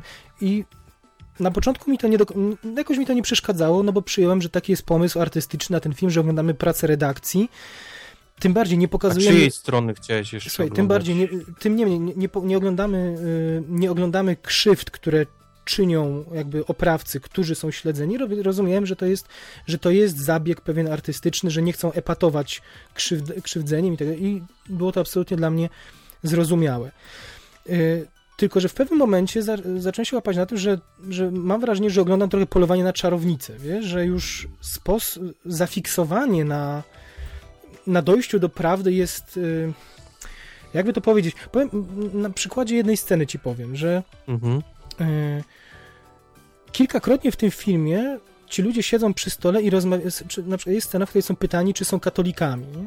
Trochę to nie ma Mhm. dla mnie żadnego znaczenia w kontekście całego filmu, ale każdy z nich musi wykrzyczeć do kamery, że tak, kiedyś byłem katolikiem, ale teraz to nie jestem, bo już przestałem wierzyć. Albo takie frazesy, które często ludzie wykrzykują, że wiara to jest nie instytucja, tylko wierzyć sobie można w Boga, a Kościół to jest instytucja. To są, tak, to są takie banały, które y, często wykorzystują przeciwnicy Kościoła do jakiejś takiej prostej retoryki te same banały wsadzono w usta tych ludzi. I on, to, te banały w połączeniu z tym zacie, zacietrzewieniem, z jakim oni polowali na tą, na tą sprawę, no, powodowały, że y, jakby wiesz, brak dopuszczenia drugiej strony, wątków drugiej strony powodował, że oglądam to, co powiedziałem, właśnie takie polowanie na czarownicę. Znaczy było to moim zdaniem, y, czy nie chcę mówić nie, nie fair, bo, bo mówię, mówimy o, o absolutnych, okrutnych i, i o obleśnych zbrodniach, nie? Ale, ale dla sprawiedliwości powinniśmy oglądać tą historię, moim zdaniem, z dwóch różnych y, stron. Ale to nawet jakby, nie? wiedząc, wiedząc jak to się skończyło, wiedząc, że oni to potwierdzili, wiedząc, że tak faktycznie było, to, to, to chciałbyś Mhm. oglądać Mm, drugą Tak, stronę, tak, bo jak się bo- bo- broni przed, tak, nie- przed tak. czymś, co wie, że jak się i tak skończy. Tak, tak, ale nie mówię dlatego, że chciałbym dopuścić ich argumenty, bo argumentów oni na tacy, znaczy wiesz, nie chciałbym, żeby, żeby potem rozgorzała nad tym dyskusja, bo dla mnie argumenty i wina jest bezsprzeczna, prawda? Tylko, Ale dla, ja- tylko dla Ja fabularnej... widziałem te takie szachy, powiedzmy. Tylko no. dla fabularnej... Coś się dzieje, oni ukrywają. Coś chcą Mhm. dowiedzieć, jest, jest, jest zamykany. Kto chcą nastraszyć, to, to dają, wiesz, właśnie jakieś takie Biblię, nie? Redaktorowi naczelnemu, czy jakieś takie ciche, wiesz. Mhm.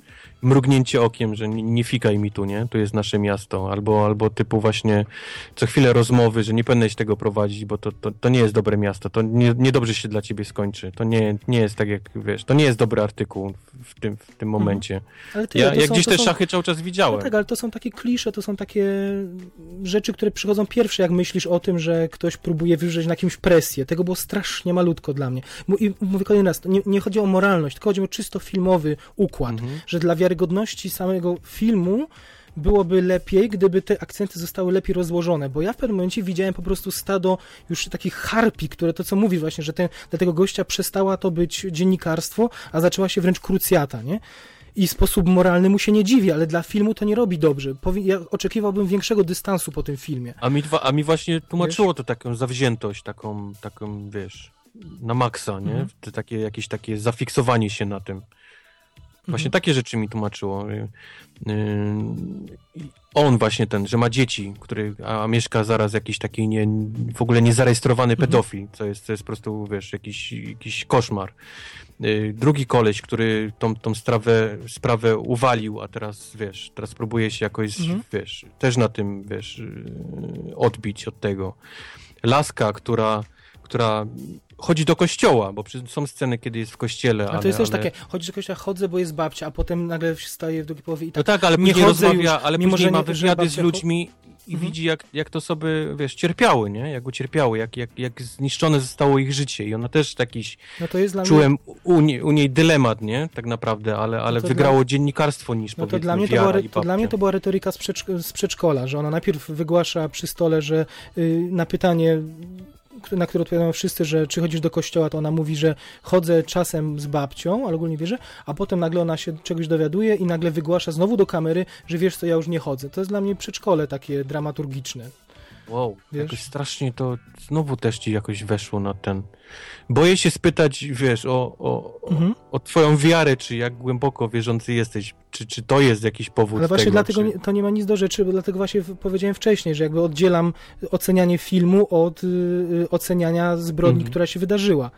Dlatego Bo o jakoś tym... cały czas próbujesz mnie, wiesz, że, że gdzie jest druga strona, wiesz, dlaczego oni jedni, dlaczego Nie, są nie, tak to- zafiksowani na coś, co nie powinno być tak, wiesz, takie, nie powinni być tak wściekli na to, bo, bo jakie mają powody ku temu, no. no nie, nie, po pierwsze nie próbujecie nic, nie próbujecie przekonać, to, to raz. Próbuję tylko y, pokazać, że dla dobra filmu dramaturgicznego powinno się bardziej pokazać y, drugą działania drugiej strony, nawet te złe. Nie, nie mówię tego, jak się broni na przykład, ale działania drugiej strony, żeby uwiarygodnić y, tych dziennikarzy. Bo mówię, że w pewnym momencie ja poczułem, że to jest polowanie na czarownicy, że, oni to, już- że to już nie jest dziennikarstwo, Ej. że to jest...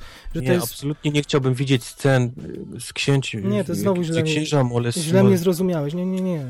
Nie bardzo wiem, co chciałbyś, właśnie nie mogę zrozumieć, co chciałbyś, jaką drugą stronę byś chciał zobaczyć. Nie wiem, co mógłby w tym przypadku konkretnym, wiesz, kościół tuszujący pedofilię, co chciałbyś zobaczyć jako, jako drugą stronę, żebyś nie czuł, że to jest polowanie na czarownicę. Tego nie rozumiem. Nie wiem, co, sceny inne niż dziennikarzy, którzy za, za wszelką cenę próbują udowodnić. Yy, Ale wiesz co, bo ja mam wrażenie, że to nie jest film tak naprawdę y, Mhm. o pedofilii, tylko to jest film o dziennikarzach prowadzących Mhm. y, śledztwo o pedofilii. To jest ta różnica dla mnie. no, słucham cię, słucham.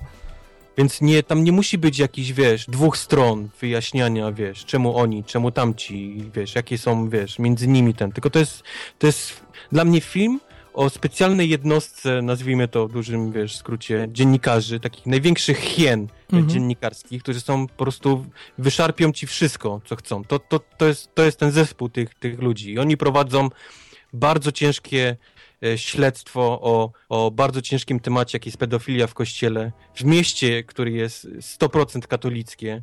I, i to, o tym jest dla mnie film. Nie, nie tak naprawdę o problemie, wiesz, pedofilii. No to ja się z tym wszystkim zgadzam z tobą. Ja się z tym wszystkim zgadzam, tylko dalej, jak patrzę na film. A, no, to dalej nie mogę zrozumieć, co byś chciał. Co, co, co, co byś chciał, żeby. Jak powinien wyglądać ten film, żeby był ok. Czekaj, ja nie, ja nie jestem. nie jestem od tego, żeby Tomowi McCarthy'emu mówić, jak jego film powinien wyglądać. No, taki miał Powiedz pomysł. mu, zadzwoń do niego i powiedz mu. Mówię tylko, że byłem zmęczony po dwóch Okej. godzinach i ośmiu minutach oglądania tylko i wyłącznie dziennikarzy. 100% czasu ekranowego zajęli dziennikarze, którzy byli totalnie zafiksowani na tym problemie, nie Mhm. ukrywali e, stronniczości w tej kwestii, również podług swoich poglądów. E, było to deklarowane wielokrotnie, e, w, wręcz do kamery, prawda? Okej. E, no, nie ma w tym dla mnie sprawiedliwości ekranowej jakiejś. A już jakbyśmy to rozwiązali, to nie wiem, no, to nie bym, wiem, no może ja, może ja łyknąłem prostu, w ciemno i jakieś taką, wiesz, ambicję i, i, i ten takie wściekłość tej sprawy i to, że oni po prostu od, od startu na, na, na, wiesz, na 100% próbowali tą, tą sprawę. Mam... to- To jest to, tak? No na pewno nie pomaga temu filmowi również to, że ta sprawa już troszkę ma. Czasu trochę minęło i wiemy dokładnie, jak to wszystko się, jak te mechanizmy działały, prawda? To, że to wpisywanie księży na, to przenoszenie do kolejnych Mhm, parafii, to, że mhm. wpisywanie w dokumentach, że to jest jakiś tam urlop chorobowy, czy coś takiego. Jakby te momenty, w których oni wpadają na, na te, te kolejne wątki, troszkę podobny zarzut jak z The Big Short tutaj mam też, że, że jakby ta cała sprawa ogól, całemu światu jest już znana. Nie pomaga jej to, że mm, wiesz, nie, nie zaskakiwały mnie te kolejne elementy, które, które oni odkrywali jakby. To było dla mnie oczywiste, na, na co oni Chyba nie jesteś do końca fanem tego typu filmów. Widzę po Big Short i po Spotlight, czyli takich filmów slash dokumentów. To są dwa bardzo takie jednak podobne filmy, nie? Mimo tego, że są totalnie różne i mówią o innych rzeczach. To, to takie, takie No dziennikarstwo, są, powiedzmy, no wiesz, no są podobne, ja bym, no są podobne i nie, nie, nie zgodzę No się. tak, no bardzo, są podobne i nie są. No. bardzo lubię filmy dziennikarskie, bardzo lubię filmy o prowadzeniu dochodzenia, tylko chciałbym też na przykład, żeby, mm, nie wiem, ja na przykład lubię, lubię też jak w filmie zostawia jakieś pole. Pole do takiego, do jakiegoś intelektualnego, Okej. potem, już cały czas waży słowa, żebyś znowu mnie nie, nie, nie podpuścił do... A, no wiem, ty lubisz takie filmy, filmy. ten film nie zostawia pola do... Wychodzisz do, z filmu i masz 100% na, na tacy, nie? No niby tak, no z tym się zgodzę, jak najbardziej. Ale czy, czy, to, przesz, czy to przeszkadza w tym filmie? Hmm. To jest mój, moja jedna kwestia, ale to jest czysto subiektywne. Czy ktoś inny może stwierdzić... Absolutnie nie wyszedłem po tym filmie tak jak wyszedłem po The Big Short, wkurzony, nie? Na, na, Mhm. na, mój, na mój rząd, na, na to, jak Mhm. mnie traktują, jak gospodarka, jak to, bankierzy i tak dalej.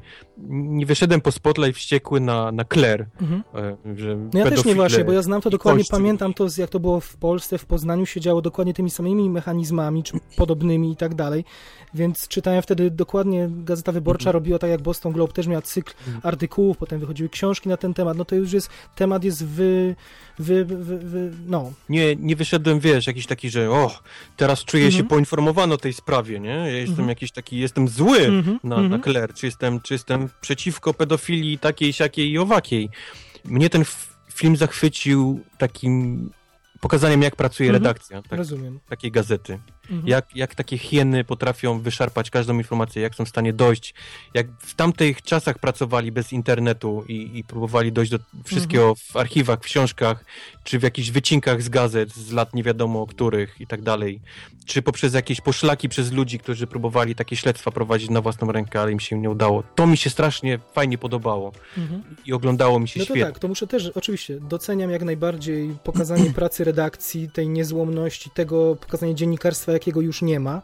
Mhm. Nie? I to jest super, tylko mówię, chciałbym finalnie, żeby ten film pozostawił mi jakąś przestrzeń intelektualną dla... Dlatego właśnie do tego zmierzam, że nie bardzo wiem, jakbym miał po filmie szukać takiej, takiej, takiej luki. Co tam miałoby być dla mnie, wiesz, po Nie wiem, no tu filmie. nie ma, ale to przez to ja się czułem po prostu zmęczony po tych dwóch godzinach, bo ja tą, te, te historie są znane, znaję cały świat. Nic No tu- są, no.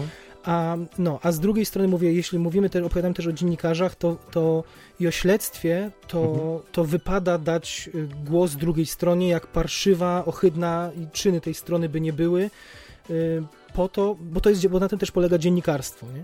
A to właśnie to, co mówisz, to były hieny, które, którym jeszcze dodatkowo wsadzono w usta takie mocno mm, słowa, które, które mocno ich, e, że tak powiem, wtłaczały w, w rolę przeciwników, Mhm. takich, że nie skończyliśmy śledztwa, ale już jakby dokładnie są rozpisani, jakie mają stanowiska i robimy wszystko, żeby, żeby, żeby, to, żeby, żeby to, ta sprawa po prostu, żeby, żeby, żeby ich załatwić, nie? Mm, Rozumiem to, co mówisz. rozumiesz to, co mówię, nie? Natomiast to, Tak, tobie, tobie, ale nie nie przeszkadzało, tobie to nie przeszkadzało w odbiorze filmu, tak? Nie, I, nie, mhm, nie, mhm. nie. Mam wrażenie, że to jest tak specyficzna sprawa, gdzie ja nie potrzebuję widzieć stanowiska drugiej strony. Znaczy, nie przeszkadza widzisz, mi nawet- to, że oni są, Mhm. że oni są podkręconymi redaktorami do 11, Mhm. bo, bo żaden Widzisz, redaktor... ja nawet, ja nawet unikam sformułowania, że, że oczekuję tam racji drugiej strony, Mhm. bo, bo ta druga strona nie ma racji. Nie ma racji, Znaczy nie, ma, no. nie, nie ma słów, którymi mogłaby się bronić i tak dalej. Nie? Czyli bardziej problem leży mi w kreacji tych ludzi, którzy tutaj są, o których nic, Okej, w zasadzie nic okej. nie wiemy, którzy są... To jest, no właśnie, są- to doszliśmy do... No, są, nie, są no. jednak papierowi bardzo, prawda? Kto- Ktoś, Okej. Michael Keaton rzuci, że ma gdzieś żonę, ale nic o tym nie wiemy. E, mm, Ten, Mark Ruffalo mówi, że ma niby żonę, ale tak naprawdę widzimy go w jednej scenie, gdzie mieszka w wynajętym mieszkaniu, prawdopodobnie, bo nie ma czasu wracać do domu, No, bo no żona bo za- go zostawiła, bo jest po prostu jest świrem, redaktorem, Mhm, jest, jest mhm. psycholem, jest, jest, nie jest człowiekiem, jest po prostu jest uzależniony od pracy na, na 100%. Mhm. Zostawiła go żona, dzieci i tak dalej. No, to też jest jakiś taki dramat, który, który gdzieś tam... No ale nie ma Każdy- tego, nie, nie istnieje tego, nie? To, to o, o życiu wewnętrznym Rachel McAdams dowiadujemy się, że ma babcię. Nie że ma, w- ale czy że- chcielibyśmy, czy chciałbyś, czy ta- takiego filmu oczekiwałeś, gdzie jakieś no, takie... No najwidoczniej potrzeb, czegoś potrzebowałem, a nie tylko właśnie tego śledztwa hien, o których A, mówisz, okej, które pędzą okej, już niemal, okej. spo, które niemal, a, mi, a mi się właśnie podobało najbardziej. niemal z taka- pochodniami, a są dziennikarzami jednak, jest jakiś etos dziennikarski w tym, prawda? Oni w pewnym momencie biorą, zapalają pochodnie i hajda, już nic się, nic się nie liczy w zasadzie, nie? Bo jest strasznie trudno się tak, o tym... tylko to nie jest, wiesz, tylko to nie jest temat, wiesz, typu... Oczywiście, tam, no tak, no tak, więc, kradzieży w sklepach, nie? oczywiście. Że, czemu oni się tak wzięli na tych, może wiesz, tylko to Jasne. jest, to jest Więc na- koszmarny problem. I, Oczywiście, więc na końcu, na końcu Nie wiem, masz... czy, na, czy ja na ich miejscu bym tak samo nie miał pochodni, Mhm. e, wideł i nie był do 12 nawet Mhm, nakręcony. Więc słuchaj, dla, dla, mnie, dla dramaturgii to kule, dla mnie kuleje przy okazji, dlatego, że to są właśnie papierowe postacie, a, a na przykład o, duch, o, o, o Rachel McAdams i jej pobudkach i tak dalej dowiaduje się to, że chodziła z babcią do kościoła, a potem, że, że przestała chodzić, a, po, a w finale podsuwa jej gazetę i babcia, że, i babcia, słuchaj, i babcia płacze nad Babcia gazetą płacze. i już wiesz, że babcia też jest, ma pochodnie w ręce, nie? To jest dla mnie... Nie, a nie odczułem tego tak. Nie, no, to- absolutnie to widzisz, nie. To ja, to ja już... Nie, nie. Ja mam wrażenie, że babcia płakała bardziej z, z jej powodu, że jej wnuczka taką krzywdę jej zrobiła niż, niż z tego. Tak, ja to odebrałem, tą Mhm. scenę. No dobra, no dla mnie to była zaraz pochodnia i że wiesz, to znowu tak właśnie taka zero-jedynkowa dramaturgia mm, z podręcznika być może dla początkującego scenarzysty, a, a ja bym chciał tu więcej niuansu, więcej przestrzeni intelektualnej dla czegoś, no ale może nie każdy film taki musi być, nie? Może to miała być po prostu ilustracja takiej pogoni właśnie, no bo summa summarum y, artykułów okazało się 600, y, dostali Mhm. za to Pulitzera, Mhm. a, na, a, a dwóch papieży po tych wydarzeniach ukorzyło się i przepraszają do, przepraszają do dziś, więc summa summarum to, to nawet jeśli to była i tak to wyglądało i było to już w jakimś momencie polowanie na czarownicę, to, to wszystko dobrze się, dobrze się To było skończyło. udane polowanie na było czarownicę, udane, czarownice więc- zostały złapane. tak, więc tutaj jakby się z, finalnie się z, tym, się z tym zgadzamy. Ale, ale mówię, taki film, szczególnie gdyby on powstał jeszcze, nie wiem, 5, może 10 lat temu, no to to byłby zupełnie inny impact emocjonalny. A zna, Mm, pamiętając nie. ten, ten schemat działania, tu się, niczego się nie dowiedziałem nowego. No dlatego się- ci właśnie mówiłem, że dla mnie to nie był film o, o tym problemie, tylko to był film o tym, jak działa redakcja. Jak między sobą, jak, jak wiesz, jak wpływa redaktor naczelny na takich, jak, jak potrafią, jak potrafi Wiesz, 9-11 na przykład uwalić taki Mhm. ważny temat. A nie? to też było ciekawe, wiesz, wyszliśmy z kina i pierwsza rzecz, którą mój kolega powiedział, to to, że pierwszy wniosek, jaki wyniósł z filmu, to to, że papież rzucił samolotem w World Trade Center, żeby No. opóźnić śledztwo, nie? Ale to, taka, coś w tym było, w takiej sugestii, nie? Znaczy, No. to było pół żartem zestawione, bo wcześniej mm, y, by- była, był wątek biskupa, który mówił, że y, życzył opatrzności Bożej w, i ktoś złamał rękę, tak? Kto się interesował tą Mhm, sprawą i mhm, potem mhm. opatrzność Boża w Mhm. wersji hard, czyli World Trade Center y, y, się zawaliło i też musieli na jakiś czas uwalić artykuł, więc to akurat było zabawne i no, ale, ale nie wiem, może, może chciałbym, chciałbym dla sprawiedliwości sytuacji więcej zobaczyć tej dru- knującej drugiej strony i, i wijącej się w, w zeznaniach jakiegoś, niż, a to był taki 90% czasu, to byli po prostu pościg tych z, z, z pochodniami Tak. i, Tak, tak. I wiesz, i nijak się to miało do dziennikarskiego etosu. Mi się to podobało, a tobie, Mhm. a tobie nie. no więc to macie bardzo chaotyczna, ale też emocjonalna dyskusja, słuchajcie, ale wi- widzicie, jak na wielu e, płaszczyznach można film, możemy na film odbierać, nie? Mamy podobne rzeczy się nam z Wojtkiem, myślę, podobały, natomiast y, wskoczyłeś na in, in, inna rzecz, zaczęła ci sprawiać satysfakcję, Tak. a mi coś zaczęło przeszkadzać tak mocno, że przestałem czerpać satysfakcję z tego samego, co powinno mi tą satysfakcję sprawiać, nie? I, i film mam uwalony, no to też jest niesamowite. No, okej. No, ale, ale, ale film jest ważny, jeśli ktoś nie zna tematu, no to trzeba to zobaczyć, bo, bo trzeba o tym mówić po prostu, no, bo... Ja polecam jak najbardziej. Nie wiem jak ty, ja, ja, ja No polecam. mówię, no mówię, polecam, polecam, bo, bo finalnie w większym albo mniejszym stopniu do, do, dotyczy, czy problem dotknął całego świata w zasadzie, od Australii przez Polskę po, po Stany Zjednoczone, nie? Więc to był, to był e, Spotlight, na pewno ważny w tym roku film i budzący e, dyskusję i mocno też oprotestowany, powiedzmy, przez e, Kościół No, katolicki, no nie, nie dziwne, tak? Hello. Hello, nie dziwne. I przechodzimy do ostatniego filmu, do filmu, którym się, który będzie takim balsamem na tą dyskusję, Mm. na skłatane nerwy. Creed Narodziny Legendy. Wojtek, pamiętasz jeszcze coś z tego filmu? Nic. Mówisz? Nawet nie wiem o czym był ten film. Yy, mam ci przypomnieć, tak? Creed Kiedy to ty- ten ze, ze, Ze Stallonem, tam Stallone tak? walczy. Tam. Judge Dredd, to na motorze jeździ i strzela do przestępców. Kiedy, To słuchaj, ty to widziałeś? W listopadzie chyba jeszcze, co? Mhm, mhm. W Polsce, Panie, tego, w Polsce tego filmu miało nie być, ale na szczęście coś e, dystrybutora tknęło, pewnie parę maili też od widzów pomogło. 8 stycznia, czy nawet już 6, bo mieliśmy święto, ten, ten film e, wszedł na nasze e, ekrany. Byłem na, na, na przedpremierze właśnie 6. Mhm. Było no, całkiem sporo osób, więc mam nadzieję, że, dystrybutor zobaczy, że Polacy na filmy o Warto. sporcie i boksie też chodzą i że warto, nie? Bo mamy kolejny film, rok temu był Foxcatcher, nie chcę stawiać e, znaku równości, czy wcześniej Moneyball, nie chcę stawiać znaku równości, ale, ale chcę powiedzieć na początek, że Amerykanie jak nikt inny potrafią opowiadać historię o sporcie w ten sposób, że nawet ludzie, którzy sportem się nie interesują, w tę historię Chętnie wkręceni pójdą, tak? są i pójdą, prawda?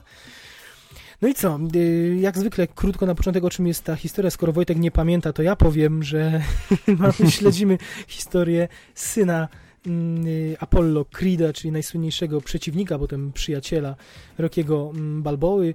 Y, Mężczyzny, który... Syna nie z, nie z Tak, małżeństwa. to ważne, to ważne. Nie z małżeństwa, tylko z romansu. To jest niezwykle Mhm. istotne dla, dla Mhm. dramaturgii i nie jest podkreślane uporczywie, tylko trzeba uważnie, uważnie te rzeczy zapamiętać. Yy, co też yy, cały ten film jest właśnie taki.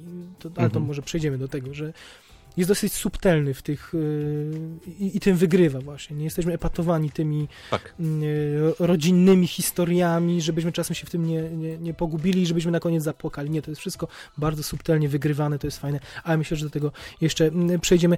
I to nie, miałem, chciałbym powiedzieć, że to jest historia od zera do bohatera, ale nie do końca, nie? Bo Michael B. Jordan, czyli, czyli ten syn Apollo Creed, jak on się nazywał, pamiętasz? Y, Adonis. Jak on się nazywał w tym filmie? Adonis. tak. Adonis Johnson, bo nawet on wypiera się jakby imienia właśnie przez to, Aha. przez to że, że jest efektem romansu. Yy, Adonis na początku, faktycznie w pierwszej scenie dowiadujemy się, że on y, pochodzi, z, ma, ma, ma kilka pierwszych lat spędził w domu dziecka, Mm, natomiast potem zostaje... Bić się lubi gówniarz. I lubi Tego się się bić, dowiadujemy. tak, tak, tego też, ale potem trafia do bogatego domu jednak i większość swojego dzieciństwa i na, całe czasy nastoletnie szkoły spędza w bogatym domu u, u bio, miałem powiedzieć biologicznej żony, nie, ale u, u prawowitej żony Apollo Creeda, która się nad nim lituje, więc wiemy, że pracuje w jakiejś korporacji, że poukładał Ma sobie życie, pracę, samochód, Tak. pieniądze. więc to nie jest taki bohater, który nie umie powiedzieć dwóch zdań i właśnie dlatego idzie się bić. Zresztą w którymś momencie go pytają, dlaczego ty jesteś bokserem? Bokserem zostaje się w momencie, kiedy nie masz żadnych innych perspektyw na przyszłość. Nie? Ten człowiek, Mhm. to człowiek miał i to już jest fajne złamanie konwencji tego Tak. sportego, sportowego bohatera. E, I co, czy mogę powiedzieć, że dalej jest kliszowo, czy nie do końca? Proszę. Ale nie, myślisz, że mogę powiedzieć, że to jest uprawnione? Tak. Tak? Tak. A, no trochę jest i trochę nie jest, nie? Bo niby, jak opowiemy w dwóch słowach, że jest ten schemat, że on faktycznie, że nie sięga dnia, ale z własnej woli postanawia przeprowadzić się do, do Filadelfii, która nie jest tak Mhm. piękna jak rezydencja i mieszkać w jakimś obskurnym pokoju Mhm. y, i poznaje faktycznie jakąś miłość i poznaje Rockiego, który na początku go nie chce strenować, ale potem stwierdza, że jednak go będzie trenował.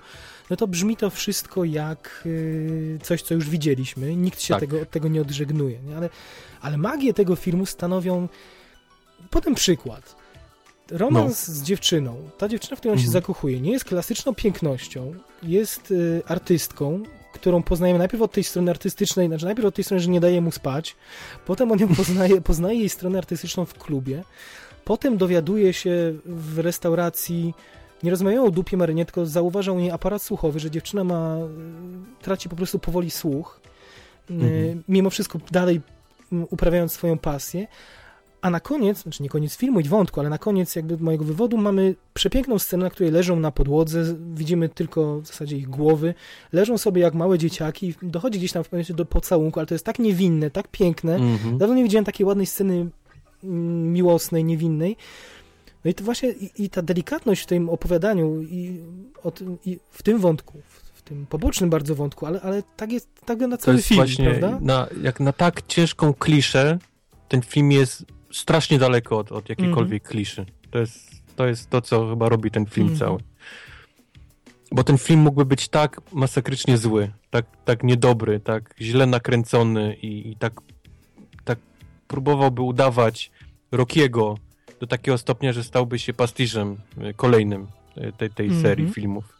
A wyszło coś naprawdę świeżego, coś świetnego, mimo, mimo tego, że jest kopią Rockiego.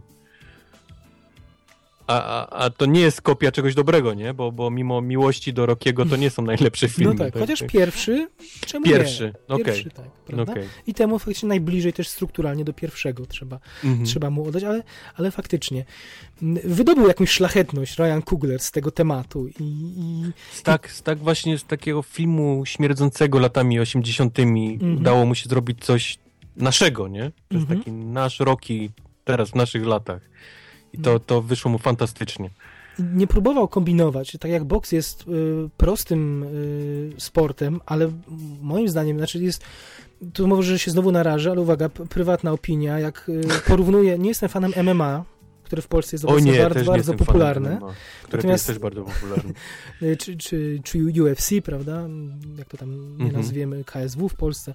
I nie, klepanie się po mordach w klatkach, to, to nie tak, jest... Tak, i a boks oglądam od kiedy pamiętam. Jeszcze pamiętam jak dziś w 94 roku, będąc w drugiej klasie podstawówki, oglądałem na żywo Dariusza Michalczewskiego o 21.40 na TVP2 jego walkę mistrzowską bodaj i potem odgrywałem dzień później w szkole z kolegą finałowy no, knockout. Znaczy no, tak w powietrzu, okay. tak? Walcząc to, z cieniem. To, to, ale... to, to, jesteś gdzieś w ogóle daleko od moich, bo faktycznie oglądałem wtedy na TVP2 czy tam któryś, mm -hmm. ale ale nie odgrywałem ze znajomymi okay. już knockoutów. Wiesz, lubię, strasznie lubię boks i uważam okay. go, przepraszam wszystkich miłośników MMA, za dużo szlachetniejszą dys dyscyplinę sportu niż MMA. Y, I chociaż, też się zgodzę. Chociaż rozmawiałem i oczywiście w, w MMA zapewne też są przeróżne taktyki mm, i, i tak dalej, i tak dalej, ale jakoś cenię bardziej tą stronę taktyczną w boksie, a może tak, nie, mówię, nie chcę nikogo urazić, po prostu do tego klucze. Tak, ale generalnie boks jest i tak prostą dyscypliną, w której walczą dosyć prości ludzie i mhm. głównie, no pomijamy kliczków, którzy mają magistrów, doktorów i są też ewenementem. Nie? A to jest wyjątek. Ale to jest wyjątek. I, i ten film też to unaocznia, prawda, tą prostotę, ale właśnie w taki fajny sposób, taki, jest takim kliczkiem właśnie w tym... W tym dobre, jest, dobre, jest, to jest na, na, na DVD. Mm. Czyli takim diamencikiem właśnie wśród, y, wśród reszty. Nie? nie wiem, wspominam scenę na cmentarzu, w której Rocky siada sobie na krzesełku z gazetą. Ktoś by powiedział, że tak. to, będzie, to będzie taka tandeta, ale to było pierwsze wzruszenie w tym filmie. To y, Stallone to wygrał z takim wdziękiem tą scenę, w której przed no. rozmawiać. Ja nie wiem, kto tam był, to był przyjaciel jakiś, czy... To był jakiś jego przyjaciel. Tam chyba tak, te, dwa nagrobki generalnie. Jeden chyba był z nazwiskiem Balboa, wydaje mi się. Aha, to aha, czy może aha. to żona była, nie, nie. Już nie pamiętam teraz, nie ale ta, ta scena była faktycznie niezła, przez to takie zmęczenie jego, takie, mhm. takie życiem, gdzie on no. tam siada, tą gazetkę sobie rozkłada i, i najlepsze, że nie trwała długo, więc mhm. nie była męcząca, mhm. bo zaraz mamy przejście na, na, na coś innego. Mhm. Kiedy on sobie, to, to jest ten mom, to moment, kiedy on sobie uświadamia, nie? Że, że on jednak może będzie tego tak. chłopaka prowadził. To prawda. Prawda? I, I, był pokazany ten proces. To nie było tak, że on w jedną scenę się, czy, aha, czy coś wydarzyło aha. się szczególnego. Nie, to też było tak nienachalne, ta jego decyzja, ale to było takie ludzkie. Po prostu to wszystko zagrało się w jego głowie, to, że on zmienił zdanie i postanowił trenować. Y, a do... Ale nawet to samo wcześniejsze sceny, jak on do niego przychodzi, widać, że, że yy, Rocky jest, jest podirytowany jego mm -hmm. obecnością, tak. że, że ta, ta, energia go wręcz irytuje, bo on tak. już jest gotowy na takie odejście, na emeryturę. a ten łapie pudełko gdzieś tam w, te, te restauracji, zanosi, podskakuje, bo on ćwiczy w tym momencie jeszcze. I on, nie, on się dziwi w ogóle, na co ja patrzę, nie? No. Co ty robisz, Widzisz, człowieku? To wszystko nie jest na zasadzie, że ej, trenuj mnie, trenuj, tylko No. to się wszystko dzieje w geście, w uczynku, w głowie Stalona. To znowu wracamy do tego, to nie jest nachalne, tylko to jest wszystko wygrane na subtelnościach. Nie? Tutaj przypomina mi się ten żart z y, trzymaniem wszystkiego w chmurze, nie? Był taki, tak. był taki moment, że, że Rocky to było urocze, znak Nie czasu. zapiszesz sobie? Nie, zrobiłem zdjęcie. No ale jak? No wszystko jest w chmurze. W czym?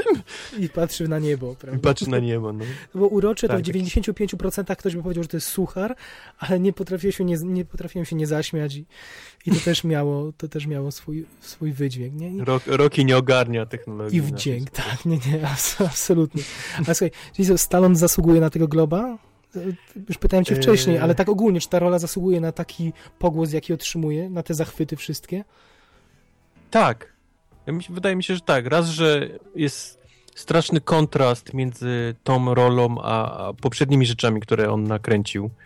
A dwa, mam wrażenie, że to jest raczej taki e, ogólny, wiesz, glob dla niego za, za, za, za Rockiego. Mhm. O, za, za Mhm. powiedzmy, za bycie częścią historii Ameryki tak naprawdę. No Poprzez właśnie, na tym się zastanawiam, filmy. czy to jest bardziej glob za całokształt, czy za rolę? Tak, czy, tak czy mi się rola- wydaje, że to jest bardziej. Stąd, stąd tak? czuję, że to takie wstanie i oklaski wszystkich to też jest Mhm. że ludzie też to poczuli, że to nie jest tak naprawdę tylko za tą rolę, tylko to jest taki za, za Rockiego, Mhm.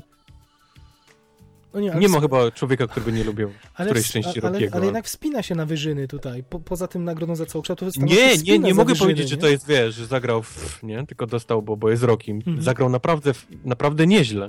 Naprawdę nieźle zagrane Znaczy, role. mówiąc wyżyny Stallona, mam na myśli jego... No, Stallone też ma granice, pewne umiejętności. On, on, on co prawda musiał nosić tam 7 bluz ubranych na siebie, bo on mimo wieku jest dalej nieźle przepakowany, Mhm. więc musiał wyglądać jakby był Mhm. taki malutki w za dużych ciuchach, ale, ale no, no, no e, to są ciężkie role zagrane przez... On, on nie jest tak dobrym aktorem, a jednak Mhm. pociągnął tą rolę, udało mu się. No, ale już to samo podziękowanie na globach, że dziękuję swojemu przyjacielowi, najlepszemu i wyimaginowanemu przyjacielowi Rockiemu Balboi, nie? Że, że to jest on Mhm. po prostu, że on żył z Tak, nim razem i, Jep, jep. I to jest to właśnie. No. Wspaniała scena, kiedy budzi dzieciaka o, pią- o, tam o 5 rano i ten uchyla drzwi, a Stallone tańczy, nie? Dekonstrukcja Sobie mitów w zasadzie. Wytańcuje, wytańcowuje przy robieniu śniadania. Wspaniałe, wspaniałe. Na takich No. detalach. Ciekawe, kto to, czy to czy to Kugler wymyślił właśnie, czy, czy... Ale to właśnie ten film jest przesiąknięty takimi elementami. Nie zdziwiłbym się, gdyby to właśnie taki- wrażliwość Było jego... takim, takim, takim dobrym dziadkiem od niego. On, Oni Mhm. tam siedzieli są z dziewczyną przy stole, taki oczywiście e, obrus y, plastikowy w kratę, nie? Taki, s- Mhm. taki dom po prostu koszmarny, ale on tam jakieś jajka gotował z tyłu. No taki, Tak, wiesz, tak. taki... A potem oni, że tam nie hałasujmy, bo się dziadek obudzi. No wspaniałe, No, nie? To... no, No. Słuchaj, a to reżyser Ryan Coogler, on też napisał oczywiście scenariusz, to jest jego bardzo autorski Aha. film. On ma 29 lat. Co jest Yep. taki gnojek utalentowany po prostu.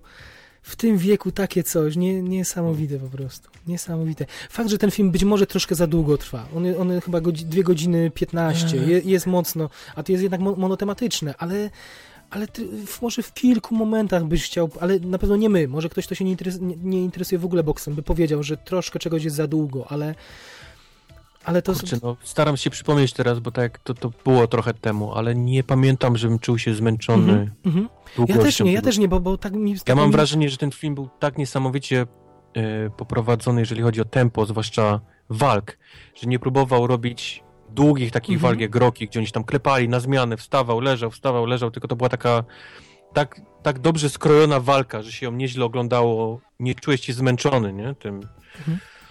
Ile, one trwały, albo jak wyglądały, no, Mhm. no nie, nie wspomnę już o tym, jak one były nakręcone, no ta jedna walka, gdzie była kręcona Oczywiście, to do, walk, jednym to ujęciem. do walk zaraz myślę przejdziemy, do tej strony technicznej, ale ym, to kończąc może, bo słyszałem, faktycznie spotkałem się z takimi opiniami, że komuś nie leżały te wątki osobiste. No z nich Aha. jednak jest utkany cały ten film, więc to są 2 godziny 15 minus dwie walki i reszta to jest jednak pro, prosta historia właśnie oparta na A mi się właśnie podobało to, że, nie, że Mhm. było bardzo mało walk, Mhm. a było więcej Nie, no o jego też, życiu. oczywiście, Ten- że tak, oczywiście. Bo ja, ja to odbieram na plus, a nie, a nie na Mhm. minus. Mhm. Natomiast mówię, są ludzie, którym to, którym to przeszkadzało i te 2 godziny 15 z taką bardzo prostą historią jednak, to pojawiały się zarzuty, że to jest, Mhm. że to takie dla nastolatków, że takie, takie te, te koguciki, pierwsze szczebiotanie, miłości, coś tam. Absolutnie się z tym nie zgadzam, bo to trzeba nie mieć, yy, znaczy nie chcę mówić, Serca. że serca takie, znaczy nie chcę mówić, że, nie chcę mówić, że się nie, trzeba nie mieć wrażliwości, ale trzeba być, nie mieć radaru na takie rzeczy, nie? No, No. kto może ktoś jak jest bardzo zblazowany, to, to faktycznie nie zrobią na nim wrażenia te takie detaliki. A, a widzę, że nas to jak najbardziej przekonało i byliśmy ciekawi, jak to się wszystko potoczy dalej, mimo że, że mogliśmy się spodziewać, prawda? I, i te wszystkie elementy. I to, yy, to, co się potem dzieje z Rokiem, to przecież przewidywaliśmy po pierwszych trailerach, że to tak będzie się wszystko rozgrywało i byliśmy na to gotowi, a te sceny są też tak zagrane, że nie wiem jak ty, ale no, mi było ciężko się No, to były dobre sceny. ciężko mi się było powstrzymać od, od jakiegoś em, emocjonalnej reakcji po, po tych. E, Właśnie po tym, że, że to było takie. Hmm, że to znowu było na geście, że tam nikt nie stawał przed kimś i nie wygłaszał tyrady, co się zaraz będzie działo, Mhm. że. no Nie, nie chcę spoilerować, więc nie mogę powiedzieć tak, ale że. No właśnie też się boję trochę tutaj. Nie, nie, to, tego, nie, tego nie mówmy. E, tak, ale jeśli już się coś dzieje, to wy to widzicie, a nikt, nikt nikomu nie komunikuje, że to się dzieje. I to jest wielka waga tej, tej produkcji. I tak samo obrazowo wyglądają sceny walki, bo o tym też nie możemy nie powiedzieć. To co, to, co mówisz, scena na jednym ujęciu, mamy tego master Aha. shota ala. Lubecki walkę. Dobrze, że nie zrobili tak walki finałowej, bo to by było troszkę takie sztuka da sztuki, opatrz, chcą się wybić, chcą pojechać Birdmanem czy czymś tam, nie? Takie- Boję się, jakby wyglądał Creed kręcony przez Iñárritu z Lubeckim. A tutaj zrobił jakąś jedną poboczną walkę, ale pokazał umiejętności. No, choreografia nie, niesamowita, bo ta kamera przelatuje jak w grawitacji, pod ręką, za ręką, Aha, aha. między uszami, między prawie tak. Wspaniała ta sekwencja, nie? I, i, a jak, jak ci się finał podobał, ta finałowa walka? Eee, właśnie podobała mi się, bo bałem się, że oni ją rozwloką na pół filmu, że to będzie wszystko dążyło, wiesz, szybko, Mhm, szybko, mhm. pozałatwmy szybkie rzeczy, żebyśmy mogli przez godzinę się na tej walce, tak jak w Rokim, wiesz, y, skupić. I oni tam będą wstawać i będą, i będą jakieś tam straszne tragedie i on będzie szukał kogoś i w końcu znajdzie i wtedy odzyska tą energię i go położy, a to było na, nakręcone naprawdę tak z gustem, porządnie, wiesz, tyle, Porządnie ile powinno trwać. Tak, w pewnym momencie było przyspieszenie, prawda? Minęliśmy Aha. ileś rund standardowo Mhm, i, tak, tak. i, i, i finał. Powiem ci, że y, bo o ile oczywiście mamy te sceny, o których, o których nie możemy mówić, emocjonalne, na których ciężko mi się było powstrzymać, to najgo, najgorzej było na tej finałowej walce. Ja czułem, że tak, tak ją przeżywałem, że w pewnym momencie nic nie widziałem, bo mi oczy szczypały. Też wiesz? oko miałeś takie spuchnięte jedno, Prawie, zaklejone prawie. jak on. Prawie, ale dawno nie potrzebowałem wycieraczek, wiesz? I to było takie strasznie, bo mi przeszkadzało w oglądaniu. Ja mówiłem już dość, dość, bo mnie szczypią, nie mogę oglądać, nie, nie widzę, co tam się dzieje. I dawno nie pamiętam, żeby coś we mnie... Mm, są sceny, które czasem w filmach, które są wykalkulowane, które wiemy, że widownia tak zareaguje, ale tutaj to było moim zdaniem absolutnie w, po prostu wkręcenie w historię i tak strasznie dobrze życzyłem temu chłopakowi, i tak strasznie rozumiałem ten jego dramat, to o czym ty na początku powiedziałeś, ale Mhm. może już nie przywołujmy, żeby ludzie nie pokojarzyli o co, o co, o Mhm. co chodzi. I to też jest w jednym zdaniu tylko wyrażone, ale widzisz, jaki on miał najwidoczniej z tym wszystkim problem przez cały film, ale uzmysła, dociera to do ciebie, przynajmniej do mnie, dotarło to dopiero podczas tej finałowej walki, kiedy on, czy tuż przed, kiedy on to werbalizuje, Mhm. że Mhm. wiesz dobrze, że on walczy o coś więcej niż tylko po prostu zwycięstwo i Tak. I nie mogłem się tyle powstrzymać. I to była emocja na, naprawdę z dużym gustem wykreowana, jeśli mogę tak powiedzieć. Znaczy to było, podejrzewam, mimochodem, nie wykalkulowane, tylko Kugler to... No szapoba, panie, panie Ryan. No, no, no, to tak subtelnie zrobione. Wspaniałość, wspaniałość. Zgadzam się. Tu możemy się zgodzić. High five. Tak, do wszystkiego. A, y, muzyka, jak ci się podobała? E, muzyka mi się też właśnie, to też Mało jest dzisiaj o muzyce ważne. mówimy, mało No, dzisiaj, ale to, to, no, to chyba dlatego, że temu filmy takie mało muzyczne poprzednie były. to może- prawda. Może po, za Howardem Shorem, który w Spotlightie takie plumkanie u- uskuteczniał, No, to for, fortepianowe. tam. Ono było tylko w tych montażach takich dziennikarskich, kiedy właśnie przeglądali tony akt, to sobie ten fortepian wchodził. Całkiem ładny, ale, Mhm, ale mhm. faktycznie. Ale w przykridzie, no nie możemy, to, to Ludwik Goranson, powiem ci, że i powiem wam wszystkim, że on, to raczej był śmiech, jak y, ujawniono, kto komponuje muzykę, to, a kto to jest w ogóle, co to za nazwisko? Nie? Jak jeszcze nie wiadomo było, że Creed to jest film udany. to raczej w, wśród ludzi panowała konsternacja połączona z y, rozbawieniem, że ktoś taki komponuje. A tu się okazało, że przeremiksował te motywy z klasycznego rockiego z niesamowitą energią. Nie chcę mówić wdziękiem, bo one wdzięku nie miały, ale, ale energia. Nie wiem, czy Są zgodzisz. takie momenty, kiedy znaj znajdziecie, bo to są te takie najsławniejsze Mhm. e, momenty z filmów roki, tych muzycznych. Tak przymastrowane, ale dalej słychać i się buzia będzie wam uśmiechać, jak, jak, jak je poznajdziecie w tym filmie. Bo No są jest- poukrywane. Jest podkręcona elektronika oczywiście i nie wiem, pamiętasz... y, Ale na- nawet ta scena taka, powiedzmy, w slow-mo, gdzie... Tak, gdzie tak. No możemy o jest- powiedzieć, spokojnie, bo to nie jest nic ważnego dla fabuły, to tylko No wizualia. to jest, Rocky miał swoją scenę wskakiwania na, na schody przy, przy znanym Mhm. już kawałku, a to jest, to jest też taki, powiedzmy, Creed ma też swój kawałek teraz, taki dość, dość znany. Tak, Właśnie tylko- ten, ten tylko- bieg przez miasto na motorach, kolesiach, Tak. czy gdzieś tam na jednym kole, gdzieś wokół niego, kręcą Scena bączki. z rowerami, motocyklami, tak, które No. mówią, że wcześniej dowiadujemy się też, to nie jest od, nie od parady, to się Nie jest pojawia, dupy, tylko to dowiadujemy jest taka się. kultura Mhm, tam tej gdzieś dzielnicy. w Filadelfii, tej Tak, dzielnicy. tak. No. I też ma No. zaskakującą puentę ta scena, też zaskakującą. Jest o kroczek dalej się posuwa niż ta scena z klasycznego Rockiego, więc też to jest wspaniałe.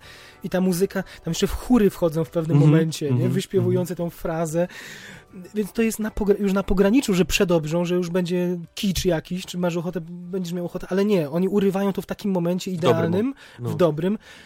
Jest kilka zresztą takich momentów. Te, też te sceny treningów, takie Tak. dla Rockiego bardzo charakter- charakterystyczne, gdzie też już masz wrażenie, że tego jest troszkę, że za chwilę będzie za dużo, ale nie, udaje się to uciąć w takim momencie, że, że to jest idealnie, że to, to jest właśnie taki teledysk, którego potrzebowałeś, żeby się nabuzować i masz ochotę po całym filmie, po jakiejś po dawce takich montażowych perełek, no masz ochotę biec do domu na piechotę, a nie, a nie wracać komunikacją, nie? Mhm. Wojtu, czy jeszcze jakaś scena, powiedz mi, bo jest, jestem łasy na dobre sceny z Creed'a, czy coś ci jeszcze przychodzi do głowy takiego, co, co ja Wiesz pominąłem? co, są, ale musiałbym opowiedzieć miejsce i pewnie bym zaspoilerował, a nie chcę, bo, bo może niektórzy nie, nie Mhm. śledzą tak dobrze. Więc, Mhm. więc są późniejsze sceny, które mi się bardzo podobały, są takie smutniejsze i, Mhm. i, i tak dalej, i tak dalej. Ale nie chcę mówić, Mhm. nie chcę, nie chcę, spor- nie chcę psuć filmu, bo W każdym razie, nawet w tych późniejszych scenach nie ma taniochy, no nie ma, ta, to jest, Nie ma, nie, nie no, ma, absolutnie.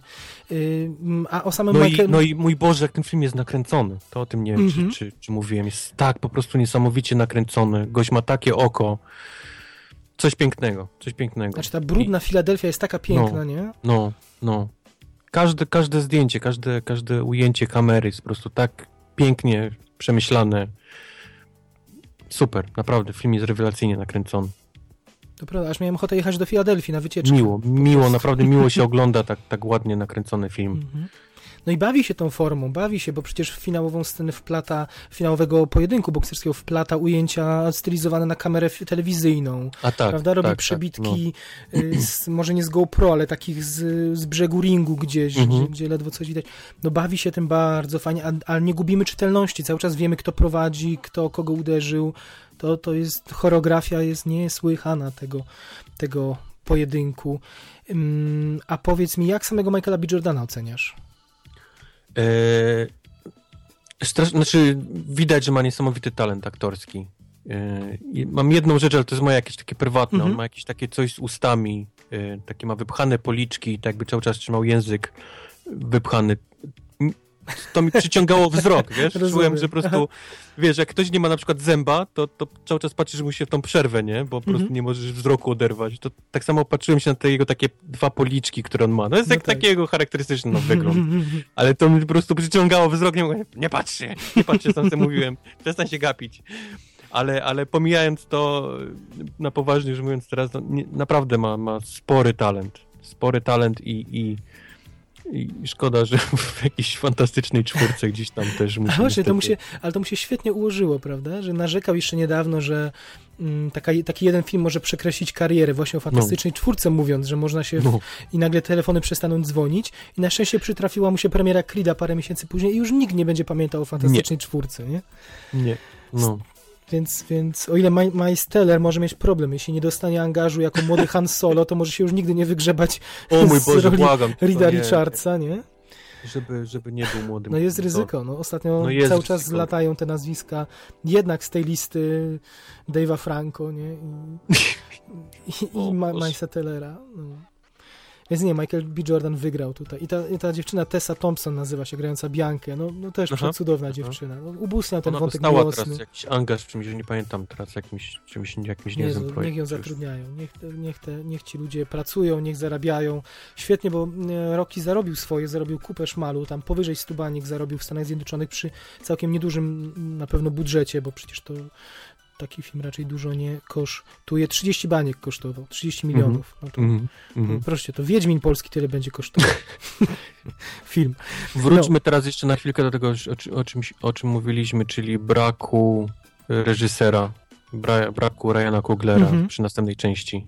Skoro już jesteśmy po, po omówieniu tej. To Mhm. duż, duży będzie ból, nie? Dla tego filmu. No tak, no tak, tak, bo powiedziałeś, I że... wyglądowo, i, i, i, to jakie, jakie ma oko, i, i jak lubi prowadzić akcje, i Mhm. na jakie detale lubi zwracać uwagę, a jakie lubi pomijać, mimo tego je pokazywać. Te, tego może braknąć w drugiej części. No już jest to bardzo, bardzo autorski film jego. No, no. bo tak jak mówię, i scenariusz, i reżyseria są, są jego. y, Miał tu z racji pewnie też niewielkich pieniędzy, Warner nie, no nie inwestował tutaj, więc pewnie miał też y, sporą, y, no dał wolną rękę, po prostu Warner, to widać. Tak?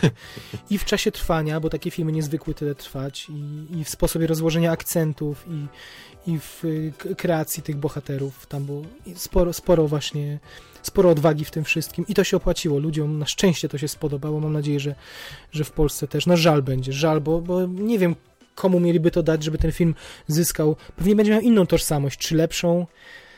To co mówiliśmy, boję się, że, że zatrudnią, znaczy ty się boisz bardziej niż ja, ale tego, tego wielkiego złego przeciwnika i zrobi się klasyczny jakiś deathmatch po prostu, jaka, jakiś No, bijatyka no. po prostu. Ja mam wrażenie, że przyjdzie ktoś i powie, że musimy wrócić do tych klasycznych rokich i, i mieć wielkiego Rosjanina właśnie, albo mega wielkiego Indianina złego, albo, albo Mhm. gościa z Tajlandii, który ma 100 wygranych walk i zero przegranych i on po prostu niszczy wszystkich i musimy teraz biednego, wiesz, Mhm. Rokiego przeciwko niemu. Właśnie tego, tego się boję najbardziej, że to wróci do tej takiej chamskiej kliszy No. tych, tych filmów i, i zniszczą całe, całe to, co zapracował, wiesz. No więc o, o, to, mi, o, to mi, o to mi chodziło, mówiąc, że ja się niezbyt cieszę z tego angażu jego do Czarnej Pantery. Znaczy jasne, że się, że się gdzieś tam cie- cieszę, że sobie się chłopak będzie rozwijał i dostanie wielki budżet i, i będzie w pierwszej lidze, no ale już Creedem wszedł do pierwszej ligi, kurczę, więc, więc y, smutno.